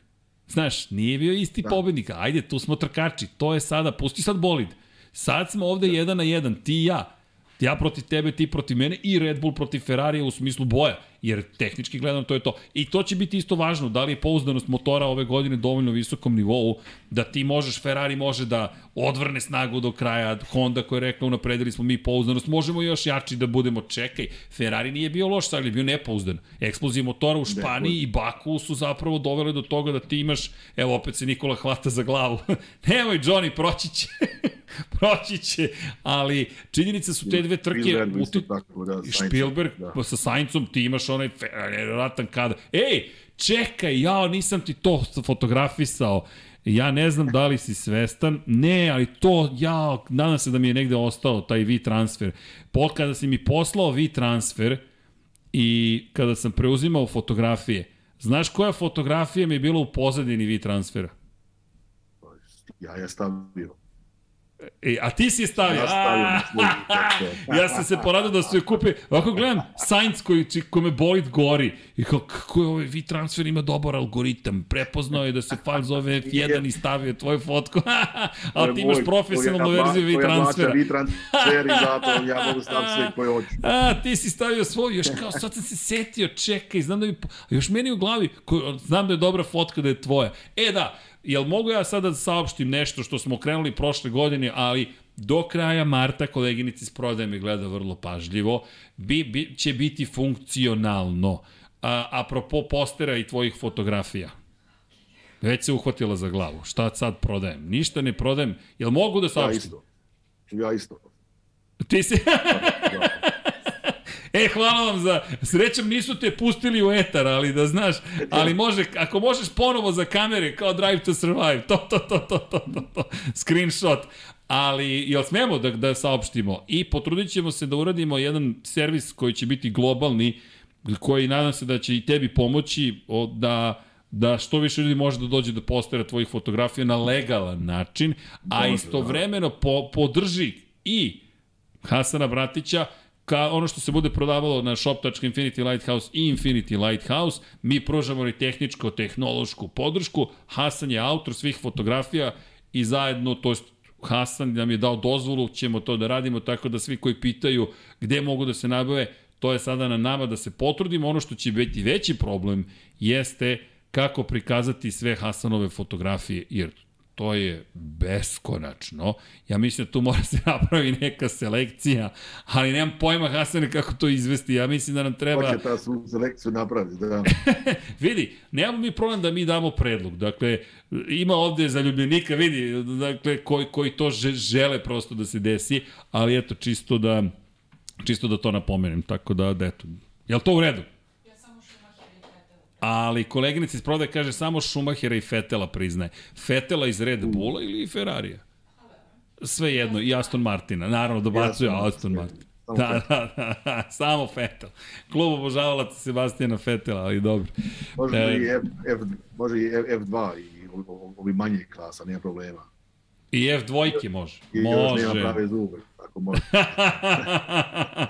Kao dijete. Da, da, da, da, da, to je isto zabavno kad se stvari promene. Da je koleginici iz prodaje pokušao da pokrene televizor, toliko dugo trajemo, da, i Hasane, mi tebe zadržao smo 3,5 sata. Hasane, Ja znam okej. šta ću, sad ću ja da, šta ću ja da uradim. Ja ću sada da sedem da odvezem jedan krug Bahreina. Ne, ne, nemojte da brinete kad se pozdravimo sa Hasanom, pročitamo Patreon i sve ostalo, ali ćemo mi sada, pošto snimamo, da napravimo montažu. Ili ti, ja sada kažem, evo idem da vozim Bahrein i onda čudo, desi se moj krug u Bahreinu, publika isprokomentariše, pratit ću šta komentarišete na četu u premijeri ukoliko ste stigli do 3,5 sata, jel te pripreme, a onda A onda ćemo ti ja kao da se pozdravimo i ja ću da pročitam imena svih Patreona i to će biti to za početak sezone. Ej, mnogo sam uzbuđen, ja bih sad mogao još pola, ma kakav pola, još dva sata da pričam, već me ovde gledaju. U fazonu, halo, prekidajte, pa je otišao pre sat vremena otprilike, ali Ja, ja mislim da to adekvatno govori o tome šta nas čeka. Ja jedva čekam, ja i novu igricu jedva čekam, da vidimo kako će to da izgleda i tako. Gran Turismo izašao je novi patch, update prošlog meseca, možete tu da se vozikate, ne vozikate, ozbiljno se vozite, Assetto Corsa, vozili smo i vežbali njoj i najvažniju stvar ponavljam i Ivan Toškov, a to je, hoćemo, sad Hasanić će se prebaciti samo na kratko, mada sam u studiju, da. E sad, Hasane, e, kamera ne može da me prati, pa ću ja da, da uradim jednu stvar, čekaj. Ko želi ove divne... A, ba, ba, gde da prebacim? Evo ovako ćemo. Ko želi ove divne pehare da ima u svojim rukama, inače ko nije došao po pehare, javna prozivka. A, mada ne prozivam, nego samo podsjećam. Prancing Horse, Luka M, čekate bronzana treće mesto u Lab 76 Formula 1 Fantasy Ligi. Hajdicu i uskoci, ukoliko slušate za vas, imamo poseban trofej, i zlatni i srebrni, to je MotoGP. Zatim, iz 2021. Team Death, momčilo, momčilo, čekate tvoj pehar. I dva pehara koje ćemo, nadam se, lično predati, možda i u Milton Kinzu, dami koja radi za Red Bull Racing, Šejli Čebirić. Šejla Č nije odbranila titulu osvojenu 2021. Ovo je srebrni trofej iz 2022. Ali, ovo je zlatni trofej kome svi treba da težite, koji se osvaja ukoliko ste najbolji u fantasy ligi. Prošle godine 4000 takmičara, ljudi, 4000 takmičara, ajde imamo, možemo 10.000, šalim se, potpuno je sve jedno koliko nas i samo je bitno da se lepo zabavimo. Sad ću da probam, ja znate da ubacite Kajron? Nema veze, suludo je da vam damo Kajron, pošto je nemoguće ukucati bilo kod, bilo kliknuti na URL. U opisu videa, prva stavka, link za Fantasy F1 Lab 76 zvaničnu ligu, kliknete, verovatno će se pojaviti na društvenim mrežama i pre toga, zajedno sa fotkama ovih predivnih pehara, ali Liga počinje, ljudi, Paja i Jare se takmiče, Nikola se takmiči, Ivan Miksa preskače ovo takmičenje, ali tu je koleginica iz prodaje sa svojom ekipom, pa hajmo da vidimo, Paja se igra, sad me tera na greh da idem ja da se igram, a ne da, da se borimo za, za pobedu, ali dobro. Ajde, sad ću da smislim ko, šta mi činiti dok uh, izađe, jel te, ovaj podcast. U svakom slučaju, hajmo mi da vidimo šta ćemo da uradimo. Dakle, fantazi. Hoćete da vam kažem šta sam ja birao? Jeste zainteresovani uopšte? Šta, šta, šta mi je ekipa? Za trenutna ekipa, trenutna ekipa, dakle, trenutna ekipa, samo da napomenem, je da išao sam na pobedu, dakle, e, e, ovako, Jare bez Paje, to mi je zvanični tim. Max Verstappen, Fernando Alonso, Nigde Vries, Nigde Vries, kako? Nisam prepisivao. Sergio Perez i Kevin Magnussen. A ekipe Red Bull Racing i ulagao sam. Rekao sam da je Haas. A ne, hteo sam Haas. Znate koga sam izabrao? Alfa Romeo. Alfa Romeo, Valtteri i Guan Yu Zhou ove godine će da bude pobeda. Makar da vodim posle prve trke. I duple poene mi donosi Max Verstappen. Ovo je baš ono, baš je klasik, klasika. Baš hoću da pobedim. Baš sam tako, takmičarski nastrojen. Ali, da vidim koliko ovde timova ima u ligi. Join League sam već kliknuo i da imamo lige. Official liga, ima dva člana za sada. A ne, sada već, da, imamo dva člana. Irena 811, to je moj koleginici iz prodaje. Da li možete biti bolji od koleginici iz prodaje? Prošle godine je bilo među vodećih 50 dosta dugo. Ozbiljno je pristupilo tome, ali vidjet ćemo. Hasane, čekat ćemo i tvoju ligu, pa nadam se da će da. to biti spektakl. Napraviti možda, da. Molim te, mislim da je vreme da se napravi nešto novo. Elem, Hasane, hvala ti kao i uvek. Oprosti što ti oduzmemo svaki put mnogo vremena, ali bez tebe ovo zaista ne bi bilo isto. Hvala ti za fotografije, u četvrtak ćeš ih gledati, ja se nadam, ili u snimku nekom. Napravit ćemo da. podcast gde ćemo pričati o tehničkim promenama i o tome šta je to zapravo što je Ferrari uradio. Crtaćemo, da, ovako ćemo da crtamo, jel te, kao što smo vratite se dve godine unazad i gledajte školicu Mixinu i Jimmyevu fotbala američkog. Sve mogu da vas nauče. Ja sam je gledao i bio sam bolji komentator, makar smatram sam bio bolji zahvaljujući tome. Hvala. Sense, hvala. Tako da, kad vam kaže vi pruta, a vi kaže, a čekaj, znam rutu, ček, pa vil ruta, a, za ko točak ovako ga izvrti gore. Pa onda naučite post, pa onda naučite sve što treba da naučite. Nije, to je sa sitnice. Slant, levo, desno, je, kaže, čekaj, sad sam bolji. Hvala. Hvala Čika Miksa, profesore Mihajlo. I to je lepa stvar. I hvala tebi, Hasane, mnogo nas naučiš isto i daš nam neke nevjerojatne informacije. Ima, zaista. Hasane, Kako ćemo sad ovo da izvedemo? Hoćeš da te pozdravimo ili, si, ili želiš baš da slušaš narednih 5 minuta ono što ja volim, a to su Patreoni, Patreoni 8 minuta traje. 8 minuta, pa to je vratno hvala svima, da sme se Hasan, ali 8 minuta. Ali to je fenomenalno, hvala svima koji nas podržavaju. Potpuno je, da u životu mi ne bi palo na pamet da će nas toliko da. ljudi podržati i hvala vam na tome. Dakle, ove naše šašave ideje da pričamo o Formuli 1, Moto Grand Prix, NFL-u, kosmosu, da, eto, ima ljudi koji to vole. Sviđa mi se Nikola Majca, ti, to je to. Svi smo ovde u istom klubu, za luđenika, da ne kažem za ljubljenika. Elem, Hasane, ma šta, ma šta je, šta je 8, 8 minuta? A, šta je 8 minuta? Ajmo, hoćemo pat, kaže, koleginica Brode, pusti čoveka. Hasan je legenda. Ne moraš ništa da pričaš narednih 8 minuta, ne moraš ni da budeš u kadru 8 minuta, samo se vrati za 8 minuta. Samo slušam. ok, krećemo. Patreon i youtuberi, hvala vam. Ko želi patreon.com kroz Infinity Lighthouse, mora se okrenemo vamo, ili da? E, čekajte, pošto sad smo na ovom monitoru. Krećemo.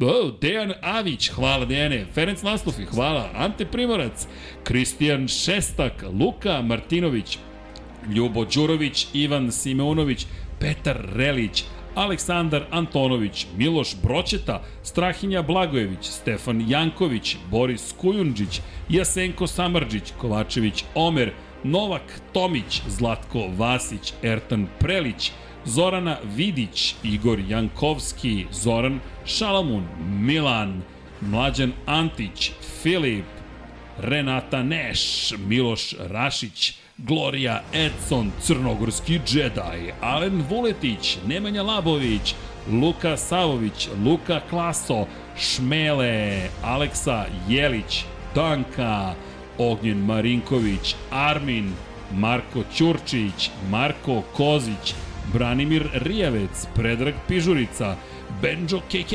Deus Nikola, Bojan Majstorović, Đurđica Martinović, Saša Ranisavljević, Anonimus Donatorus, Đole Cheesehead, Matej Sopta, Životić Jovan, Miloš Vuletić, Jelena Jeremić, Aleksandar Milosavljević, Mihajlo Krgović, Marina Mihajlović, Veselin Vukićević, Dragan Matić, Tijana Vidanović, Josip Kovačić, Dimitrije Mišić, Stefan Prijović, Bojan Mijatović, Mario Vidović, Nemanja Jeremić, Zoran Majdov, Đole Kube 4, Žorž, Katarina, Dorijan Kablar, Aleksandar Radivojša, Boris Erceg, Bojan Marko, spremam se za ona duga imena, klub štovatelja Ramona Mirneza, Ivana, Marko Marković, Bahter Abdurmanov, Andreja Miladinović, Lje Đurović, Blufonac, Matija Rajić, Branislav Dević, Zoltan Mezej, Toni Ruščić, Marko Kostić, Ivan Maja Stanković, Milan Kića, Ivan Toškov, Marin Antunović, Nenad Šimić, Mladen Krstić, Dušan Ristić, Bogdan Uzelac, Nedim, Stefan Dulić, Borko Božunović, Andrija Todorović, Ivan Maksimović, Andrej Božo, Ružića Stefanović, Anonimus Donatorus, Vlada Ivanović, Andreja, Miloš Banduka, Vojn Kostić, Stefan Ličina, Nenad Ivić, Jelena Veljković, Emir Mešić, Vladimir Filipović, Branislav Marković, Jugoslav Ilić, Salim Okanović, Borislav Vukojević, Laslo Boroš, Mirjana Živković, Živojin Petković, Dejan Vujović, Đorđe Radojević, Milan Paunović, Petar Nujić, Stefan Lešnjak, Optimistik, Josh Allen, Fan, Đorđe Đukić, Nikola Milosavljević, Daniela Ilić, Kimi Rajkonen, Aleksa Lilić, Miloš Radosanjević LFC, Ivan Milatović, Alen Stojčić, Boris Golubar, Đole Bronkos, Nenad Pantelić, Andrej Bicok, Aleksandar Anđelić, Stefan Vuletić, Predrag Simić, Aleksa Vučaj, Milan Milašević, Aleksa Valter, Stefan Milošević, Stefan Stanković, Dušan Delić, Mladen Mladenović, Vladimir Mutić, Vukašin Vučenović, Igor Gašparević, Mirina Kovačević, Ivan Ciger, Vukašin Jekić, Ivan Rečević, Milan Apro, Sava Dugi, Luka, Borislav Jovanović, Jovan Đodan, Lukas, Gigi Bau, Antonio Novak, Dragan Nikolovski, Ivica, Branimir Kovačev, Marko Horg, Lazar Pejović, Aca Vizla, Marko Blagojević, Damjan Venjanoski, Ognjen Grgur, Ognjen Ungurjanović, Aleksandar Banovac, Nemanja Zagorac, Branislav Kovačević, Luka Manitašević, Vladimir Uskoković, Branko Bisački, Mladen Tešić, Aleksandar Jurić, Aleksandar, Bojan Bogdanović, Nikola E, Ivan Rebac, Vuk Korać, Nikola Grujičić, Grgo Živaljić, Goša 46, Miloš Todorov, Denis Špoljarić, Pavle Nj, Marko Petrekanović, Stevan Zekanović, Vladan Milada Miladinović, Đorđe Milanović, izvinjam se, Milan Nešković, Nikola Božinović, Srđan Sivić, Vanja Radulović, Anonimus Donatorus, Nemanja, Ivan, Stefan Nedeljković, jesi tu Hasane, Ivan Panajotović, Naravno. Nemanja Miloradović, to, Darko Trajković, Nedim Drljević, Vladidov Dave, Stefan Radosavljević, Andreja Branković, Marko Mostarac, Daniel Kolobarić, Vladimir Petković, Bata Brada, Zoran Cimeša, Nikola Stojanović, Monika Erceg, Matija Binoto, Igor Vučković, Sead Šantić, Stefan Vidić, Boris Gvozden, Jasmina Pešić, Mihovil Stamičar, Nedo Lepanović, da žena ne sazna, Vučinić Miroslav, Žarko Milić, Đorđe Andrić, Neđo Mališić, Miroslav Cvetić, Lazar Hristov, Dušan Petrović, Nenad Đorđević, Dejan Đokić, Jugoslav Krasnić, Marko Bogavac, Jelena Mak, Igor Ninić, Kosta Berić, Miloš Zed, LFC, Bojan Markov, Bojan Gitarić, Din Stero, Koja 7, Nikola Vulović, Galeksić, Anonimus, Donatorus, Mensur Kurtagić, Đera 7, Toleador, Domagoj Kovač, Vladan Đurić, Resničanin, Marko Stojilković, Tatjana Lemajić, Aleksandar P, Bojan Pejković, Oliver Nikolić, Ivan Božanić, Uroš Čuturilo, Miloš Stanimirović, Nikola Božović, Alen Jesenović, Nikola Kojić, Nemanja Bračko, Igor Ilić, Marina, Aleks Vulović, Đorđe Janjić, Ivana Vesković, Darago Veković, Vukašin Vučenović, Ivan Vujasinović, Pavle Lukić, Saša Stevanović, Maksi, Aleksandar Kockar, Veselin Vukićević, Mortal Kombat, Ivan Vincetić, Milanka Marunić, Ivan Magdelinić, Jelena Jeremić, Aleksandar Nikolić, Milorad Reljić, Petar Bijelić, Zlatko Marić, Almir Vuk, Nemanja Miloradović, MS13, Dejan Plackov Plackov, Nemanja, Branislav Dević, Nikola Grđan, Marko Bogavac, Almedin Ahmetović, Toni Soni 76, Milan Knežević, Vojislav Tadić, Bakadu, Vlada Ivanović, Josip Buljovčić, Vuk, Dejan Janić, Marakos, DG Regi, Ivan Hornjak, korespondent, korespondent, Voča Pero, Uroš Ćosić, Skundra ili Škundra, Nemanja Cimbaljević, Nikola Niksi, Krorobi 0-0 i to bi bilo to, 8 minuta prošlo, čekajte, ovo je nemoguće, Hasane, Ja znam da me voleo, ali i sam sam zbunjen ovom situacijom. Hasane, šta da ti kažem, mnogo je lepo videti te i ja ti želim uspešan rad, znam da će biti sve super, želim ti najbolje fotografije od svih, da imaš suvu ekskluzivu, ako je Andrej tako, je li- Andrej tamo? Ne znam da li je Andrej tamo. E, nije još, ali doće, doći i on će biti od četvrtka tamo. Ali bit će od četvrtka. Onda želim vas dvojice da podelite suvu ekskluzivu. Dakle, jedna Dobro, Monca hvala. 2021. da padne, ne mora incident, ali da, da to bude ovog puta tvoja fotka, ali vas dvojice da imate najbolje fotke od svih fotografa. Krajnje sebično. Iako je vid tamo, može i vid, pošto je on deo te ekipe. Da, nije, nije. Nije, nema Zoran veze. će isto biti tamo, Zoran. Hoće biti Zoran Živkov? A, Da, pa da. onda na tri mora se deli, pa onda i gospodin Živkov mora. E, a, a da gde si ti sledećeg utorka, ovako pitam nešto za prijatelja? pitam za Pa, drugare. za prijatelja, dobro pitanje. Ja mislim e, da sam možda kod kuće. Možda kod kuće. Nećemo da te mnogo gnjavimo, samo ako budeš u prilici malo utisak da nam neki daš. A sad kad si mi rekao za gospodina Živkova, mislim da znam koga ćemo da hvatamo za kragnu sledeće nedelje. Već sada ćemo postiti. Dragi Zorane, Sorry, šta Zorane, radiš? sorry, Zorane. Hvala Hasane. Nema veze, dobra je zabava. Good fun, što kažu ljudi. Hasane, šta ti Tako kažem? da, Mnogo mi je lepo tako bilo. Nadam se da si makar malo uživao. Pa naravno, pa uvijek, uvijek. uvijek. Hvala i želim ti Fenomenalno mnogo... uvijek biti ljude koji imaju takvu strast i naravno i gledalce koji to žele da sve slušaju i, i da, da gledaju. Ja vidim uvijek imam odgovore i pitanja isto na, na, na svoj Instagram od, od, od razno raznih ljudi i baš oduševljeni sa tim što, što gledaju i što slušaju informacije i kažem baš dobro činite što radite svi. Hvala. To je mnogo lepo čuti. Hvala ti, zaista.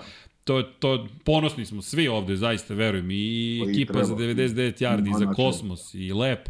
Baš, i ovo što je malo pre, hvalimo Miksu, ne volim da ga hvalimo, ali mi ćemo da ga hvalimo, ali to ti kad ti neko kaže, gledam se, počnem da gledam neki sport zato što si ti nešto komentarisao. Ne, ne, ne postoji veće zadovoljstvo u tom kontekstu. Znaš, to nije posao, to je poziv kao i ti, verujem, za fotografije, kad ti neko kaže, ej Hasane, to su te fotografije. I Da, za nas, ali, ali to jesu. ljudi onda cijene i to, i to ipak vidi ako nešto napraviš kako treba, a, a, a i drugo kao što vi to sve iz nekim privatnim sredstvama i mogućnostima i trošite kaže svoje vrijeme, to je i baš necjenljivo, e, morate ipak ima taj e, uspjeh i to i tako, tako i trebaju i ljudi vide da to ide od srca i da to, da to nije neki posao. Ne, apsolutno, dakle, ovo je čisto zadovoljstvo. Da, Da. želimo da Tako bude i deo, da kažemo, posla u smislu da se bavimo samo ovim, ali to je Da. ono što, što, što, što, pa, znaš kako, što je neki cilj, ajde tako da nazovemo, ali suštinski nije, ne čak Treba bio cilj, cilj je bio da brbljamo o ovome i da pričamo i Da, eto viš kako se da, spajaju da. neke stvari. Sad imamo i fotografije, zahvaljujući Hasanu Bratiću. Kažem, Andrej koji je rekao, pa tu je Hasan Bratić, Mr. Crash, on uvek ima najbolje fotografije. Da znaš, Andrej je bio taj koji, koji te hvalio. Morat će stajnje još popričati četvrtak. o tome. Samo polako. Hasane, da pokušamo da se sinhronizujemo Bahrein, studio na kraju univerzuma, na, na 1, 2, 3, ako hoćeš da viknemo ćao svima Može, i može. da se pozdravimo. Da. Da. Jesmo spremni. Ajmo da probamo. Može. 1, 2, 3. Ćao svima! Ćao svima. Hvala Hasane, šta da ti kažem, izvini, malo jes potrajalo, ali... Pa, pa slušaj, sve je okej, imam vremena, šta je sad uvode 20 do, do 9, nema, nema, ja sjedim u, u sobi i šta drugo nema.